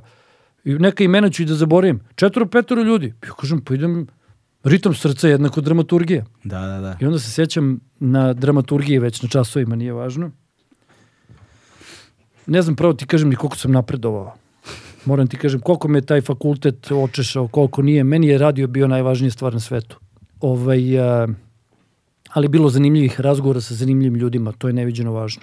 Da, to na fakultetima. Ne može niko te, a, a imaš talent, nemaš talent, to može da slikaš. Ne može, ali, može, ali, ali, ali vrlo zanimljivi razgovori sa profesorima, e, neka tako usmeravanja, da, da čitaš stvari koje ne moraš da voliš, Mm. e, da razmišljaš, nisam se ja nikad bavio pretarano analitikom, ali da jednostavno te fakultet usmeri na neke ljude, upoznaš neke ljude i tako dalje, ali mi je uvek radio bio u prvom planu. Kaže meni Gordon Mihić, na ne znam koje godine dramaturgije, ti radiš na radiju? Ja kažem da. Šta radiš na radiju? Ja ne znam kako da mu objasnim. Da, da. Ja kažem, pa, stvar, pa kad radiš? I ja mu kažem, taj i taj dan. Aha, kaže, dobro. I dođe sledeći čas, on meni kaže, slušao sam te na radiju. I ja kažem, aha, dobro. On kaže, ne znam šta da ti kažem. To je nešto što ja nisam čuo. To je nešto potpuno drugačije. Ja kažem, pa dobro. On kaže, ne, ne, ne, ne. Ne dobro. Nego, je to potpuno neki novi mediji. Razumeš? I ti onda vidiš da je svako bavljenje, znaš, ti, znaš ima ljudi, ima ljudi, jedan moj drug mi kaže pre neki dan, nisam bio nešto raspoložen, pa sam išao, ima kuću malo van grada, pa sam išao, pa sam kuckao ceo dan. Nešto popravljao, znaš, ono Aha. kuća ti stalno zahteva neke, tuk, tuk, tuk, znaš. Pa sam kuckao svaki dan. Pazi, u kuckanju je našao i mir. 100% su mu se vrtele ideje dok je kuckao. Ti kažeš, aha, znači čovjek se koncentrisao na jednu stvar i samo su, prvo mu je nervoza otišla, tu je blizu i voda, Mm. razumeš? I on se usrese, fokusirao se na nekoliko stvari koje su mu važne, došao kući u drugačijem raspoloženju. Znaš, to je nama bio radio. To je nama bio radio. Zato ja kad dođem, kad sam dolazio na fakultet, meni je to bilo, meni, kao da me neko stezao. Da. Razumeš, ja sećam se na drugoj godini imaš neku dramatizaciju da uradiš. Uglavnom se preporučuje da se dramatizuju stvari koje su skl sklone dramatizaciji, tako da kažem, uzmeš neku pripovetku pa dramatizuješ to što da, cijela filmska industrija počeva na tom, uzmeš neki roman koji je zgodan, ili tako, zanimljiv i ti ga pretvoriš u film. Ja sam izabrao neku popunu desetu stvar i meni je, sećam se, profesor rekao, ti se u to razumeš. Uzmi ti to radi. Ja to ništa ne razumem. Ali da, se da. ti u to razumeš. Da, da, da. da. Očigledno se razumeš. I dao mi je da ja imam slobodu. I onda ti se opet desila ta sloboda koju si imao i sa Veranom, koju si imao na 92-ci, koju si imao sad i na Pa fakultetu. eto vidiš, nisam o tome ni razmišljao. Da. Ali, ali, Pratite ta ali, sloboda. ali, ali s- pre, imaš ljudi s kojima se prepoznaješ, ne, ne možeš sam. Mm. Možeš sam da napišeš pripovetku ili roman. Da, da. Ja sam u koroni seo i napisao knjigu za decu. Mm. Razumeš, posle sam sve mehanički radio. To objavljivanje, to me ništa nije ni zanimalo. Samo sam pitao, ljudi idu u lagunu, ja otišao u lagunu. Ok. Ništa me, kad sam završio knjigu, više me ništa nije, ni plasman, ni promocija, ništa me nije zanimalo. Samo sam rekao sebi, u ova korona traje, e, žao mi je klinaca zato što su tinejdžeri, znaš, onda svestan si svega, da, da ne zatrpamo sad Jasno, za- da. ljude svim stvarima koje znamo i tako dalje. Onda sam rekao, čekaj, daj da e, imam tu sposobnost sad da, da ne budem skroman. Imam tu sposobnost da proizvedem Mm. nešto što, ma, što mi malo na početku deluje i veštački, a onda se za to vezem. I, imam sposobnost da proizvedem vedrinu, recimo kad mi treba. Znači kažem, e, dosta s ovim i znam dosta stvari da radim na rez. Dosta uradim vrlo strogo, kažem, ovo više neću, ćao, tačka. A to je vrlo zanimljiva osobina koju imaš zato što tvoja energija ne govori o tome. Znači, ne, ne svedoči tvome. Znači, tvoja eksplozivnost, tvoja Da. impulsivnost, tvoja energičnost. Ti imaš sve odlike osobe koju mesto ne drži. E da, da, ali Sve odlike nisam osobe ja, koje ne nisam može ja sed- skroz takav, ali to je sad intima. To Da, da, nećemo da, da, pričamo. da, da, da. Ovaj, nisam ja takav uopšte. Zato ima taj mjehur, Aha. razumeš? Zašto mjehur? Pa mjehur je taj. Mjehur je, znaš, ja se zatvorim i kažem treba mi vedrina. Sad ću da se zatvorim, budem solo. Mm. I idem tamo na tom mestu gde sam solo i nastane ta knjiga. I kako nastaje, ja ništa ne znam o njoj. Ona nastaje, gradi se, gradi, gradi, gradi, gradi i ja vidim da je to knjiga. I onda se okreneš za sebe i kažeš, evo, ovih nekoliko meseci, ne znam koliko je trajalo, zaboravio sam, ovih nekoliko meseci sam ja napravio od A do Š. Više me tog trenutka ništa nije zanimalo. Ko će da izda? Ko, kažem ti, sve su mi ljudi rekli, idi u lagunu. Ja kao, odem u lagunu. Nije važno. Da su mi rekli, idi kod Galebe, ja bi otišao Pa kod tebe. da, ali, ali opet vrlo su specifični aspekti, evo kad govorimo baš na primjer o tvojoj knjizi za decu. Dakle, s jedne strane imaš temu, šta beše, devojčica i robot. Jeste. Tako, ne, e, ali um, ipak je vrlo specifičan format koji si uzeo, knjiga za decu. Opet, uh, vrlo, speci, vrlo specifične odluke autorske i uredničke, onda imao si saradnju sa ilustratorkom. O, to je bilo divno. Znaš, znači, ali to je Da. morao da bude ono napred-nazad, pošalji, vrati. Kako da to ne, ima, da, da, da. Znači, t- ipak je to bio jedan korpus odluka koje su donošene konstantno na svakom Ali delu. to je toliko lako kako bismo sad išli na, na kifle. Pa da, Znaš, ali, toliko ali, je hoću da, ali hoću da kažem sistematizovano je i traje, znaš, i ipak u tome postoji nekakva namera i nekakva ideja o nečemu što treba se završi, da se za, zaokruži. E, da, da, vidi, to je mnogo važno. Mnogo je važno. Sigurno sad, dok mi pričamo, u ovoj zgradi možda postoji neko koji je strašno talentovan. Ali koji mora da proba da to ostvari. Tako je. Znači, moraš, sa, to sa sobom nosi rizike. Neko se plaši, neko se ne plaši, neko... Različiti smo, ali tako? Moraš da to probaš da izvedeš. Moraš da probaš da ti neko kaže, vidi, knjiga ti ništa ne valja. Mm. I da ti kažeš, ovaj čovjek nije zlonameran i nije glup. A treba imati takvog čoveka. Ali, hoću ti kažem, stvari moraju da se dovrše. Stvari moraju da se završe. Stvari ne mogu da se ostave. Ako sam ja ušao u to i ako ta devojčica se sad pojavila na papiru i taj Roxy, taj robot sa greškom, ja mogu njih da ostavim za neko vreme. Kažem, me, čekaj, sad, sad mi je uletela neka šljaka, Da. recimo. Ali ja ne mogu, ali ja ne mogu da ih ostavim skroz.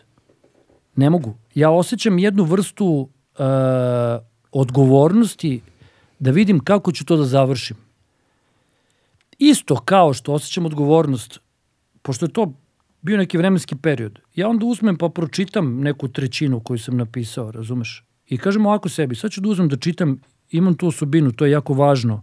Inače, kad uđem u bioskop, kad se ugasi svetlo, ja nemam nikakvu predrasudu prema filmu. Imam. Pre nego, kad ulazim u bioskop, imam. Kažem, a idem da gledam film tog i tog tipa, gledao, sam- kao i svi, znaš, kao svi što znamo, gledao sam njegove filmove ili nerviraju me ovi filmovi, baš ovu vrstu filma ne volim, ali nemam šta da radim, ulazim u bioskop. Međutim, kad se ugasi svetlo u bioskopu, sve to otpada. Počinje film. Film je fenomen za mene još uvek, kad sam bio klinac. Kad se ugasi svetlo u sali, ja sam u transu. U desetom minutu ga ja psujem. Da, da. U desetom minutu ja kažem, ma bre, ovaj, ne zanimam što me nikada više. E, ali dve stvari tu, izvini što te prekidam. E, to dve isto važi, to isto važi i za knjigu. Znači, i za bilo šta, za bilo šta. Znači, uzmeš i pročitaš ono što si napisao i moraš da budeš iskren. Kako ti je to? Kako ti je to? Jer, pazi, ja sam sebi sudija. U tog trenutka. Samo sam sam sa sobom. A da li si slušao tako svoje emisije? Nikad. Nemam, ja nemam snimljene emisije. To sam svesno radio. Nikad u životu nisam rekao ova je emisija broj taj i taj. To je užasno važno. Nikada nisam rekao slavimo 300 tu emisiju. Meni su ljudi na Mixcloudu rekli Mjehure, 300 ta emisija, ja pogledam, piše 300. Šta radim ja s tim? Nikad. Znači, na radiju nisam imao doba, dobacuju mi ljudi, ljudi imaju bre ne, nenormalne arhive na, po kućama. Pa mi ljudi, ljudi mi dobace džinglove, ja, sam, ja nisam imao džinglove. Ja kad sam počeo da radim BDS2 promenio vlastika, nije važno šta god se desilo i te džinglove više niko ne pušta. I ja uzmem te džinglove, ali ne uzmem ih ja jer ih nemam, nego mi ljudi dobace. Jel ima neko džingl? Ovi kažu, čovjek mi pošalje 72 džingla. Sve ima sačuvano. Razumeš? Da, da. Ali je važno da prema sebi budeš, zato sam ja rekao za ovaj radio, da sad vratim s knjige na radio, s radija na ovo, a? A, Doći ćemo i do filma. na radiju, znači ću, da radim sad na ovom radiju, neću da radim s mene, radit ću na radiju samo kad mi se radi i kad sam raspoložen. Kad čujem novu muziku koja mi se dopada, ako mi se ne priča, neću ja pričam, samo ću staviti muziku i nekoliko džinglova. I samo raspoloženje. Sad sam imao da radim drugi stvari, radio je ošto- ostao u drugom planu. Da li ću da, se- da, ću da se vratim tom ili neću? Pojma nemam. Evo sada me pitaš, pojma nemam. Da. E, ali, ali vidiš, Ovaj Mixcloud me nervira, rekao sam ti. Da, ali vidiš dve stvari tu. A, prva stvar je, da, vraćaš se stvarima kad im se vraćaš u trenutku kada ti odgovara, ali da li postoji kod tebe a, problem takozvane vremenske distance koja pravi emocionalnu distancu? Dakle, ja imam problem sa brojnim stvarima koje, na primjer, ok, došao sam do jedne tačke, zapeo sam u nekoj tački i kao sad moram da se od, o- odmaknem. Ili dešava mi se s nekim kompleksnim projektima da više ne umem da razlikujem stvari. Nego moram, brate, da se odmorim, skloniš. moram Da, se da, da. sklonim da bih svežim očima ili ušima ono to ponovo video. Nekad moraš da ono zoom se out. odbraniš. Tako je, moraš Pa nekad da. da zoom outuješ. Tako je sa poslom. Znaš, kada, kada rešavaš posao kako ti dolazi, ti ni u jednom trenutku ne možeš da se odmakneš i da posmetraš ono veću sliku i kažeš u jebote mora prestanem ovo da radi, mora neko drugi ovo sad da radi. Ili šta god. Ili moram da prebacim na nešto ovamo, da uradim nešto kreativno. Ali dešava se, kod mene je barem to slučaj, da je vrlo specifičan taj vremenski prozor koji mogu da priuštim sebi. Jer ako mi bude veći od x, suviše sam vremena proveo udaljen od toga, emocionalno sam se udaljio, u nekom drugom sam filmu i vratim se i nemam konekciju više s tim materijalom ili s nečime. To mi se, na primjer, iz jedne strane dešava. Da li ti imaš tu vrstu da je nekad prođe previše vremena i stvar više jednostavno nije, to to? Ne možeš da se vratiš u mindset koji je bio. Pa znaš šta, sad po sećanju, ali sigurno. Da. Znaš, sigurno da ti kažeš, e, ali onda isto treba biti otvoren. zato znaš. su rokovi važni, zato se vraćam Kako ono, ne? zato su oni Kako pri, da zato je ono kako je Get Back nastao, Kako pritisak da je ga, pritisak da Naravno. mora. Jer ako ja nemam taj pritisak da Pa mora. imaš urednika. Tako je. Imaš urednika, kaže, gde si ti? Pa ne, pa ja, ovaj, bolilo me grlo. Šta te bolilo grlo? Pa Šta je ovo osnovna škola? Kao bio sam kod zubara. Moraš da radiš, pa naravno. Tako je. To je mnogo važno. To je mnogo važno. E, vidi, imaš uh, naše najveće autore koji su radili samo zbog rokova. Da, da, da. Znaš, to je, to, je, to je baš, to je super. Neko te tera, bre. Pa ne valja. A vidi, objaviš knjigu priča, pa dve, tri priče su onako. Mm. Znaš, ali imaš dve, tri koje su mnogo dobre. Znaš, pa kažeš, morao sam i ove tri da ubacim, zato što mi je čovjek rekao, običao sam čovjeku da će bude 15. Da, da, da. Znaš, šta da radiš? Ovaj, ali je važno, važno je da imaš mogućnost, zato smo mi razmaženi sa B92. Ja imam mogućnost da u ponedjeljak uradim jednu emisiju, da u sredu uradim drugu, da u četvrtak uradim treću, da u subotu uradim četvrtu, u nedelju petu. Ja nemam vremena da zastanem i da kažem kakve su bile te emisije. To je vremenom došlo. Od ovih pet emisija, tri su bile onako, realno. Da, da, da. Razumeš? A onda kažemo ovako sebi, čekaj, čekaj, ako su meni bila onako, pa ne sam to dozvoljen sledeće nedelje. Onda neću radim pet. Daj da radim tri. Da. Ali to je sve vreme slobode dok ja mogu da radim šta hoću. Da. Kako se radio formatira, ti više ne možeš da radiš šta hoćeš. To tako je. Ljudi s kojima sam odrastao mi kažu, aj molim te uzmi smene, ti si nam jako važan, ajde uzmi tu smenu. Pa mi onda ljudi kažu, ja, ja sam odrastao tu, tu svoju emisiju, meni neprijatno da im kažem da sam ja već tad krenuo da silazim iz radija. Razumeš? Jer su počele te smene, mene je već to gušilo. E, ali je važno da te neko tera. Da, ne mora da te tera bukvalno, da, da bude strog, nego je važno da neko kaže da neko tebe nešto očekuje. Ajde, e, aj, da, aj neki džingl, a nisi dugo džingl. Znaš, meni je neprijatno i sad, sad su ljudi shvatili da ja nisam previše ozbiljan s tim radijom. Aha. Pa onda kažu, pa, pa desi čoveče, nemate dugo. Ja, ja to kad pročitam, ne, trudim se da ne komuniciram preterano sad. Glupo mi sad e, da se pajtam s ljudima koje ne poznajem i tako dalje. I ja kad pročitam, ja kažem, ja, stvarno, jebe. Malo mi blam. Mm. Znaš, kad, pa čoveče, koliko nisi uradio emisiju? Znaš, ne, sećam se, neka devojka me, ovaj, mislim, bilo je duhovito, znaš, ali me pokidala me. Zato što je bila nekako nešto na Twitteru, ne znam šta, i neko mi, sad je neko mislio da ćemo sad da polemišemo. I onda ne- neko je na, mi postavio neko pitanje, a ova devojka odgovara, kaže, znaš kad će ti odgovori? Za mesec i po dana. Znaš, i onda ja ukapiram, ja u stvari nisam za to. Da. Jer oni, meni je čovjek postavio pitanje, ja sam prošao pored tog pitanja i rekao sam, ma nemam, ne znam šta da ti odgovorim. I prošao sam. Znači, ako učestvujem na Twitteru, onda bi, znači, morao stvarno da komuniciram s tim ljudima. Jer čovjek mi je postavio pitanje, ja nisam odgovorio. Da. I onda sam rekao, ne, ja ću Twitter samo da... I onda sam provalio, otkrili su mi ono dugme mute i onda sam uradio mute dok, mi dok nisam dobio upalu mišića. Da, da. Razumeš? I sada sam tu onako potpuno relaksirano, razumeš? Jer ne možeš, ako, ako si u nečemu, onda stvarno budi u nečemu. Znaš, a, ja, a meni su objasnili, meni su svi nacrtali.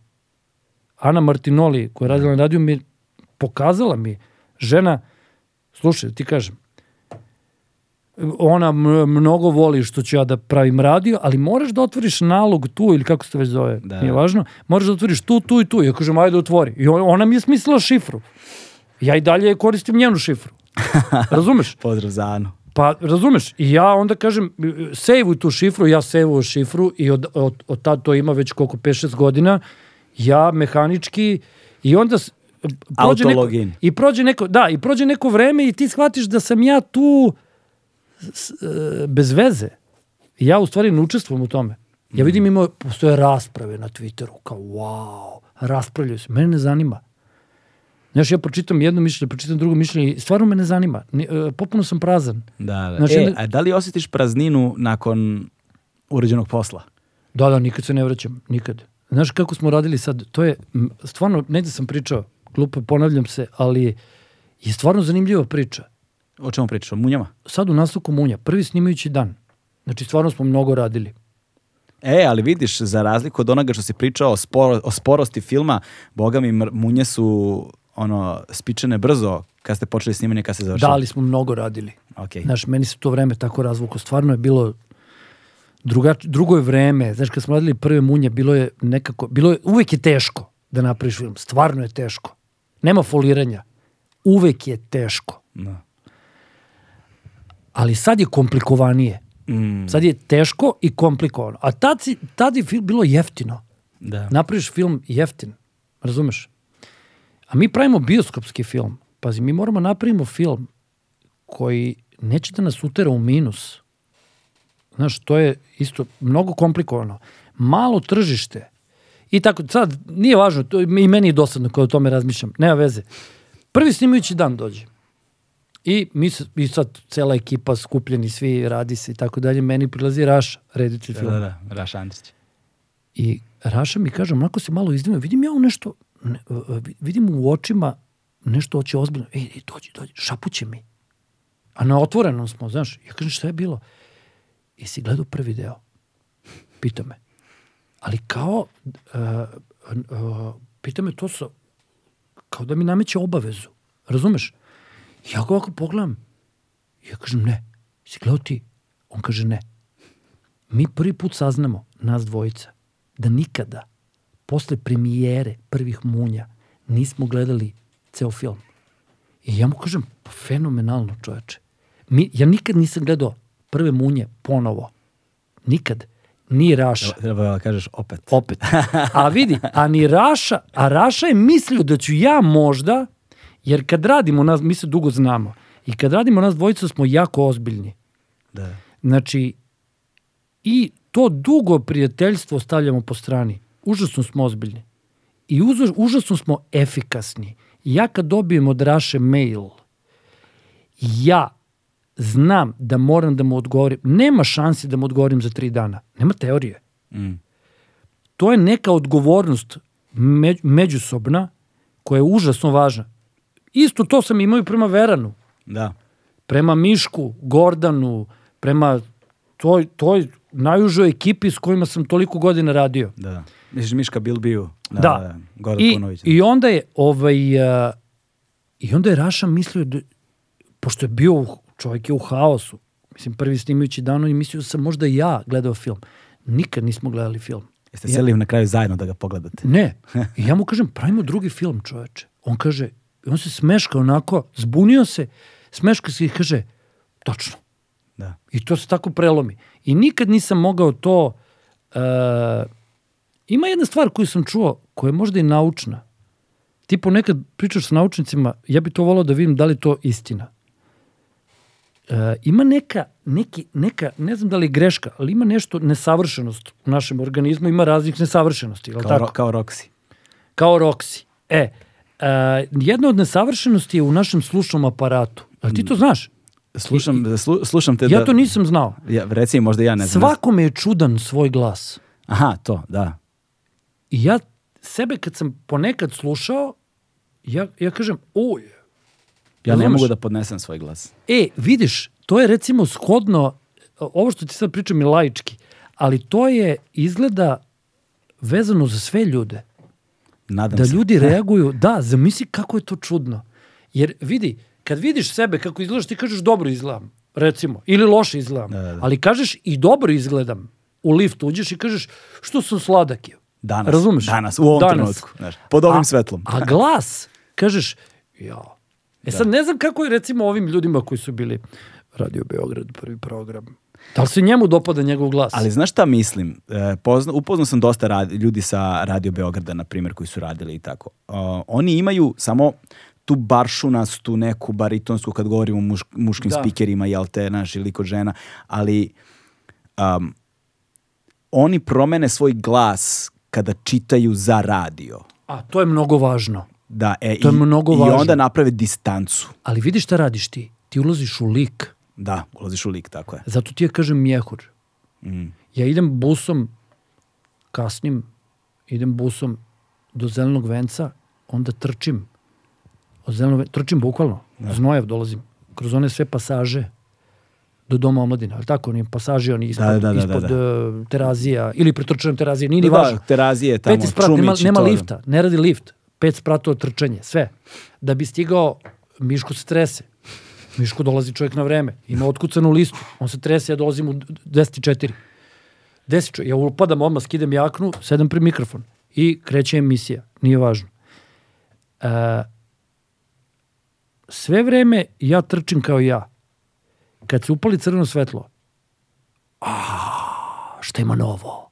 Ti, ti se prebaciš u drugi lik. Da. To je transformacija. Ja ne bi stvarno mogao zamislim sebe sad da pričam s tobom i da skinem majicu. Da, da, da. Razumeš, što bi ja skidao majicu? Jasno. Ja sam program vodio potpuno oslobođen svega. Ali znaš šta je meni, uvek, Razumeš? znaš šta je meni uvek bilo bizarno? Kako je ljudima koji, uh, recimo, ja sam poznavao jednu ženu koja je snimila za nekog mobilnog operatera, tada one glasovne poruke, ono. E, Mobilni pretplatnik trenutno nije dostupan, molimo, pozovite Da. kasnije. I tako te, znaš, servisne stvari. I sada, svaki put kada pozoveš nekoga ko je nedostupan ili zauzeto ili nešto, brate, čuješ svoj glas. Razumeš? Znaš šta Da, mislim? to, to je baš bizarno. Vidi, čudno, ja sam sad, ja sam pre nekoliko godina snimio, snimio neku reklamu za Soko. Mislim, moram ti kažem, A ti si snimao baš puno reklama. E, Ne, znači, tvoj glas i, i Dejanin glas, ono... da, znači, nemam pojma, znaš šta, vidi, ti kažem, znao sam da budem i blank. Znaš, da me, znao sam da budem i strog, a onda uđemo u neku fazu da me ne zanima uopšte. Onda, e, mislim, selektovao sam uvek, ali onda pročitam reklamu za ne znam, nije važno nešto. Znaš, Da. I onda čujem sebe na reklami, znaš. I onda me ovi po kući zezaju, kao, znaš. I zezuju me ljudi koji me vole, kao i to, kao, šta, šta si čito? I Ja, I onom pojma, razumeš? O, ali nikad, e, i često sam imao to, joj, ne, nemam dikciju, nemam, razumeš? A, e, ali onda o- kažem, ali onda vrlo lako kažem sebi, ma boli me ovo. Da. Ma boli me ovo. Umeš da napraviš tu distancu. Ma da, ošte me, ja strčim ni stepenice, pročitam, strčim ni stepenice, ne zanima me uopšte. Ošte Da. me ne, tako sam mnogo stvari uradio da kažem, ma to je završeno, sad idemo dalje i uopšte me ne zanima više. Evo sad, munje igraju u bioskopima, ja sam fokusiran svakog dana sve više i više na sledeću stvar. Mm. Razumeš? I to je samo, samo kao da si u vozu, kao da ona stanica tamo odlazi i kažem super. Ali to onda, postavlja, to onda postavlja zanimljivo pitanje, to onda straži za jedno zanimljivo pitanje. Kako si se onda vratio na munje opet? Zato što uh, sam imao, uh, mogu konkretno ti kažem, znači što sam gledam Train Spotting 2 Mm. i stalno sam imao zahteve, ajde čoveče, pravimo drugi deo, drugi deo, nije mi padalo na pamet. Nije mi, nije mi padalo na pamet, bukvalno. Nisam ni čak ni odbijao, nego sam, to je ono, znaš, kad kažeš, ne želim zakucanu u kamenu, Da, da. Razumeš? Odem gledam Train Spotting 2. Ja obično idem gledam te projekcije gde ima po troje ljudi. One kasne noćne. I uđem, gledam film i ništa zavaljan, ako gledam. I sad ne znam, sad zaboravio sam film, dopao mi se film. Ja nisam gledao Trainspotting 2. Da, da, da. Totalno različit film. Ali imaš nekoliko onih glavnih likova kojima se nešto u životu desilo. Recimo, u Trainspottingu jedan si ti radio, ne znam, bio si s onom ekipom, a onda je Galeb bio u Americi, pa se vratio iz Amerike i sreo svoje drugove. Znači, Galebu se nešto u životu desilo. I ja dok to gledam, razmišljam, pa kad bi radili film o onim bolidima, njima se ništa nije desilo. I dok gledam film, razmišljam o tome. Pa šta ako im se nije desilo? A ništa im se nije desilo. Ja kažem, čak nemaju ni doživljaje. Nemaju ribe, nemaju. Nemaju kintu. Sve- Žive, žive s roditeljima. Sve, poslo, sve ostalo doslovno isto. I kažem, pa dobro, takve su životne okolnosti, da su, uopšte nemam prema tome neki stav e, kritizerski. Znaš, da kažem, ja, strašno, oni su, ne znam, ovakvi, oni su onakvi. Ne, samo puštam da vidim dokle to može da mi se razvije. I onda kažem, njih, njima je toliko svejedno, jednom od njih dvojice, Bokiju Milivojeviću, Maretu, njemu je toliko svejedno da mu je važno da dobro spava, da ima mir i ja kažem, čekaj, pa to i jeste važno, da imaš mir. I Mare bi možda mogao da bude protiv nastavka filma, ali da to nikad ne kažemo. Jer Mare neće opet. A ovaj pop, on je u fazonu, mi ćemo da pokidamo kad tad. On je Paul McCartney. On kaže, ne, ne, ne, ne. I ja to imam u sebi. Mi ćemo da pokidamo. A ovaj mu kaže, ko, ko bre da pokida? I od toga krenem. Jedan hoće nastavak filma, drugi neće. I onda dođem do toga, čekaj, ova reč opet ima neki ritam u sebi. Opet, opet, opet, opet, opet. Kao, kao da ono, imitiraš bubnjeve. Kažem, dobro. I tako krene se gradi stvar i kažem, jedan je protiv nastavka filma, možda sam i ja protiv. Možda sam i ja protiv nastavka filma. Sad ti pričam o nečemu što se ne vidi u filmu. Vidi se, ali u drugom planu. A onda kažem sebi, čekaj, a što smo neraspoloženi, što smo, to ono što smo pričali malo pre, znači malo stojimo u mestu. Stajanje u mestu može da bude i dobro, može da ne bude dobro. Ako jedno društvo stoji u mestu i misli da ništa nije naučilo, onda je tom društvu sve već bilo. I onda kažem, aha, znači mora da ima repliku, ovo je već bilo. I onda kažem, pa čekaj, ako ima repliku, ovo je već bilo, onda ću da im stavim scenu istu kao u prvom delu. I kažem sebi, pa čekaj, to je zanimljivo. Znači, kao radio. Mm. Kao što sam išao ka radiju i rekao, šta ću danas da... da šta ima danas? Šta gledam u busu, kakvi su ljudi? Gledam na zelenom vencu, kakvi su ljudi. A, vidim nekog, čo, neki čovjek zanimljiv. Malo stanem pored njega, pogledam ga. A, aha, dobro, kako to da obradim sad do doma omladine? Pošto mi brzo ću da dođem. Kako da razmislim sad, moram brzo da razmišljam jer nisam imao ništa kad sam krenuo od kuće. Moram nešto da imam. Ne mogu da dođem pred mikrofon, bez obzira što ću da najavljujem samo pesme. Ne mogu bre da najavljujem pesme, neću time da se bavim. Moram nešto da smislim pred tim mikrofonom. I onda kažem, ako, on, ako je on protiv nastavka filma, a pop je za nastavak filma, a oni su okrenuti jedan ka drugom, oni su svoj kosmos, neka onda ceo film bude ta rasprava među njima koju ćemo da sakrijemo. Jer pravimo bioskopski film, nećemo nikome da trljamo naše ideje. Razumeš? Ono ispred face. Vidiš šta mi znamo, vidiš šta mi hoćemo.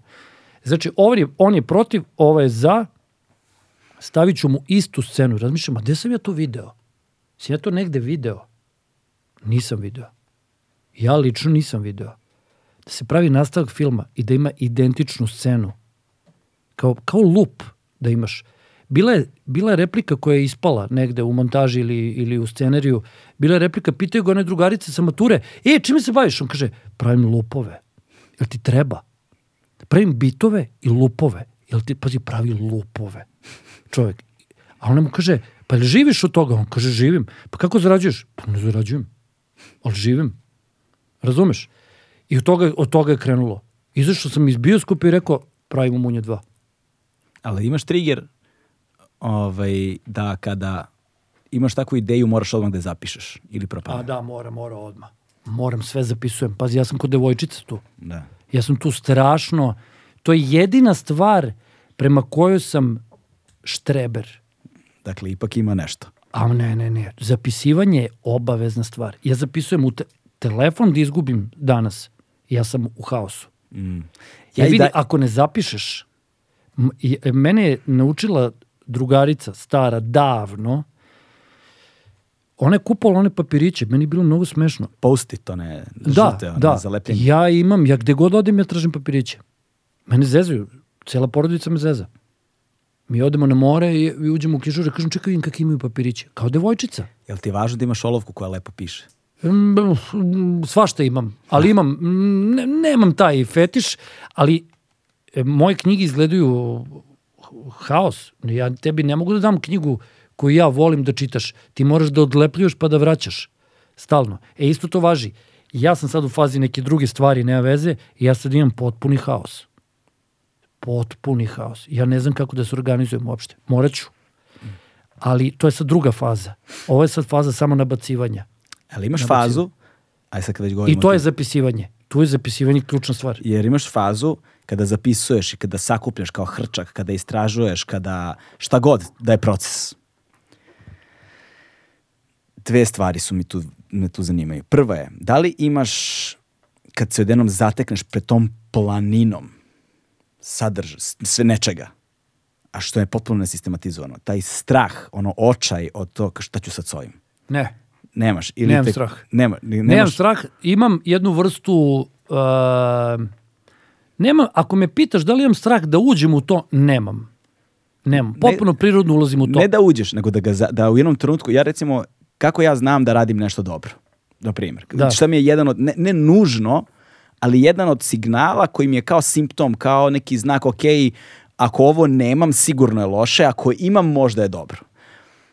Očajanje u kojem želim da dignem ruke od svega i da batalim. Kad dođem do tog trenutka, znam da je to što radim dobro, jer mi se ne radi više. Samo moram da guram kroz to. Da ti kažem nešto, ja po mom iskustvu koje nije, nije, nije ogromno, po mom iskustvu, ali nije ni malo, e, mogu ti kažem da ja ne verujem u muku. Mm. Razumeš? Ja kad dođem do trenutka, kad počnem da pišem, ja sam to prevazišao. Ako postoji očajanje, u mom slučaju to prejaka reč, ako postoji očajanje, to se razbistrilo u trenutku kad sam samo razmišljao o tome. Ja. Onog trenutka kad počnem da pišem, nema očajanja. Znači, pogotovo ako pišeš komediju. Komediju ne možeš da pišeš sa očajanjem. Komediju ne možeš da pišeš neraspoložen. Ne možeš da pišeš komediju da te recimo, e, nemoj bukvalno me shvatiš, ali recimo da te boli grlo. Ne možeš da pišeš komediju. Komediju moraš da pišeš rasterećen. Komediju moraš da pišeš raspoložen, dobro raspoložen. Mm. Komedija ne može da se... Ja, ja, ovo što ti pričam, ja bih rekao sa hiruškom preciznošću.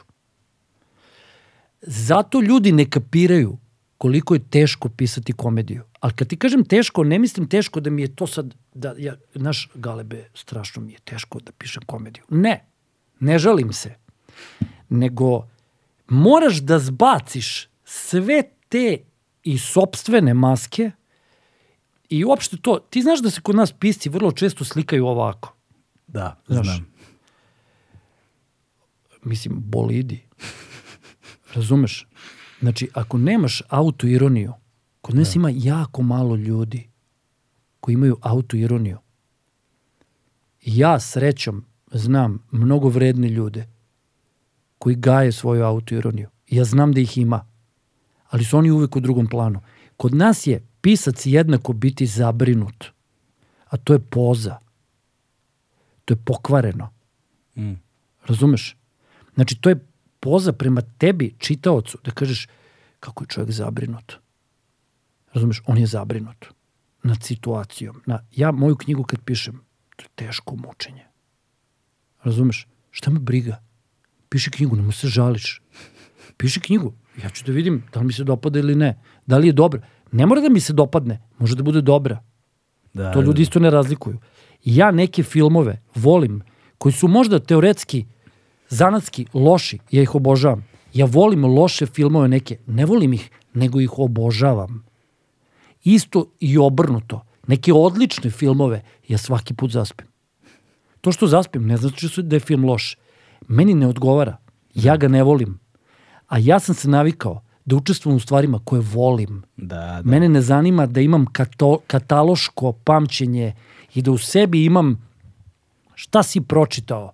Pročitao sam to i to. Jedan od mojih najomiljenijih ljudi iz univerzuma je Nabokov. Mm. Naletao sam na delove Nabokova koje ne volim. I strašno sam bio iznenađen. Kako ja ne volim Nabokova. Kad ga obožavam. Da, da, da. Naletim na deo kad kažem uh, ovo mi se baš ne sviđa.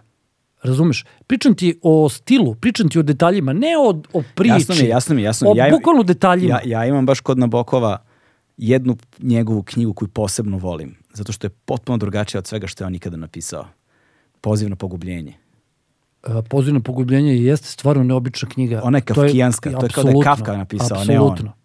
Ali u džepovima te knjige, ako odstraniš priču, nećemo da gušimo sad, jasno. nema veze. Ako odstraniš tu priču tog čoveka koji čeka pogubljenje, davno sam je čitao, Da, da, da. zaboravio sam, ali sećam se Ćelije i tako, Tako dalje. je, da.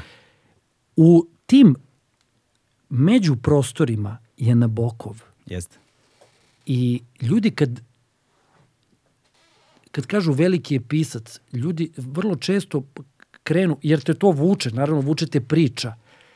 Veliki pisci su oni što je, oni koji imaju između događaja u priči stvari. Da. Koje, znaš, sad sam skoro neko Imaju pričao, umetnuto mišljenje, to je ono kada pisac probije u delo ma on ti samo kaže, ovaj, video sam soc od kafe. Imam jednu rečenicu. Imamo, ti imamo neku ozbiljnu temu sada, a on primeti soc od kafe. Ima Puškin neku priču, sad sam skoro nekom pričao, zaboravio sam kako zove priča, davno sam čitao. I neka priča, neki tip i neka devojka nekim, e, čini mi se nekim kočijama idu, pa stanu neku, neki sneg pada, pa stanu neku krčmu, pa ne znam šta se, zaboravio sam sve. Dođe do kraja, da li je tu neko zaljubljivanje, da li sve sam zaboravio, a dođe do kraja i on kaže, a malo da ih pustimo, da oni sami vide šta će sa sobom, otprilike, i završi se priča. Razumeš? I sad ti prat- pratiš događaje te priče, pratiš događaje priče, pratiš događaje, sve to lepo, sve skockano, sve kako treba i dođe do kraja malo da ih pustimo. Neće ni on da ih prisluškuje. A pazi, on ih je stvorio. Da, da. Neće da ih prisluškuje, nego da ih pusti malo same, da odu, da izađu iz filma s kočijama u sneg. Razumeš? I ti čitaš i, i, i ta postoji rečenica, dođe i kažeš književnosti. Da, da. Vidi ovo je književnost. To imaju ta dva trenutka kod recimo pozivu na pogubljenje kod Nabokova koji mi se tako dopadaju. Jedan je kada Cincinnati, ili kako se već zove glavni lik, kad posmatra kroz prozor svoje ćelije Znaš, i onda onako, kako, i kaže, i onda ima, i onda priča o tom svom sledovanju neba koje dobija. Znaš, to je Da. o sledovanju neba i drugi je kada pokušava čita neki tekst i onda kaže, gledam u tekst, ali oči ne hvataju redove. znači, tačno znam taj trenutak, ono, znaš, koji, koji, i to je ono gde ti taj, te velike istine probijaju tim malim, Pa- na izgled potpuno beznačajnim Pazi, stvarima. v- strašno je važna stvar. Sad, sad sam na YouTube-u skoro video kako Coppola Mhm. dok radi Apokalipsu e, u džungli u, u onom maslinostoj uniformi sedi raskopčan, vruće, ti osjećaš komarce, sve, osjećaš muku pravljenja tog filma. Da. Teško je, bre, teško da se napravi film. A zamisli njega, probio rokove, cene tamo, Probio budžete, čovek, šta se probio. zamisli kroz šta prolazi. I znaš šta o čemu priča? Priča o tome. Znaš kako priča iz, iz, iz grudi mu izlazi, razumeš? Ne želim da budem pretenciozan. Ne mogu da podnesem pretenciozne autore. Razumeš? I zato to. Znaš, naš kolumnista će da vam kaže. I ljudi se ovako slikaju 2023. godine. Ne možeš da poveriš. Da. Razumeš? I kažem ti ta zabrinutost. Znaš, šta će, kao strašno. E, prim, e, sad primećujem recimo da su strašno svi zabrinuti, a u stvari je poza. Strašno su svi zabrinuti. Ma pustite, ljudi, sačuvajte u sebi. Ako Da, si da. zabrinut, sačuvaj tebi. Imaš, bre, popiko čokolada, kažu da razvija raspoloženje. Smaži čokoladu, bit ćeš bolje volje. Nemoj, bre, da prosipaš to u, u, u, u- među ljude. Razumeš? Imaš, bre, dečka koji ima 17 godina, koji sad šeta ulicom, koji je neviđeno vedar. Ma ta tvoja zabrinutost se odbija, bre, od njega. Da, da, da. Po, poštedi nas, čoveče. Nije, Razumeš? nije nam potrebno. Da. Nema, potpuno nepotrebno, si neraspoložen, zatvori se u sobu, proći ćete. Mhm. Razumeš? Smak sveta, smak sveta, smak sveta. Pa pogledaj uopšte filmsku industriju. Pazi, među, među tim filmima ima odličnih filmova, naravno. Ima filmova koje ja ne mogu da gledam 15 minuta koji su takođe odlični. Ima đubreta, ima svega. Koliko je filmova napravljeno u smaku sveta? Ljudi bre, se jašite.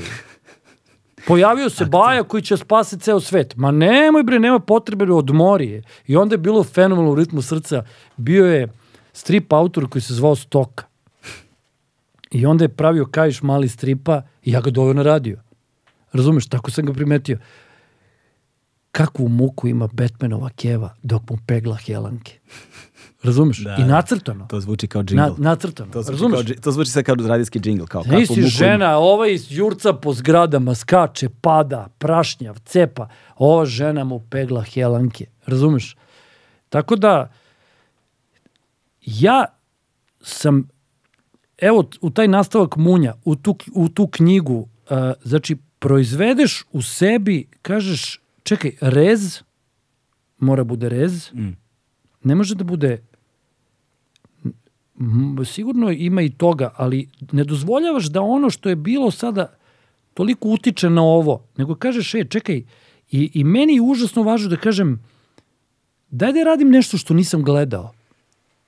Daj da radim nešto što, ako već, nažalost, to sam shvatio, ne možemo da snimamo svake godine, ajde onda da biramo stvari koje su koje su strašno nama stale. Da, da, da. Da li će ljudi da vole ili ne vole? Pojma nemam. Pojma nemam. I ne bavim se time. To u ovim velikim ovaj, zemljama, sigurno u Francuskoj ti ne možeš tek tako da dođeš i kažeš ja ću pravim film, baš me briga šta ljudi misle. To nema teorije.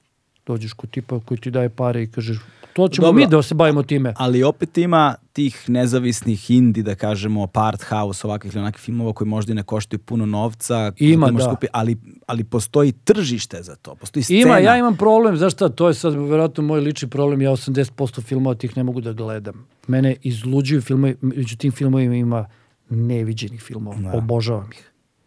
Ali su retki, nažalost. Jesu, jesu veoma redki. Jer ti filmovi idu ka fondovima, fondovi određuju, to ti je algoritam, pominjao se algoritam. Tako je. Znači, fantastično je da se žene bude. Mhm. To je fantastično. Ali ja ne mogu da gledam filmove gde se žene bude. Ja ne mogu da gledam nametnutu temu bilo kog filma. To važi i za književnost, to važi za bilo šta. Fantastično je da imaš temu, fantastično je, Stra tragično je da imaš temu izbeglica. I svedoci smo šta se dešava sa izbeglicama, koliko godina to traje, šta se desilo sa tim istokom, Sirija, Sirici u Beogradu, Afganistanci, tragedije opšte, ali kad vidim da imaš agendu na festivalima, da je preporučljiva tema izbeglica, ja vam imam gard. Mm. I pazi, ima strašno veštih ljudi koji će od toga da naprave odličan film. Ja uopšte ne sumnjam u iskrenost autora, ali, ka, ali apsolutno, znači sada neka devojka priprema scenariju o tome kako je maltretirao neko celo detinjstvo. To je najvažnija tema na svetu tog trenutka. Ali kada je fond usmerava i kaže mi ćemo da ti damo pare da snimiš film, a ona ne može taj film da snimi sama, mm. nažalost. Fond može da čeprka po njenim idejama toliko da meni pokvari utisak. Jeste. Da. Znaš, i to je, to je ovaj, uh, drugo, ima jedna stvar koja mi smeta već godinama, pošto ja stalno čeprkam po Grcima. E, oni su to sve izmislili.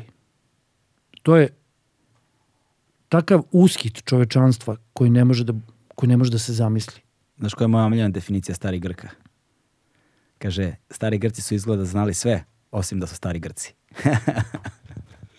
Osim da su amatorili. Tako je. Da, ali vidi, e, znači, oni su izmislili dramu. Mi smo posle, svi mi, svi mi, ako se ja svrstam u te sve nas, smo izmislili kako da radimo antidramu, kako radimo dramu s ovim, da, da pomerimo, da promenimo, da lomimo, da srušimo i sve tako dalje. Ali oni su izmislili. Znači, to, meni je to nevjerojatan podatak sad kad izgovaram. Neko je izmislio. Ima čak, im postoje citati neki perikle koji objašnjaju da moramo da ponudimo ljudima nešto da se odmaknu od stvarnosti. Mm. Da napravimo festival. Pazi, oni veruju u Dionisa. Dionis nije samo neki zanimljiva neka priča. Oni veruju u Dionisa. To su svetkovine posvećene Dionisu. Dionis izvrće, izvrće stvari na opačke. Pije vino. Stvari postaju drugačije kad piješ vino. Stvari su, izlaziš iz sebe posmataš nekog drugog, ja gledam, gledaj ovog čoveka i koliko su blesavi na televiziji. Mjehur skine majicu na televiziji. Mm. I ja kažem, on je posvećen Dionisu. Svi glumci. Sve to. Ali šta me nervira? Nervira me kada umesto drame, kakva god da je, kažem ti, iskrivljena, polomljena, klasična, kakva god, imaš traumu. I ti sad imaš mnogo književnosti, mnogo filma, čega god hoćeš, ja sam najviše vezan, muzike, Da. čega god hoćeš. Mene čak nervira. Nervira me. Ovo što ću sad izgovorim, evo sad prvi put izgovaram. Ja mislim da je rock and roll koji obožavam. Pričam ti o ranom rock and rollu. Recimo o Bo Diddleyu. Ja ne vidim zašto je Elvis kralj. Ja mislim da je Bo Diddley kralj. Čime su se bavili Elvis i Bo Diddley? Bavili su se samo frkom kad si zaljubljen. Kakva ti je frka? Kako da joj kažeš? Hoćemo se prošetamo. Ceo rock and roll je nastao zbog treme. Kako da joj priđeš? Ceo rock and roll. Zbog toga si ljut i nervozan i besan i razbićeš i polomićeš. Sve to tek posle dolazi društvo. Pazi, ti kad si nervozan i ljut, jer ne znaš kako da joj se obratiš, ti možeš da polomiš tramvaj. Ja sam u filmu imao klinca koji razbio trolu. Pa mi neko rekao, jao, ipak je to nasilje. Kažem, jeste. Klinac je razbio trolu, jer ga ispalila devojčica. Meni je to razlog da se razbije trola. Pričamo o fikciji, naravno. Znači, kada je došao Bob Dylan, ne samo Bob Dylan, sad ti pričam, ja, Jasne, ja ne jasne, znam jasne. te podatke. Nije važno, ne zanimaju me podaci. Dođe Bob Dylan i obrati se društvu. Rock and roll je izgubio jedan deo snage. John Lennon se obraća društvu, rock and roll gubi deo snage. Rock and roll se bavi između dve osobe je ceo kosmos. I to je nastao, tako je nastao rock and roll. Gledaj ovog Jack Whitea, koga obožavam. On je naš Elvis sada. Sve te struje koje pravi, sve to zujenja koje pravi, su između nje i njega. Da. Razumeš? Ja i dalje to najviše volim. Ja, ja, ja, Ali ima obo- ist- ja najviše volim pesme Bob Dylana koje se bave sa njih dvoje. Evo vidiš, zanimljivo. Uh, meni, Blowing in the Wind meni nije, Ali vidiš- ja kažem fenomenalna pesma, ali ne slušam je nikad pet puta za redom. Sasvim slučajno, uh, pesma Man in a Long Black, uh, Man in a Long Black Coat koju sam, koju sam pomenuo je o, između nje i njega. Nepoznatom muškarcu, ona koja je zaljubljena i ostalo je samo pismo na kraju. Znaš, otišao bez traga. Znaš, ovaj... Pričamo o Nabokovu malo pre. Da. Njegovi ti ruski romani su isključivo o zbunjenosti, zaljubljivanju, ostavljanju tako dalje. To Mm. su kičme romana. Ne, ne znam, uvek, znaš, uvek imam taj, uh, kažem, ne, ne smem sad to ponovo da, Da, radim, da. da. čitam Anu Karenjinu. Ne smem, jer, jer će da me o- o- odlutaću, čoveče, ćao, Da, da. gotov sam. I onda kažem, ne smem da je čitam ponovo. A čitao sam je ponovo. E, znači, relativno skoro. I opet, njen kosmos, njegov kosmos, njena zbunjenost, stice okolnosti, sve to što se desi u knjizi, ti govori o toj njenoj ustreptalosti. O, sti- o tim zbunjenim ljudima. I sve je to nastalo u mitologiji. Da. Ti imaš sve to. Znači, i onda me izluđuje kada se završi film, sat i po ili dva, koji traje i koji mi je prikazao samo traumu, a ne dramu. Da se vratim na to. Jer drama ima pravila koje možeš da kršiš, ali ta pravila nisu slučajna. Oni su ih napravili da bi, da bi te uzbudili. Koliko filmova imaš danas da nisi uzbuđen? Da, da. da se baviš samo intelektom, izađeš iz bioskopa i samo si angažovao intelekt, da. Ima ih jako mnogo. pa čekaj, Posebno, ja zbog toga ne idem u bioskop. posebno festivalskih. Ja zbog toga ne idem u bioskop. Napravite vi sociološku studiju o tome. To je neophodno da se, da se čitava politika Evrope usmeri ka tim ljudima koji beže od svojih kuća. Napravite sociološke studije, psihološke studije. Dajte, angažujte se. Dajte da vidimo o svim tim društvenim problemima. Kod nas sada is- isplivava tema nasilja prema ženama. Dajte to, istražite sve to. Svaka vrata otvorite. Svuda svetlo upalite, sve da saznamo. Da nam bude neprijatno. Je nam bilo neprijatno kad smo čuli za ove slučajeve mladih glumica? Bilo nam je neprijatno. Osjećaš se poniženo. Šta su devojčice doživljavale? Evo sad mi drhti glas. Ali vidi, kada prelazimo na film, u knjigu, to je drugi svet. Znači, tu moraš da paziš kako to predstavljaš. Ono što ti je bilo strašno dirljivo na filmu ne mora da bude. Može da bude, može, ispadne samo tako da ti izlaziš iz bioskopa nervozan. Da. A Grci su zato smislili da ti iz bioskopa izlaziš pročišćen. Katarza. To je, to je ključ kad gledaš dramu. Ti kad iz... Može drama da bude onako. Može da ne bude dobro napisana. Imaš strašno vešte ljude koji uspeju i od nečega što je prosečno da naprave solidno. Ceo Hollywood. Ti gledaš, ja obožavam stari Hollywood, obožavam ga. Da. I ti kad gledaš stari Hollywood, sve te majstore kad gledaš, oni su napravili 100 filmova. Nis, nisu sto, nije 100 filmova fenomenalno. Da, da, da. Razumeš? Jer su oni radili. E, imaš Houstona. Houston ima filmova neki koji su onako, koji su bez veze, koji ti se ne gledaju drugi put. Pa onda, fantastično, fantastično, fantastično. Pa onda opet, sad te vraćam na radio BS2. Pa onda kažeš, u, danas sam pokidao. Razumeš? Ali neću sebe slušam ponovo, nego me čeka sutra. Tako je. Šta ću radim sutra? Da, da, da. ali se ljudi trude da ti dobaciš do ljudi, da oni i razmisle i da osete. A ti sad imaš gomilu filmova koje te usmerava samo da ti kažeš jao, stvarno, katastrofa. Šta rade siromašnim ljudima? Pa ti znaš da je katastrofa i pre tog filma. Šta si mi uradio na filmu? Daj napravi mi nešto. Da ja izađem i da kažem sad sam dobio novu vrednost.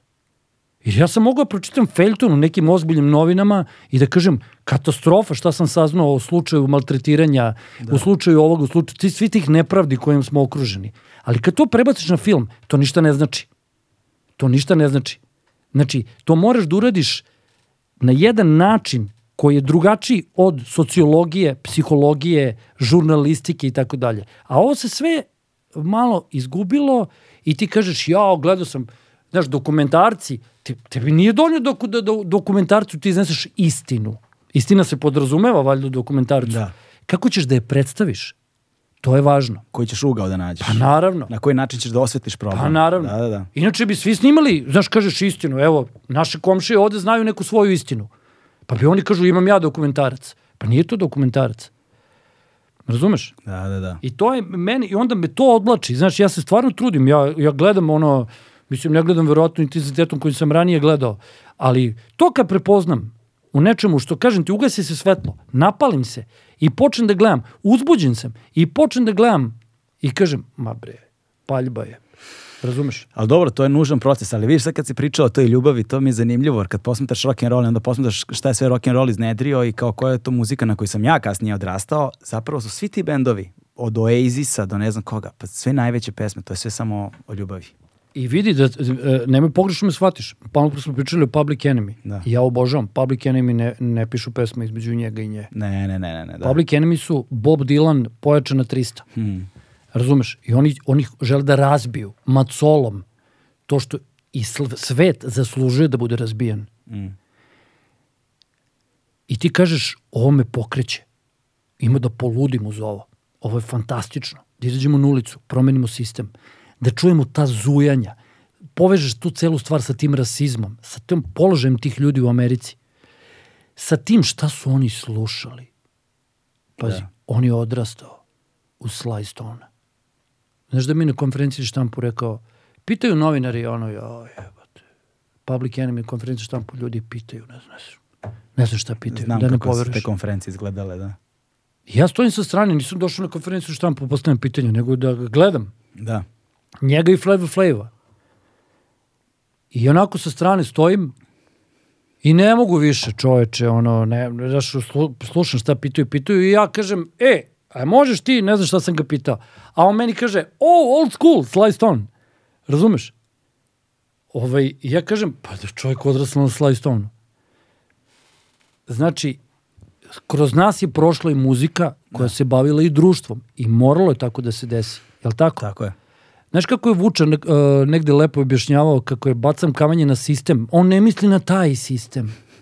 Ali ljudi su uzeli pesmu i rekli ne, mi hoćemo da srušimo ovaj sistem. A Vučan misli na bilo koji sistem. Da. Razumeš?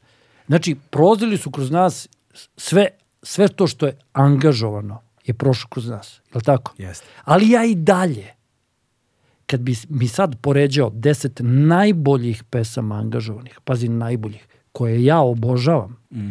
i deset ovih, ja bi izabrao Jonathana Richmana, izabrao bi Cramps, Mm, okej. izabrao bi Bob Dylan ovu drugu fazu. Ne, on je u svakoj fazi imao te pesme. Svako je, da. Izabrao bi, sad lupam ti, nije važno, Jimi Hendrixa, koji o toj konfuziji i još ima i zvuk taj koji je konfuzija, izabrao bi, razumeš, a ovde bi, ovde bi mi bili bendovi koje obožavam. Koje obožavam, ali uvijek bi birao ovo. Ovde bi mi bili i Public Enemy, i Disciplina Kičme, i... Ali ovde bi bili, ali ovde bi bili rani breakersi. Da. Meni su, meni su party breakersi rani promenili život. Meni je, meni je disciplina I think I see myself on CCTV. Disciplina je, vidi, došla i srušila sve. Sve. Ko je izmislio svoj zvuk? Postoji samo jedan zvuk na planeti koji je izmislio koja. I onda koja prolazi kroz razli- različite faze. I ja slušam ljude koji kažu, pa onako je sad disciplina. Šta je onako? Čovjek je izmislio svoj zvuk. On sedi čovek na svom zvuku. Znaš ti šta je to? Mi imamo strašno malo ljudi u književnosti koji su to uradili. Dakle, da. Koja, recimo, Cane, ili šta si pominjao, Kojot, Da, Iceburn. razumeš? To su ljudi koji su izmislili stvari koje su originalne. Meni je i rano zabranjeno pušenje isto. Meni nije. Znaš, meni, Meni, meni, je, albuma. meni, je to, meni je to prepuno šarma, ali ja ne mogu to nikada da stavim Da. u rang prvog albuma Party Breakersa. Nikada. To je, to je sad krajnje subjektivno. Jasno. Razumeš? Ali e, to su stvari. Canitov glas je nešto što je najbolje sa ovih prostora. To spada u stvari koje su ikada najbolje. Kao što imaš Lubardu. Imaš Lubardu sa njegovom slikom. Ovde se to uvek posmatra. I to je dobro. Meni je okej da rock and roll bude podzeman. Meni je to super. Da se to, ja ne volim kada vidim objavljene pesme Bob Dylana. Bob Dylan ne piše pesme za čitanje, nego za slušanje. Da, da, je Ja to ne volim. Objavljena je zbirka. Da, ja to ne volim. Ali nisam vidio kakav je prevod do duše. Recimo, kad bi Can ušao u udruženje književnika Srbije, ja bih rekao, jao. Razumeš? Ali oni su ljudi izmislili nešto Da. što, je, što nikad nismo čuli. Oni su sve slušali muziku koju smo slušali mi i na koju smo odrasli. A onda su napravili nešto što nije napravio niko. Znaš ti šta je to? Znaš ti koja je to vrednost? To je... To je nema, nema iznad To, toga. to, to sanjaš. Nema iznad toga. To sanjaš. Mi, mi smo ko klinci, ja to svuda pričam, odrasli na slovu na slovu. Imaš lika koji se zove Mića, imaš lutku koji se zove obrnuto od Miće. Aćim. To je dovoljan početak. To je nivo Da. jednog najboljih imena za lika u istoriji filma, crtanog filma je Cruella de Vil. To je nivo svetski. Mi, naš Miće i Jačim su nivo, to je Mont Everest. Mi smo to gledali kao dečiji program i uživali. Sada uzmeš VHS kasetu, ima valjda i na DVD-u, ima je A mislim. možda ima na YouTube-u. Možda ima na YouTube-u. Pustiš originalni na slovo na slovo. I gledaš, pustiš sebe, prepustiš se tome sedam minuta. Mm. Ti kažeš, ništa pre ovoga i ništa posle ovoga. Nije izmišljeno. Znači ti imaš Sesame Street, recimo. Da, da. Je li tako? Muppet Mi imamo na slovo na slovo. A misliš baš program za decu, da? Mi imamo na slovo. To je kao cane. To je kao koja. To je kao lubarda. To ti je, sve ovo što, što kažemo, ovo je stvarno naš izraz. Razumeš? Ovo je nešto što je naše. Ti uzmeš, čitaš, nemam pojma, ja sam čitao u vreme korone dosta vlada na desnicu. Ok. Uf, proleće Ivana Galeba. Pročitaš vlada na desnicu i kažeš, ovo je naša stvar. Da. Ovo je naše. Mi smo ovim doprineli Ja sam celom svetu. Više puta sam u ovom podcastu napomenuo da mi je Proleće Ivana Galeba možda i najbolji roman 20. veka u Jugoslaviji. Ja sam ti rekao, ja uzmem Luču mikrokozma da čitam, ja, šta, ovi, ljudi svašta čitaju, ali ne, da slušaju, ali nema veze, pričamo ti i ja, Da, nije da, važno. da. Ja sam tako ceo život, pričao sam ja sa sobom, znaš.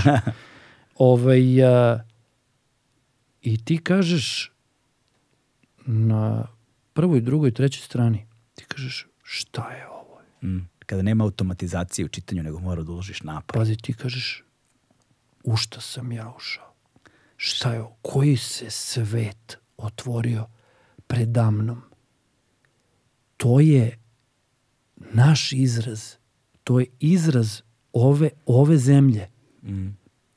Na ovom jeziku. To je takav vrh. Čega god pomisliš vrh. To nije vrh umetnosti. To je vrh da je neko stvorio, povezao dve tačke. Kako je taj čovek to stvorio? Ti lebdiš. Mm. Ti čitaš stvar koja, je, koja ima ne znam koliko strana, ti si potpuno van sebe. A on se bavi svetlošću. A vladna desnica se u tom romanu bavi svetlošću. I ti kažeš, možda ću da postanem religiozan. Mhm. Možda ću, čekaj, ovo ima, ti kad čuješ zujanje kojnog basa, kakva je razlika između zujanja njegovog basa i zujanja Hendriksa i zujanja Chuck Dia? Nema razlike. Nema razlike. Zato je meni bilo neverovatno. Kad ti staviš jedno pored drugog, trebaju ti te jednostavne situacije da ti se stvari otvore. Tako je. Staviš pre White Stripesa, Dragan Ambrozić, pre, prepostavljam, Da, da. stavi disciplinu kičme. A mi smo odrasli u disciplinu kičme. I nama se podrazumeva, sretnem koju ulicom, kad ćeš se šišaš? Mislim, mi, nas dvojica se smeškamo. Ko je tu? Prolazi ulicama. Cane je tu, prolazi ulicama. Dostupan je. Da, a kad staviš pored White Stripesa, Gordon i ja se vraćamo kući i kažemo, zaboravio sam sad, ali smo, kažemo, vidi, ove dve stvari su jedno. A onda meni koja kaže, jer mora Beograd da bude, znaš, malo da te udari po kolenima. Mora da bude subverzivan. Da ti kažem, uh, odličan je White Stripe, stvarno. Odličan je, ali uh, ukapirao sam, bubnjarka nema mnogo snage. Pa onda imaju stalno brejkove u pesmama. To mi malo smeta. E ja se mislim, ja, moram malo da se kenja. Da, da. Razumeš? Ne mora bi koja. malo, da, da, da, mora malo da se potkopa stvar. Sve je okej. Ali hoću ti kažem, takve stvari, onda, da se vratimo na one ljude koji olako onda kažu, nije to to. Znaš, tri zvezdice. Sad za ovaj album dajem tri zvezdice, ja lično, privatno. A za oni sam, oni, za oni sam rekao, ultimativan je. Ma ništa to ne znači. Ništa to ne znači. Čovjek istražuje svoj zvuk ceo život. A taj zvuk koji je smislio je jedna od najboljih stvari naše kulture. Tako je. I ja sam onda ljuto pisao pismo. E ti znaš za to? Ne znam. Ja sam sreo... Koga sam sreo? Sam, stavio mi mozak. Kažem, ima, imaš te nagrade grada Beograda. Imaš te nagrade grada Beograda koje dodeljuje, ne znam, za film, za, ne znam, ume, za, ne znam, slikarstvo, Da, da. nemam pojma. Ne, to prolazi mimo mene, nije ni Okej. važno. I ne znam koga sam sreo, ne znam kako se to desilo. Ja kažem, ovaj, e, pa daj da, pa što ne daju koji nagradu? To je bilo predno 5-6 godina. Pa kaže, predloži. Ja kažem, ja stvarno je glupo sad da ne predložim. Ja sastavim pismo. Mislim, sve vreme se smeškam. Kao otvoreno, otvoreno pismo neko ili... Da, moraš da predložiš, staviš u kovertu, odeš, nisam ja to ništa ni znao. Aha. Odeš ovde na, na, trgu Mars, na trgu Nikole Pašića, Da, da. dođeš i kažeš, dođeš do pisarnice, sve, sve sam prošao. Kažeš, dobar dan, oni kažu, dobar dan. Ti kažeš, evo ja dajem predlog za nagrade Beograda. A, izvo- a dobro, da ti pot, zavedete, potpišeš, odeš kući. I ja sad kažem, čekaj, kako koja je? Mora dobije i vd. Mm. Posthumno. Dobro. Kako koji je vd? Pa mora dobije gile. Pa mora dobije čavke. Pa čekaj, pa mora dobije cane. Ima ceo Mora dobije Anton. Da. Ja krenem da ih nabrajam. I sastavim spisak, sigurno sam nekog i promašio. Sastavim spisak ne znam koliko imena. I kažem, pa oni svi treba dobiju grad, nagradu grada Beograda. Kolektivno. Svi. Da grad Beograd kaže, a ne, ne, ne, ne, ne, ove godine dajemo nagradu za njih 20. Izvolite da uzmete nagradu. I ja to pošaljem ne mogu se setim koga sam sreo, a ovaj mi čovjek kaže, ma daj bre, ti nisi normalan. Pa čoveče, pa ne može tako, pa znaš ti koja je ekipa tamo? Nema teorije. Treba si da staviš samo Vladu Divljana. Razumeš? Okej, da, da. Ja kažem, pa ne mogu da stavim Vladu Divljana, da ne stavim Srđana Šapera. Ili da ne stavim, e, ne znam, o, Antona, ili ne znam koga već. Moraju svi da dobiju nagradu. Stavio sam Baby Doll. Normalno. Moraju da dobiju svi nagradu. Pazi, ja sam tu stavio 20 imena. I? Ništa. Naravno ništa. Razumeš? Ja kažem, a je li ništa? Ok, ja ću da im dam nagradu. I ja napravim, pročitam to pismo na ovom Mixcloudu, pročitam to pismo i kažem, evo ih ljudi koji... Pazi, grad Beograd ima svoju decu jedinu koju treba da da nagradu. A to su disciplina kičme, party breakersi, električni orgazam i tako dalje.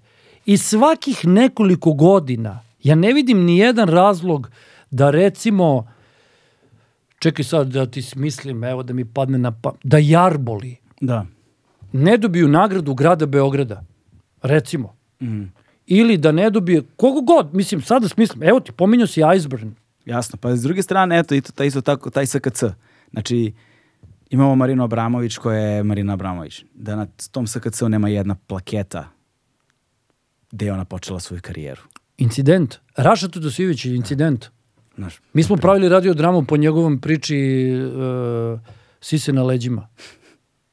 Znaš za tu priču? ne, Spuste se Marsuci i čovjek je incident. I on, i on je svestan da je incident i nema problema. Ma ima da vam pravim probleme ceo Da, život. da. Spustili se, kaže, zemljani na Mars. Mm. I kaže, ovo sublimira sve o čemu smo pričali, u stvari. I priču o umetnosti, i priču o humoru, i priču o svemu. okej. Spustili se na Mars, sve isto ko na zemlji. Oni iznenađeni. Sad ti sve parafraziram. Sve isto, ljudi hodaju na dve noge, imaju decu, nemam pojma, u čemu je razlika? Je?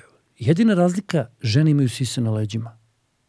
Sad su ovi malo ohrabre, upoznaju se s njima i kažu, sve nam je jasno, ok, pijete vodu kao i mi, imate grejanje, imate sve uslove kao i mi, a zašto kaže sise na leđima?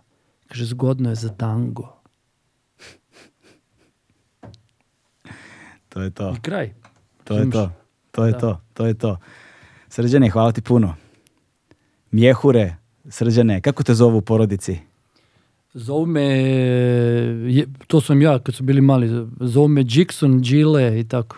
Dobro, Džiksone, Da. Đile, Đile, hvala ti, hvala ti puno na ovako inspirativnom i divnom razgovoru. Ovaj, hvala ti za sve što si uradio, hvala ti za sve što radiš i nadam se da će taj haos koji trenutno sediš da se organizuje u nešto konkretno u čemu ćemo da uživamo. I ti sa onim što si mi pričao, što ljudi nisu čuli, sa svim stvarima koje radiš, samo napred i treba ti mnogo energije, želju imaš i sve i da prepoznaju ljudi koji moraju da prepoznaju da izguraš sve. E, hvala ti. Da. Biće potrebno. Da. to je Na, to. Na, mora da bude, da. To je to, stigli smo kraja. Ćao.